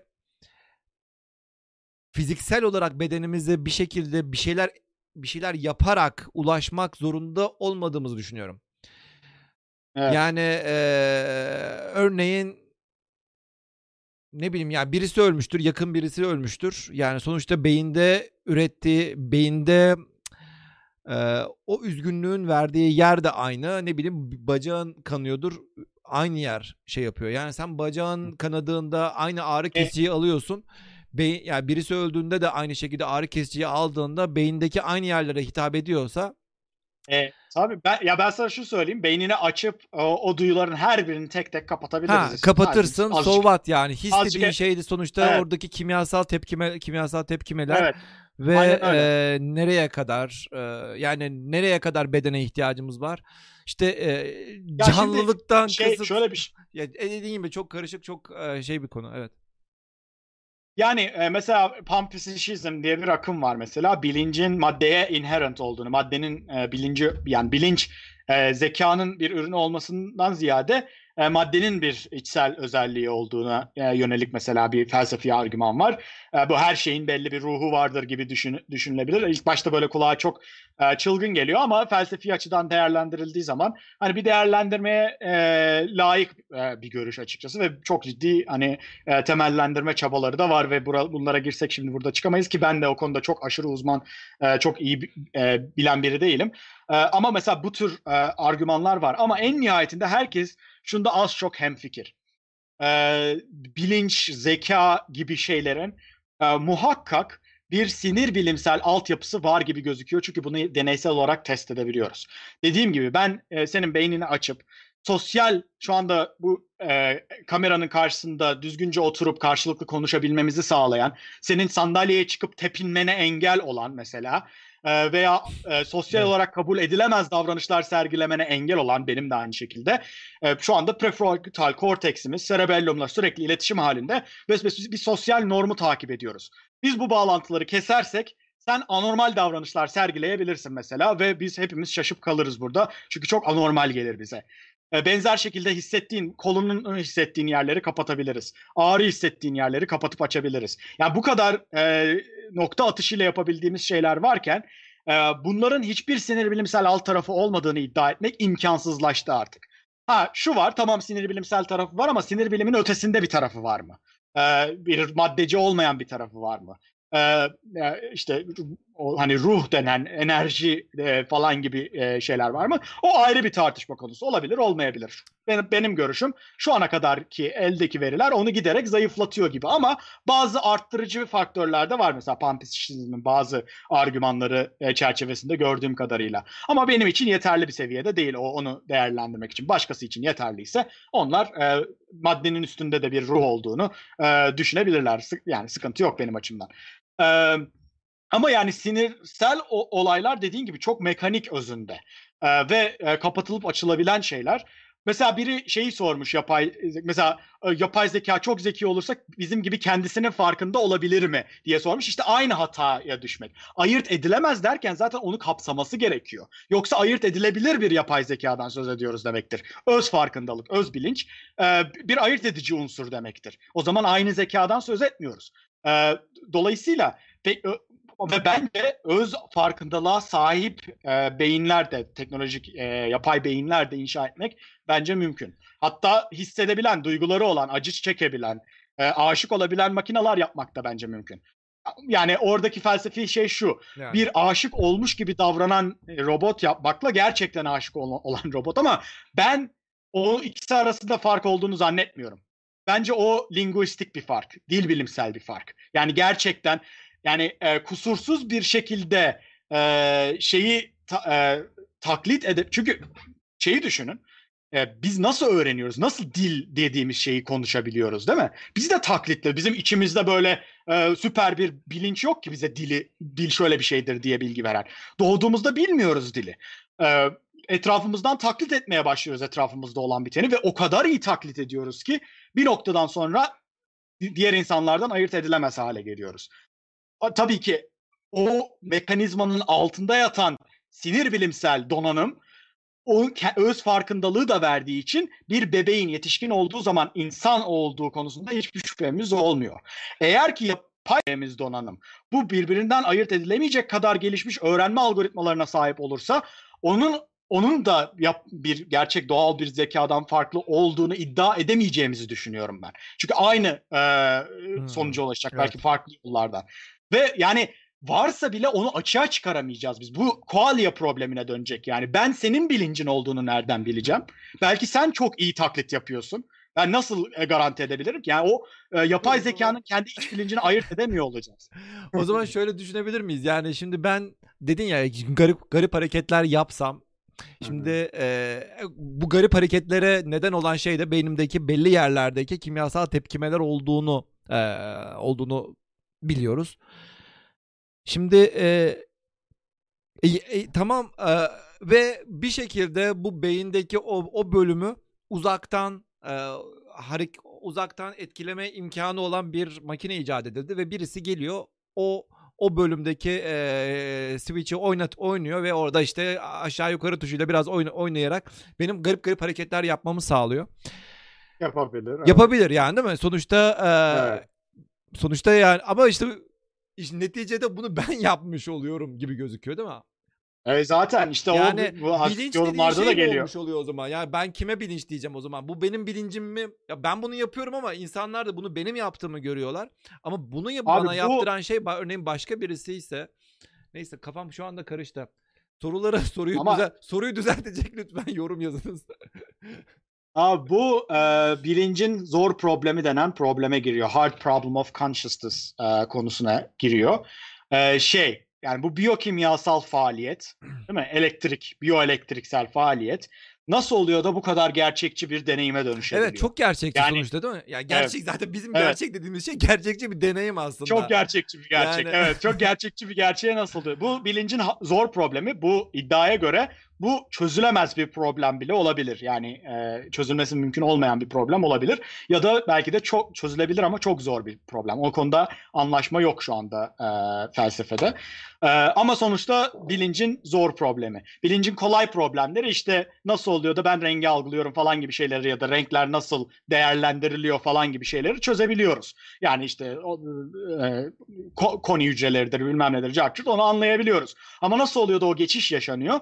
O konuda çok ciddi bir e, bilinmezlik var. Bir de işin üzerine o qualia problemi geliyor. Yani senin deneyimini benim deneyimlemem mümkün değil. Ee, ve dolayısıyla bir yapay zekanın deneyimini de deneyimlemem mümkün değil. Ve dolayısıyla ben dışarıdan kontrol ediliyorsam bunu ayırt edebilmem de mümkün değil. Ee, ki bu da simülasyon teorisiyle de bağlantı kurulabilir. Gene her şeyin birbirine bağlı olduğunu görüyoruz bilimde burada yine. Ee, bir simülasyonun sonucunda da bizim bunları yaptığımız, e, yapmadığımızı garanti edemeyiz. Yaptığımızı da garanti edemeyiz elbette. E, dolayısıyla bunların hepsi birbirine bağlı bir ağ. Yani bilinç orada e, gerçekten ilginç bir e, soru işareti. O yüzden dedim panpsişizm sorunu. Mesela bilinç olmaksızın da yani ben e, ateşi ateşin acıttığı algısına sahip olmaksızın da ateşten kaçacak biçimde evrimleşebilirdi bizim türümüz ve hayvanlar. Yani onun illa bilinçli bir algı, bilinçte bir değişime neden olmasına gerek yoktu aslında. Bu ha. ilginç bir problem. Yani e, sıcaklık belli bir değeri aştığı anda kaç. Yani bunu illa ay canım yandı, ay bilmem ne diye deneyimlememe gerek yoktu aslında. E, ama bu şekilde evrimleştiğini görüyoruz. Neden? Bu çok büyük ve ilginç bir soru. Henüz gene çözülememiş bir soru. Ne vardı ki orada evrimsel sürecimizde? Ee, bizim ve diğer hayvanların, biz tek bilinçli canlılar değiliz. Sadece en karmaşık bilince sahip olan canlılarız. Diğer hayvanların da bilinci var. Ama ne oldu da bilinçle birlikte evrimleşti? Bilinç de evrimleşti beyinde. Bunu yönelik en olası açıklama bilinç de evrimleşmedi. Bilinç dediğimiz şey zaten karmaşık bir hesap makinesinin yan ürünü olarak ortaya çıkmak zorunda olan bir şey. Yani sen bu kadar karmaşık bir veri işleme makinesi yapacak olursan istesen de istemesen de kendisinin farkında olan ve gerçekçi bir deneyime sahip olan bir araç elde ediyorsun. Bu otomatik bir sonuç olabilir yani. Eğer durum böyleyse yapay zeka sorunu da çözülmüş oluyor. Bu kadar gelişmiş bir yapay zeka donanımı yarattığın anda kendisinin farkında olan ve tıpkı seninle benim aramdaki fark kadar farkı olan bir e, bilinç ortaya çıkmak zorunda. Bu bir opsiyon değil. Benim düşüncem bu yönde, böyle olduğu yönde ama bunu kabul etmeyen de çok insan var. Ee, yani e, beyin dediğimiz organ o kadar yani sonuçta karaciğer dediğimizde, mide dediğimizde çok kısıtlı bir fonksiyondan söz ediyoruz. Ama beyin dediğimizde veri işlemeden söz ediyoruz. Veri o kadar hmm. karmaşık bir yapı ki ve veriden çıkarılabilecek o kadar fazla sonuç var ki aynı veriden ve verinin farklı kombinasyonlarından. E, beynin yan ürünleri, beynin evrimi sırasında ortaya çıkan yan ürünler akıl almaz boyutlarda oluyor ki bilinç bence onlardan bir tanesi. Ama belki bana kalırsa insanların sandığı kadar özel bir anlamı yok. Benim temellendirmemde onun çok basit switchlerle kapatılıp açılabiliyor olması. Ama dediğim gibi buna karşı çıkan insanlar var. Gene nihai bir cevap vermiyorum. Şöyle baksak olaya burada bir tane yorumda da var. İnsanı ele alırsak beyin elektronik sinyallerin tetiklenmesiyle harekete geçiyor ise bunu etkileyen etkenler de hormonların elektrivite ile kimyasal etkileşimi araştırılmalı. Yani ben Tabii ki. ben bir şey ben bir şey ya benim yediğim şeyler aslında eee hepsi aynı aynı moleküle mi dönüşüyor neticede? Aa, yani yani evet, örneğin tahıl yiyen çok... bir insanla et yiyen evet. bir insanın sonuçta beyinde aynı şeyleri aynı bölgeye mi Şimdi, hitap ediyor? Ya Mesela evet mesela amino asitleri nasıl aldığının özünde hiçbir fark. İster hapla al, ister otla al, ister etle al hiç fark etmez. Sonuçta vücudun eğer ki onu sindirebilecek donanıma sahipse onu sindiriyor, amino asitlere bölüyor. 20 tane amino asit var zaten. Onun nereden geldiğini bilmiyor bile vücut. O, o midenin işi, ince bağırsağın işi. Yani o hallediliyor. Ondan sonra vücut kullan kullanıyor onu olduğu gibi. Ama mesela bazı şeylerin geçtikleri biyomsal yolaklar farklı olabiliyor. İşte çok yağlı bir yemek, çok şekerli bir yemek, işte çok protein ağırlıklı bir yemek. farklı yolaklardan geçtiği için hormonlar üzerindeki etkisi farklı olabiliyor. Ve hormonlar üzerindeki etkisi farklı olduğu için e, senin o andaki ruh halini farklı şekilde etkileyebiliyor. İşte mesela bir hmm. yorgunluk çökmüş olabiliyor. Çok enerjik hissedebiliyorsun. Yani aynı kaloriyi aldın ama farklı şekillerde aldın. Farklı sonuçlar yarattı. Şeker mesela değil mi? Aldığın zaman bir şeker piki olur. Enerjik hissedersin. Sonra insülinin gelmesiyle birlikte crash olur. E, e, Evet. çökme yaşarsın. Bu iyi bir şey değil mesela. İnsülin direncini çok e, hızlı geliştiren ve ileride diyabete sebep, tip 2 diyabete sebep olabilecek bir sorun mesela aşırı şeker tüketimi. E, dolayısıyla e, onun belli bir etkisi var. Ne yediğinin, ne, nasıl bir ortamda olduğunu mesela. Çevresel durum, kasvetli bir hava, savaş ortamı yani riskli ortamlar, sıra, sakin bir göl kenarı, işte deniz kenarı. Bunların hepsi vücudumuzun nasıl değiştiğini etkileyen şeyler, nasıl e, çalıştığını etkileyen şeyler ve bu bizim e, yapımızı değiştiriyor. İşte o olasılıkçı şey dediğim buydu zaten işte. Hmm. O kadar çok faktör bir araya gelerek e, sana etki ediyor ki. Mesela Aldığın kararları etkiliyor mu pardon? e tabii beyin çünkü be- karar dediğin şeyin en sonunda beyninde sinyaller e, dolanıyor ve belli şekillerde tamam. işleniyor onlar. E, o yüzden bir gün bir karar alıyorsun, bir şekilde hissediyorsun. Başka gün aynı konuda bambaşka bir e, e, karara varabiliyorsun mesela. E, ve e, düşünsene streslisin. Çikolata yemene bağlı. Streslisin. evet pardon. Aynen çikolata değiştirebilir yani. Streslisin. Stres ne demek? Vücudunda belli hormonlar belli yükseklikte demek. Depresyondasın. Depresyonda belli hormonların belli oranları farklı demek. E o hormonlar kimyasal süreçleri doğrudan etkileyen şeyler. E, dolayısıyla buna bağlı olarak tabii ki vücudun çalışma şekli kökünden değişiyor. Bunun genleri var, epigenetiği var, işte operonları var, bin tane başka şeyi var. Bunları katınca e, derya deniz inanılmaz karmaşık bir sistemden söz ediyoruz. Ve bilinç de işte bu karmaşık sistemin bir parçası. Onu anlamak çok zor o yüzden. O kadar çok yoldan, o kadar çok probabilistik detaydan geçerek bir son ürün oluşuyor ki tıpkı şey gibi ya bu e, derin öğrenme algoritmaları gibi. Kimse bir algoritmanın nasıl sonuç verdiğini bilmiyor. E, ya da çok zor onu ayırt etmesi. Kara kutu. Yani kara kutu algoritma işte. Veri giriyor, ürün çıkıyor. Kimsenin haberi yok nasıl oldu da bu, bu girdi bu ürüne dönüştü. Bu daha yapay zekada şimdiden bu sorunla karşılaşıyoruz kara kutu algoritmalarda. Tamam bazı çözmenin yolları var tabii bazı detaylarını ama hepsini değil. Ee, evrimsel algoritmalarda da bunu görüyoruz. Bizim ya- yaptığımız robotlar e, 500 nesilde evrimleşiyorlar. Bilmiyoruz ki yani e, simülasyonun güzelliği o. Her bir birey kaydedildiği için onların yaşam geçmişini sonradan izleyebiliyoruz. Ne oldu da nerede hata yaptı diye. Ama o hatayı tetikleyen o kadar çok parametre var ki e, baktığımız zaman kara kutu nihayetinde bir yerden veriler giriyor.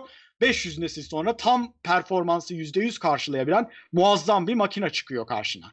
Ee, ve işte bir, bir- onu çözmeye çalıştığın zaman karman çorman oluyor ama basit kurallarını biliyorsun. Şuradan işte şu işte e, şunu başarırsa şu kadar puan alıyor, bunu başarırsa şu kadar puan ceza veriliyor falan. Aslında kurallar çok basit ama o kuralların karmaşık kombinasyonları inanılmaz bir sonuç ortaya çıkarıyor. Vesaire vesaire. Yoruldu insanlar Yok, soru çok. Eee, ka- evet ki şu anda Türkiye'de gece 1 oldu değil mi arkadaşlar? Oo, Evet, bir Türkiye'de oldu. Gece 1 olmuş ya. Bu çok da de- derin konular şey yapıyoruz. Ya ne Evet, yapsak ya bu derinleşiyor. yayının bu tarafını bu tarafını ya normalde siliyorum ama sil çok da güzel bilgiler de verildi. Sana kalmış. Ya Ya- gene konuşuruz önemli değil. Başka yayın yapıp onları bunları orada da Bu yayın konuşabiliriz ileride. Hiç kesilmez fark- deniyor. Eee, ha Emre demiş. yani Ya mesela özgür irade soruları var mesela. Yani senin de sorduğun şey oydu. Eğer ki dışarıdan etkileniyorsa ya bu çok e, evet nasıl bileceğim? Kimse kimse şey yapmıyor ya. Bu özgür irade muhabbeti de yani eee Sam Harris Çok başka diyor, yani. Daniel Dennett başka diyor. Yani ikisi birbirinden apayrı apayrı Dahası hem öyle hem de e, o kompatibilizm olayı da e, bir sorun. Yani e, gene doğal yollarla evrimleşmiş olsa bile e, ya da tamamen deterministik olsa bile özgür irademiz de olabilir. Yani e, e, bunu bunu açıklayan e, yaklaşımlar da var. Ve yani e, hani özgür irade bir yanılgı mıdır değil midir? Bizim sitede ikisini de savunan e, yazılar var mesela. Farklı açıları e, veren yazılar var. E, Ben henüz buna tam kendimce kanaat getirmiş değilim. Bir de yani büyük bir soru ama ne, kadar önemli bir soru olduğu konusunda da şüphelerim var aslında benim.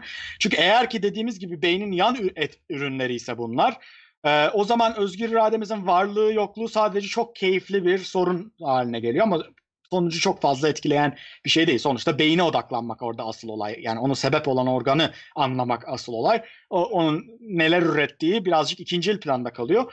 Ama e, öyle değilse, beyinden ötesinden kaynaklı bir şeyse, böyle bir metafiziksel bir bo- boy- boyutu varsa o zaman tabii ki e, bir anda daha önemli hale geliyor. Ben henüz çok yani he- he- hepsi ilgimi çekiyor benim o konudaki görüşlerin. E, hiçbirine nihai kanaate varmış değilim. Hani özgür irade vardır yoktur. E, bilmiyorum. Ben de o konuda ka- kafam şey yani herhangi bir vallahi siz kavga edin felsefeciler artık kimciler ne, e, nörologlar herkes e, kim siz kavganızı edin neticeye ben tamamım diyorum yani. Daha evet neticeyi, Neticeyi söyleyin bana söyleyin hani şey gibi daha önceki yayınlarda da hep virüs muhabbeti çok çıkıyordu işte virüs canlı mıdır cansız mıdır vallahi biyologlar kavgasını etsin neticeyi bana söyleyin. Evet. O yani çok fazla bir kavga yok onda ya virüslere cansız. Canlının eşliğindeki cansızlar demek en politik Evet. cevap şu anda. Yani e, işte o bakımdan işte özgür irade muhabbeti de benim e, benim için tam olarak iki tarafın da bir tarafına girmek istemediğim bir konu. İkisi de olabilir gibi geliyor. Olmayabilir de gibi geliyor. Ya bilmiyorum yani.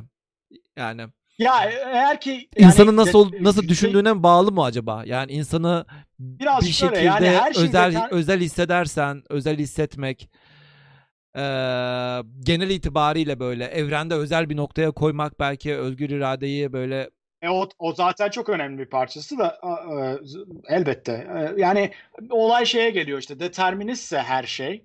e, Bütün her şeyi o Laplace'ın şeytanı gibi e, bütün her şeyiyle bilebilirsek önceden. E, Dolayısıyla hangi kararı vardığımızı da bilebilmemiz lazım. Şartları, e, önceki şartları e, bil- bilmemiz halinde. Tabii önceki şartları bilmek bile başlı başına çok büyük bir problem de. Neyse bilebildiğimizi varsayarsak sonucu da bilmemiz lazım. Çünkü beynimizde belli şekillerde hesaplanıyor ve bir sonuca dön- e, dönüşüyor bu. Yok efendim o kadar deterministik değilse belli bir probabilitizm varsa e, işin içinde o zaman e, hangisine çökeceği olasılık fonksiyonunun e, tamamen o anki gözleme, o anki ana, o anki e, duruma bağlı olan bir şey. Dolayısıyla önceden bilmek imkansız sadece olasılık olarak ifade edebiliriz.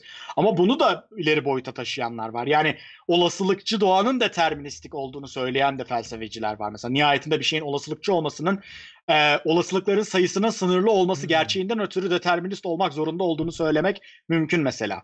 Yani e, olasılık derken çünkü bazen ha, her şey olabilir gibi düşünüyor ama belli bir gözlemin çökebileceği belli sayıda e, olasılık var. E onları biliyorsak o zaman determinist bir şeyden bahsediyor. Hangisinin geleceğini bilmiyor olsak da hangilerinin gelebileceğini biliyoruz. Bunun üzerinden argümanlar inşa edenler görüyorum ben. E, çok zor bir soru özgür iradenin var olup olmaması. Ya özgür irade varsa da mantıklı yoksa da Evet mantıklı. evet Öyle de bir diyor. durum Ben var. de aynı Daha şey şimdi- aynı evet. taraftayım aynı yani. Evet. Varsa da mantıklı Evet yani geliyor. birçok kişi ama hangisi doğru işte hangisi gerçek? Peki Orada gerçek bilimin gerçek asıl- önemli mi sence? yani Gerçeği bulmamızın e, bir önemi yani- var mı? o çok temel bir varsayımımız abi. Yani düşünecek olursan neden bilim yapıyoruz? Ne olacak ki yani? Hep- Hepimiz yok olup gideceksek son, sonunda. Neden bir şeyleri bulma istiyoruz? Neden bir şeyleri anlamı? Nihilizme kaydı bir anda ama e, o öyle. Yani insan bence kendi anlamını yaratan bir varlık. Bu tüm e, mitolojilerimizden, tüm dinlerimizden, tüm bilimimize, tüm sanatımıza, her şeyimize kadar hepsi bir anlam arayışının sonucunda sonucunda olan şeyler nihayetinde. E, gene o da aynı şeye geliyor. Biz bizim de devasa bir donanımımız var. hay- inanılmaz bir veri işleme makinamız var ve bu anlamlandırmak istiyor ki onun da evrimsel kökenleri meraka gidiyor. Merak yeni nişler, yeni yaşam alanları keşfetmek için çok avantajlı bir duygu. Ve bunun tatmin edilmesi gerekiyor. Bizde bu e, bütün hayatı anlamlandırma çabasına dönüşüyor. Diğer hayvanlarda aa şurada ne varmış bir bakayım. Besin bulabilir miyim düzeyinde kalırken bizde aa evren neymiş e, e, düzeyine ulaşıyor. Ve bunun e, Aynen işte aslında e, Cem'in de gelmeye çalıştığı şey de yani anlamlandırma muhabbeti de bir nevi e, dine çıka- çıkıyor. Yani biz Tabii biz ki. E, kendimiz ya zaten çıkmasa niye din Ha, diye bir şey var olsun bir yani. şekilde Elbette çıkıyor ha, ki anlam veremez veremezsek ya da anlamla uğraşmak istemiyorsak hazır bir paket program var. Hangi ülkede doğduğuna bağlı olaraktan değişen e, bir, bir paket program var. O ülkedeki e, genel bir kanıyı alıyorsun. Ondan sonra o paket programı sen benim hayatımın anlamı bu diyorsun.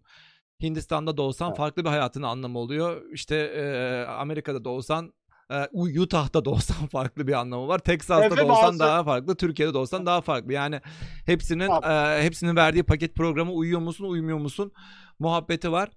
E, Ama en nihayetinde olan şey benden daha be- ben benim bir şeyler yapabilme gücüm var. Dolayısıyla benden daha büyük, benden daha fazla şey yapabilme gücü olan biri olmalı ve bütün sorunumu çözmeli. Yani çok aslında çok karmaşık bir fikir değil dinin özünde yatan şey.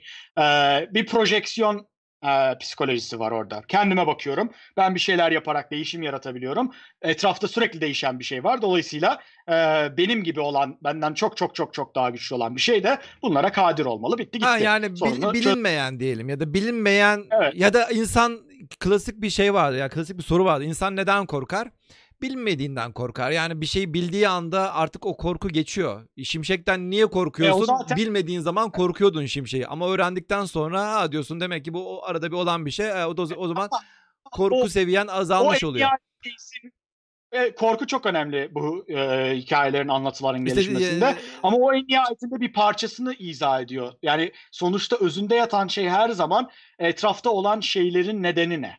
Yani e, çünkü biz hep o şekilde düşünüyoruz. Bir neden sonuç ilişkisi var olaylar arasında. Ve bunu işte büyük patlamaya kadar takip edebiliyoruz. O zaman büyük patlama nereden geldi? Büyük patlamaya sebep olan yasalar nereden geldi? İşte ta- Tanrı, Tanrı nereden geldi? Yani bir sonu yok bu bu, bu, bu soruların. E, ama orada özünde yatan şey şu o anlamlandırma, açıklama ihtiyacımız var. İşte, yani hiç fark etmez ve bu arada geldiğimiz açıklamaların hepsi doğru olma ihtimaline sahip şeyler. Yani gerçekten bizim gibi bir tanrı olabilir. Hiç bizim gibi olmayan bir tanrı. Yani hayalimizdekinden çok farklı bir tanrı olabilir. Hiç tanrı olmayabilir. Hiç aklımıza hayalimize gelmeyen bir açıklaması olabilir her şeyin. Yani mesela simülasyon gibi komik gelen açıklamalar bile ondan bile absürt bir açıklaması olabilir. O düzeydeyiz şu anda yani e, bu her şeyin sebebine e, yönelik açıklamalarımız bakımından. E, dolayısıyla hani hepsi bir olasılık dedim ya yayında da. Yani her bir olasılık var ve sürekli veri akışı var. Durmadan bir şeyler işte o yüzden bilim yapıyoruz. Neden bilim yapıyoruz? Çünkü bu olasılıkları arttırıp azaltmamızın tek güvenilir yolu o şu andaki. Ve bunu isteyen, bunu hayatının anlamı haline getirmiş insanlar var. Birisi onlardan biri olmayabilir, bilime önem vermiyor olabilir. Ya, o da başka şeyleri nihayetinde e, koyacak. Ya o konuda aslında dindir, bilimdir öyle o kadar fazla e, hani o çok temel felsefe açısından çok bir farkları yok aslında. En nihayetinde bir anlamlandırma çabası var ama yöntem, metodoloji farklı e, e, iki, iki araç arasında. Biri vahiy yoluyla öğreniyor, diğeri gözlem, deney yoluyla öğreniyor. Öğren, yani e, olduğunu iddia ediyor. Neyin? Ya vahiy yollu olduğu iddia ediliyor diyelim. Ha, e, yani. yani. yani evet işte biri biri birazcık daha evrensel olarak kabul edilebilir. Yani sen de yap deneyi aynı sonuca ben aynı varacaksın sonuca var diyebiliyoruz. işte vahiy olduğunda aynı sonuca varamıyorsun. Yani Ha, bu orada senin sen ya. orada değilsin. Yani e, sadece Evet, e, o bireysel e, ilişkinden kaynaklanıyor Tanrı'yla olan bireysel ilişkinin bir e, sonucu o. E, ve herkese aynı anda kendini göstermediği için Tanrı aynı deneyimi yaşayamıyoruz. İşte o yüzden de zaten bir dolu e, yan açıklamalar gelişiyor. Yani evrene bakıp da Tanrı'nın var olmadığını nasıl söyleyebilirsin bu kadar güzel olan her şeyi mesela? Bu, bu sorunun bir çözümü. Evet. Eğer ki Tanrı kendisini göstermiş olsaydı bu şekilde bir açıklamaya ihtiyaç olmazdı mesela. Tanrı kendini göstermeyi tercih etmediği için veya var olmadığı için e, neden göstermediğini açıklamanın yolu olarak bazı açıklamalar geliştirmeye çalışıyoruz. Ama o sorunun senin dediğin sorunu çözemiyor tabii ki bu. E, çünkü benim e, bir kere bana vahyedilmiyor. O çok büyük bir problem. Başkasına vahyediliyor ve ben onun dediğine inanmak zorundayım. Ee, bu zaten e, güvenilirliği çok sarsan bir şey. Ee, en azından bilimsel perspektiften bakınca. Ama iki a- yani aynı kişiye vahyedilmiş şeye inanan iki kişinin inançları bile aynı değil. Öyle de e, o, o, o da büyük bir problem. Yani e, bilimde de görüyoruz. Bilimde de aynı deneyi yapıp farklı sonuçlar elde e- e- edildiği olmuyor mu? Oluyor elbette ama orada bedenini araştırdığın zaman bulabiliyorsun. Ha lan şunu şurada yanlış yapmışız o yüzden siz böyle sonuç buldunuz, biz böyle sonuç bulduk. Ama diğerinde neden farklı yorumladığımızın kökenini çözemiyoruz. Çünkü bir metodoloji yok. Yani e, en azından genel geçer olarak üzerinde anlaşabileceğimiz bir metodolojiye sahip değiliz. Olsaydık çok daha bugüne kadar e, fokuslanmış bir din anlayışı oluşurdu. Bu kadar coğrafyaya bağlı, kültüre bağlı bir e, dağılım görmezdik e, diye düşünüyorum. evet evet. Valla birisi yazmış hepimiz çıksak Umut abi uykumuzun geldiğini anlar mı diye.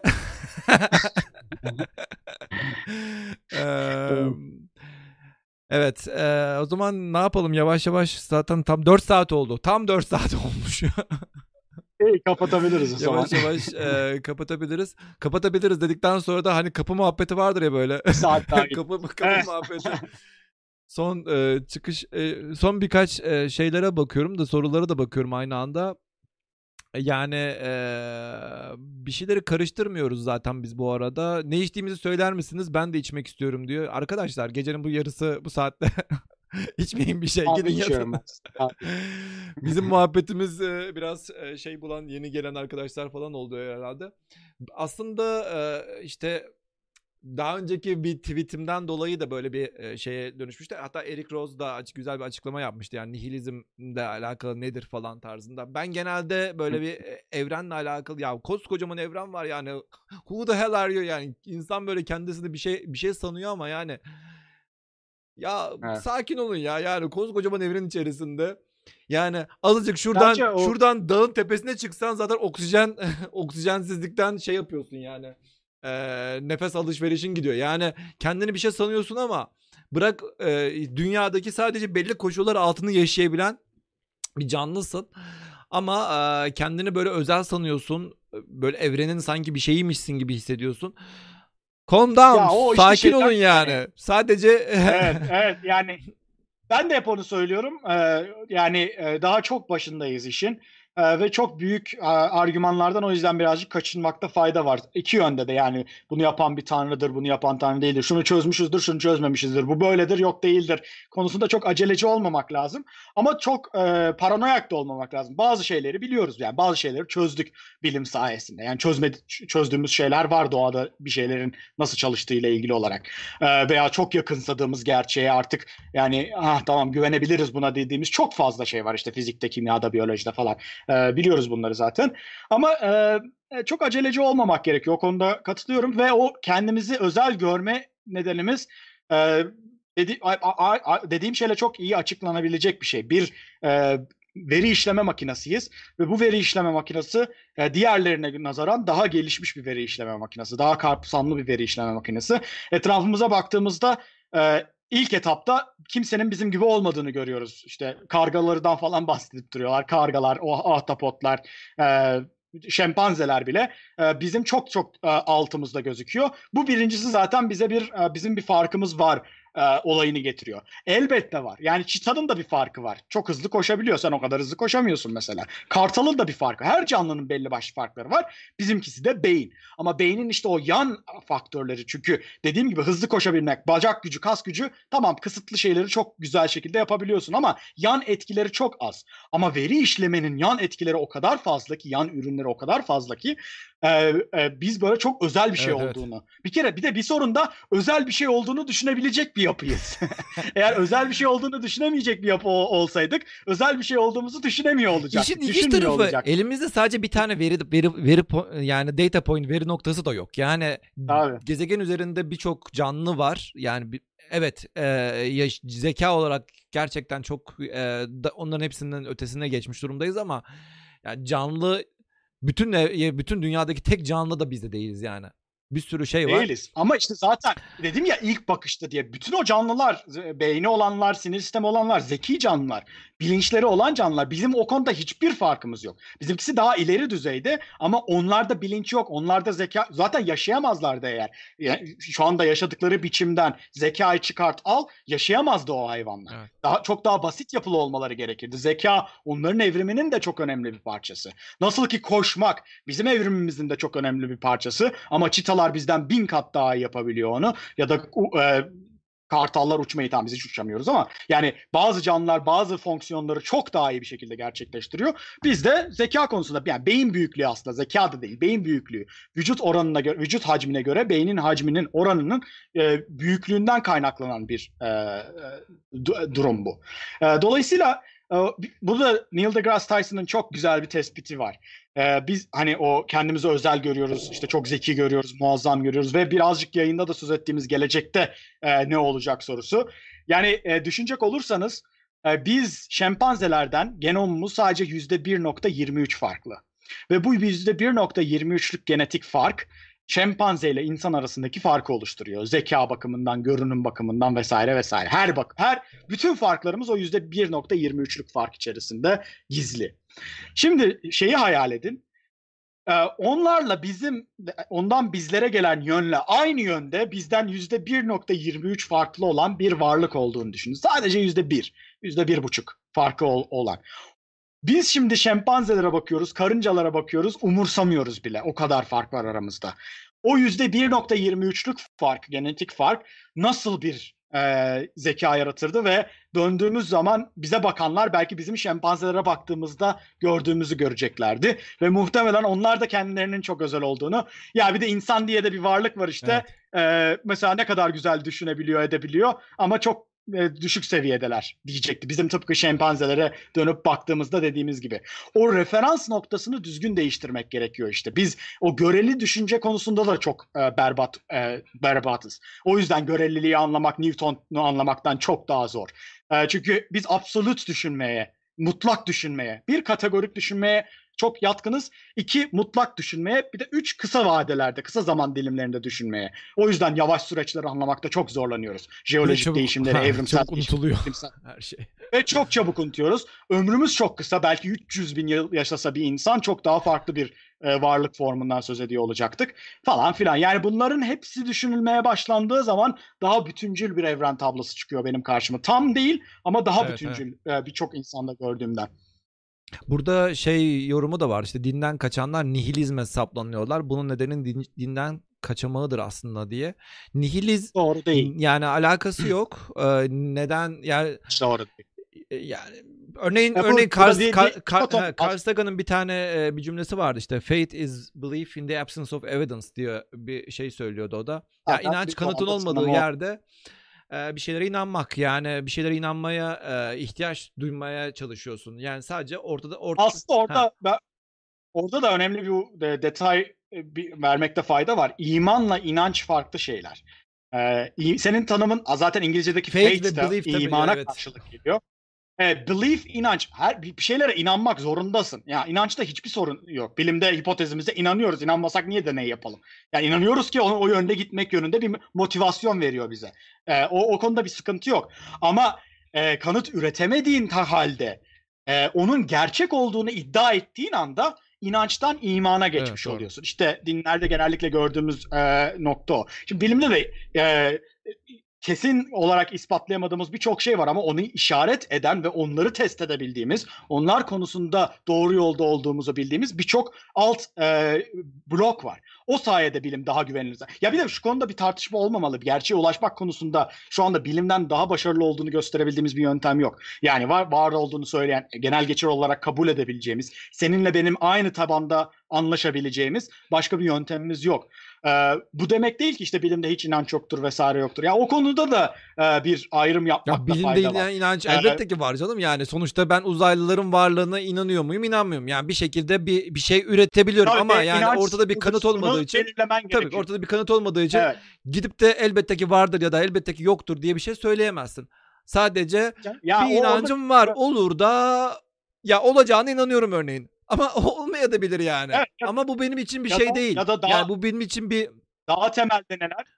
Daha temelde biz gerçeğin araştırılabilir olduğuna Ha. inanıyoruz mesela bilimde değil mi? Gerçeğe ulaşılabilir olduğuna, e, gerçekten bilgi alabileceğimize inanıyoruz mesela. Bunların hiçbirini ispatlamış da işte bizim temel varsayımları diye bir yazımız var. Onu okuyabilir insanlar. Yani bunların hepsi e, bize bir başlangıç noktası veriyor. Zaten o temellerin gerçek olduğunu bilsek, yüzde yüz doğru olduğunu bilsek zaten gerçeği zaten biliyor oluruz. bilim olmuş oluyor. gerçek Yani kanıtın biliyor varsa ol- zaten bilim Evet. olmuş oluyor yani.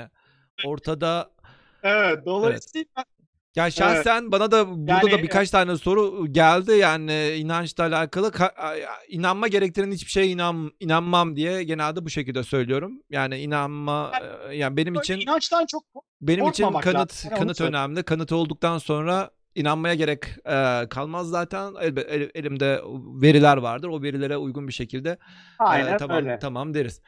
Yani kısacası e, Abi, izleyici sayısı güzel saat oluşturun. geçtikçe artıyor. Ne oluyor? Arkadaşlar gidin yatın diyoruz millet. Aynen. Ka- kahvesini alan buraya geliyor. Hayır. Ya, ya, 9'da bu kadar insan lazım. İyi güzel işte ne güzel. Ee, ya biz bir model oluşturmaya çalışıyoruz. Teori dediğimiz şey o. Gerçek var ve biz bir model oluşturup ona yeterince uyduğundan emin olmak istiyoruz. Ee, o gerçeğe yaklaşma dediğimiz şey de o. Veri geldikçe hani az önce söylediğim o e, olasılık artıyor azalıyor dediğim şey en nihayetinde o. Veri geldikçe modellerimiz gerçeğe yaklaştığını ümit ediyoruz ve en gerçek olanlarını ayıklayıp onlar üzerine gidiyoruz. Ee, yani o, o nedenle birazcık linguistik de bir sorun olarak geliyor bana orada inancın varlığı yokluğu bilimde ya da işte inanca gerek var mı yok mu ne fark eder? Yani önemli olan bizi bilim yapmaya iten, bizi nihilizme itmeyen bilim inançsız bilim insanlarının e, sabah kalkıp heyecanla laboratuvara gitmesini sağlayan şey nihilizm mi? Elbette nihilizm değil. Onlar ki farklı anlamlar vermişler hayatlarına. Mesela benim için hayatı en anlamlı kılan şey şu anda şunu seninle yapabiliyor olmak. Eğer ki benim atalarım, bizim atalarımız belli şey o taşı birbirine vurmamış olsaydı.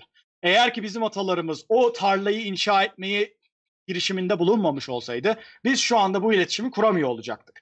Şu anda mağarada yaşıyor olacaktık. Şu anda e, kaplandan kaçmaya çalışıyor olacaktık. Ki ondan demek? önceki 100 bin yıldaki insanlığın yaptığı şeydi yani O- 200 bin yıl Aynen boyunca. öyle. Biz bu konfora sahibiz. Bu konfora sahip olduğumuza göre geçmişe bir borcumuz var demektir. Yani yatmayı seçen seçsin. Ne yapayım ona yapacağım bir şey yok.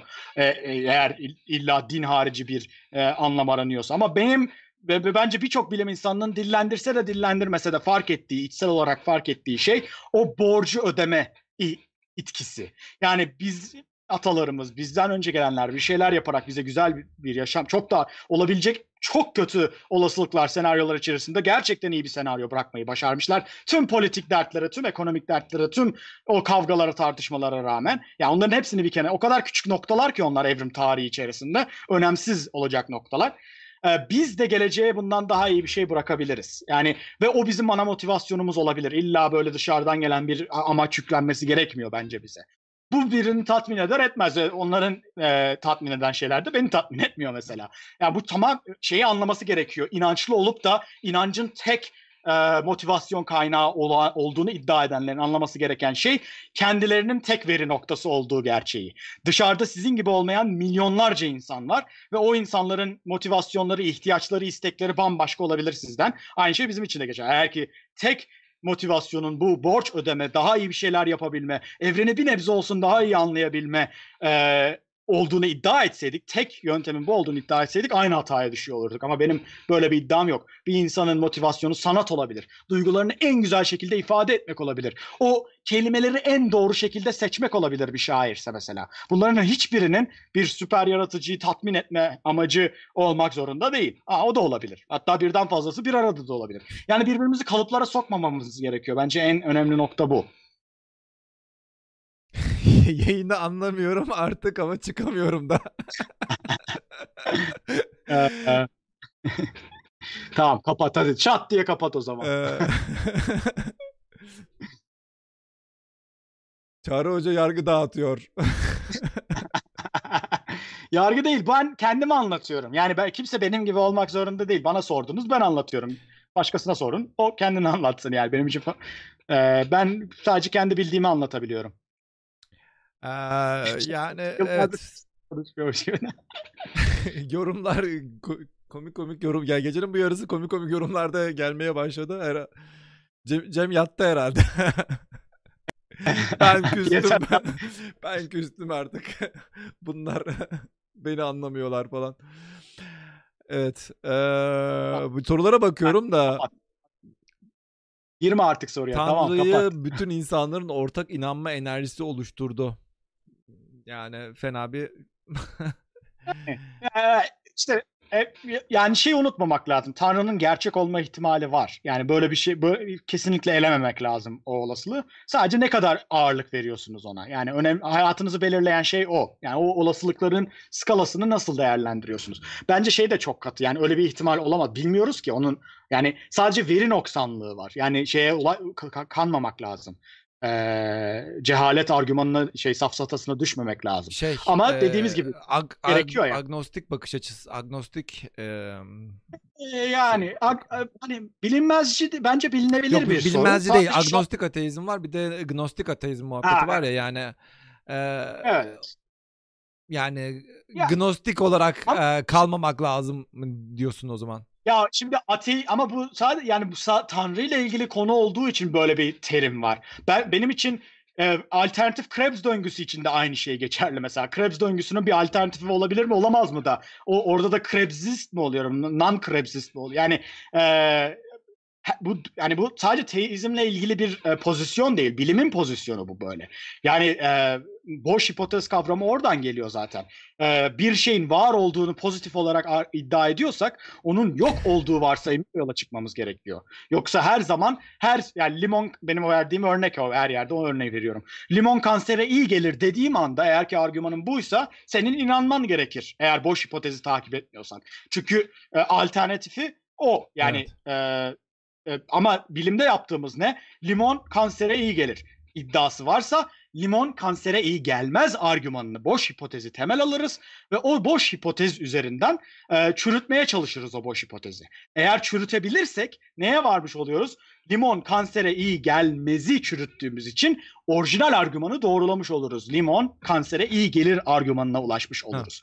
Bu e, o yanlışlanabilirlik ve boş hipotezi anlamak o yüzden e, bu açıdan önemli. Dolayısıyla benim için Tanrı'nın varlığı konusu e, çok önemli bir problem elbette ama yani benim kendi iç dünyamda o kadar ayrı bir problem değil. Dediğim gibi Krebs döngüsünün alternatifi var mı? Uzayda yaşam var mı sorusundan, e, dünya harici yaşam var mı sorusundan. Ama bazı insanlar için ne kadar önemli olduğunu anlıyorum. Ya şöyle Ve onlar e, için ne kadar yoğun bir duygu tetiklediğini de anlıyorum. İşte göreceksin öldüğün zaman zaten göreceksin tepkisinin ne kadar primitif, ne kadar e, çaresizlikten kaynaklandığını da görüyorum. Çünkü eğer ki e, hem fikir olabileceğimiz kadar e, güçlü bir kanıt olsaydı o şekilde bir e, e, olasılığa bağlama yani ölmen gerekiyor ki anlayabilesine bağlamak zorunda kalmazlardı eğer e, öyle bir şey olsaydı. Onu da anlayabiliyorum ve ben anlayışla karşılıyorum. Bazıları böyle çok katı bir şekilde karşı çıkıyor. E, hani ben birazcık da e, hani evrimsel psikolojiyi e, bunların birazcık neden bu şekilde anlattın ya korku falan dedin. E, gök gürültüsünden korku, depremden korku işte bilmem neden korku. Yani onları birazcık anlayınca insana hak veriyorsun yani. Çok normal aslında birçoğumuzun o şekilde düşünmesi.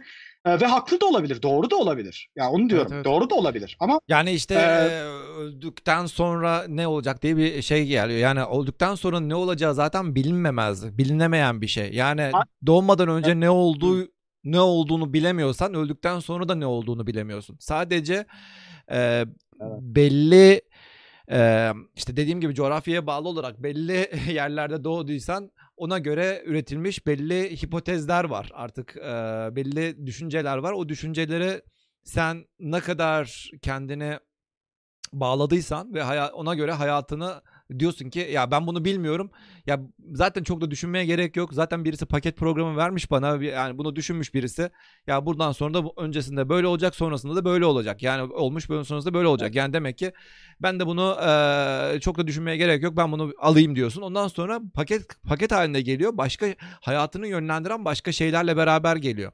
İşte bu bu Evet. sefer yani o o korku yani öldükten sonra ne olacağının korkusu ve bilinmezliği bu sefer insanı e, başka şeylerden bağlamaya başlıyor. Yani günlük zamanının içeri zamanını e, alan başka şeylere de bağlamış oluyor ve e, bu şekilde bir hayat çiziyorsun. Ve belki de e, çoğu insanda zaten yani ömrünü bu şekilde geçirebiliyor ve e, eski insanlar hele zaten e, yani tamamen belki bu hayatını buna buna adamış e, şekilde de yaşayabiliyorsun. Yani bu bir e, bu bir şey. Bu bir bilim bilinmeyene e, bilinmeyene duyulan korkunun verdiği e, bir e, rahatlama hissi diyelim. Rahatlama hissi. Sen Öyle. e, Ya o sen merak birisi dediği- merak birisi bunun cevabını verdi. o- Tamam oh rahatladım. Bitti. O kadar. So Zaten kritik noktada o. Bazı insan, birçok insan için yeterli o ama bazı insanlar için o yeterli değil. Yeterliyse sorun yok tamam. Ama yeterli değilse mecburen başka bir anlam, başka bir daha fazlasını istiyorsun. Ve orada da işte bilimle uğraşmaya başlıyorsun, felsefeyle uğraşmaya başlıyorsun vesaire. Yani birbirimizi e, böyle çok kav- kavgaya düşmeye gerek yok. Birazcık kişisel farklardan, gelişimsel farklardan, kültürel farklardan. Yani e, biri bilim kurgu filmlerini sever, biri sevmez. Yani istediğin kadar kıçını yırt. O sevmeyen kişi sevmeyecek yani. Yapacak bir şey yok buna. Ee, ve bu, bu gözlerinin bilim kurguya bağlı olmasından falan değil yani. İşte yani bayağı e, sorun şuradan kaynaklanıyor. Sen de bilim kurguyu seveceksin diye zorlamalarından zorlanmasından Evet, onu diyorum ya kaynaklanıyor. yani, adam eğer- sevmiyor abi. Allah Allah sevmiyor yani. Eğer herkes e, herkes e, istediği filmi izleyebilecek bir durumdaysa zaten problem yok. Ama e, sen evet. ben romantik filmi seviyorum, sen de seveceksin. Ben bilim kurgu seviyorum, sen de Yani seveceksin diye zorlamak zaten Bu bu Evet. eee, Bu gene yayında konuştuğumuz şeye de geliyor. Çeşitliliği kısıtlandırmış oluyoruz o ve tehlikeli bir şey bu.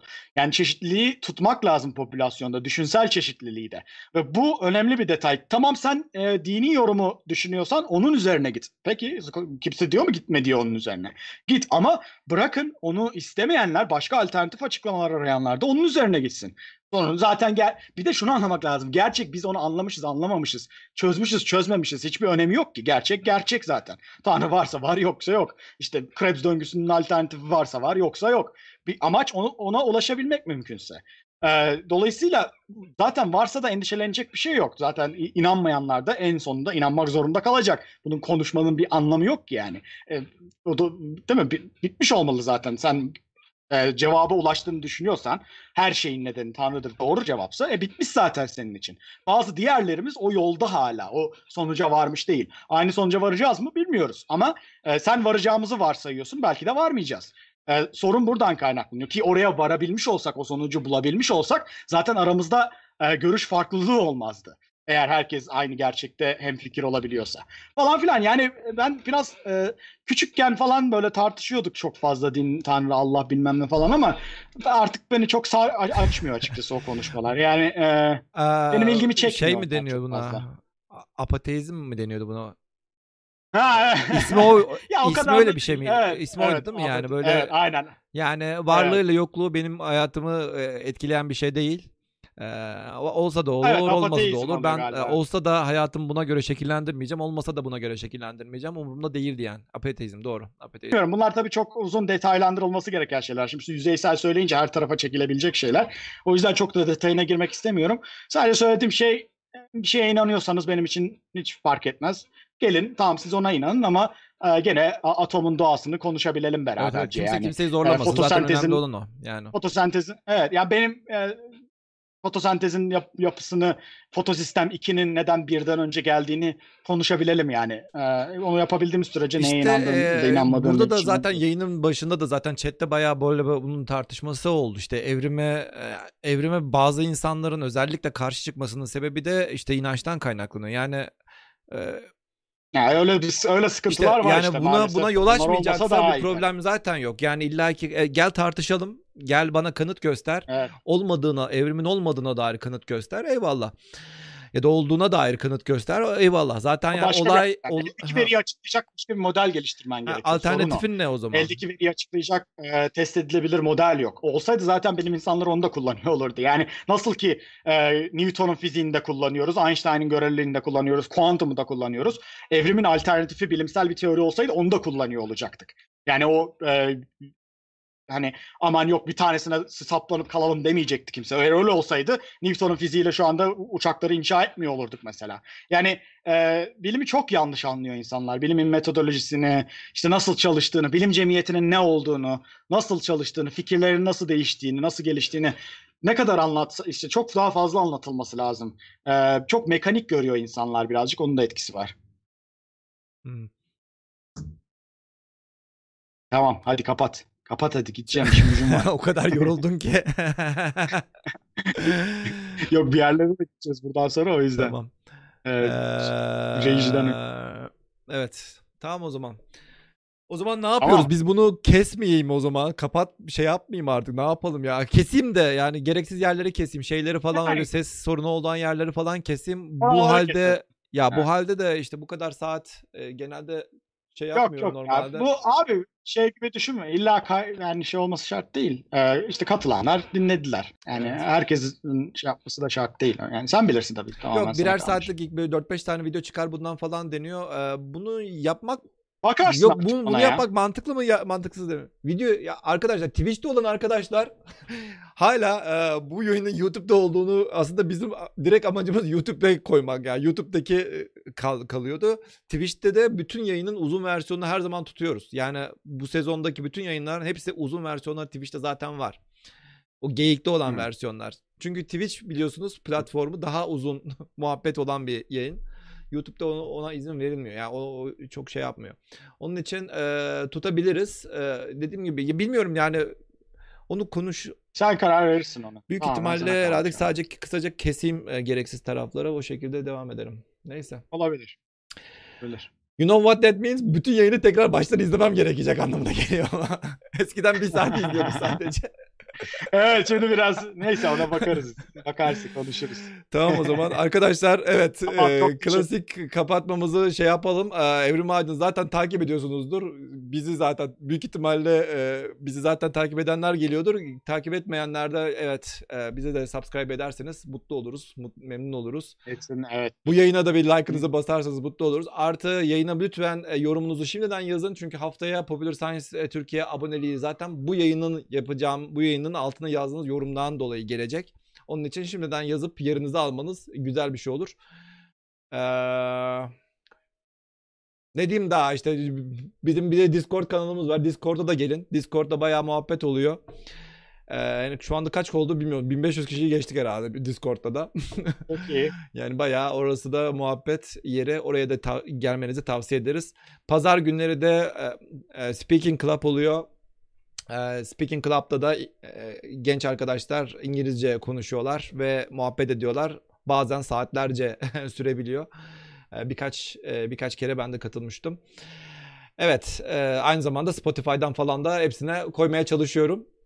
E, birkaç hafta bazen geç oluyor ama koyuyorum. Bir de olur da bu yayını kestikten sonra şu anki yayın değil kestikten sonra lütfen hangi dakikalarda neler konuştuğumuzu falan çıkartabilirseniz yani bir iki gün sonrasında olacak büyük ihtimalle çıkartabilir ve bunu da yorumlara yazarsanız biz de o yorumu alırız. Bir de Friday Talks var. var. Aslında ona hiç katılma şansım olmadı şeyin. Evet gelmiyorsunuz mesela demişler.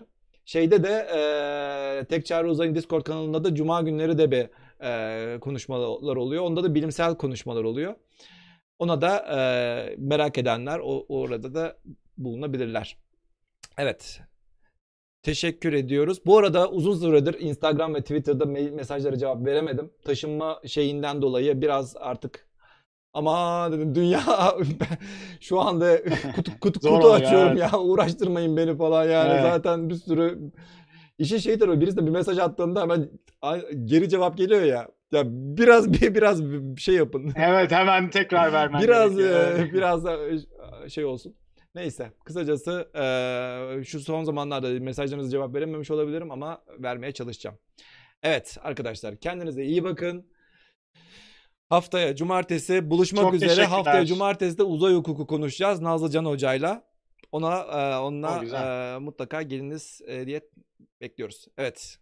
Son söyleyeceğim bir şey yoktur herhalde. Çok teşekkürler arkadaşlar. Yok sadece herkese teşekkür ediyorum. Ee, umarım kendimi ifade edebilmişimdir birazcık. Ee, görüşmek üzere. Görüşmek Sağ olun. Bay bay.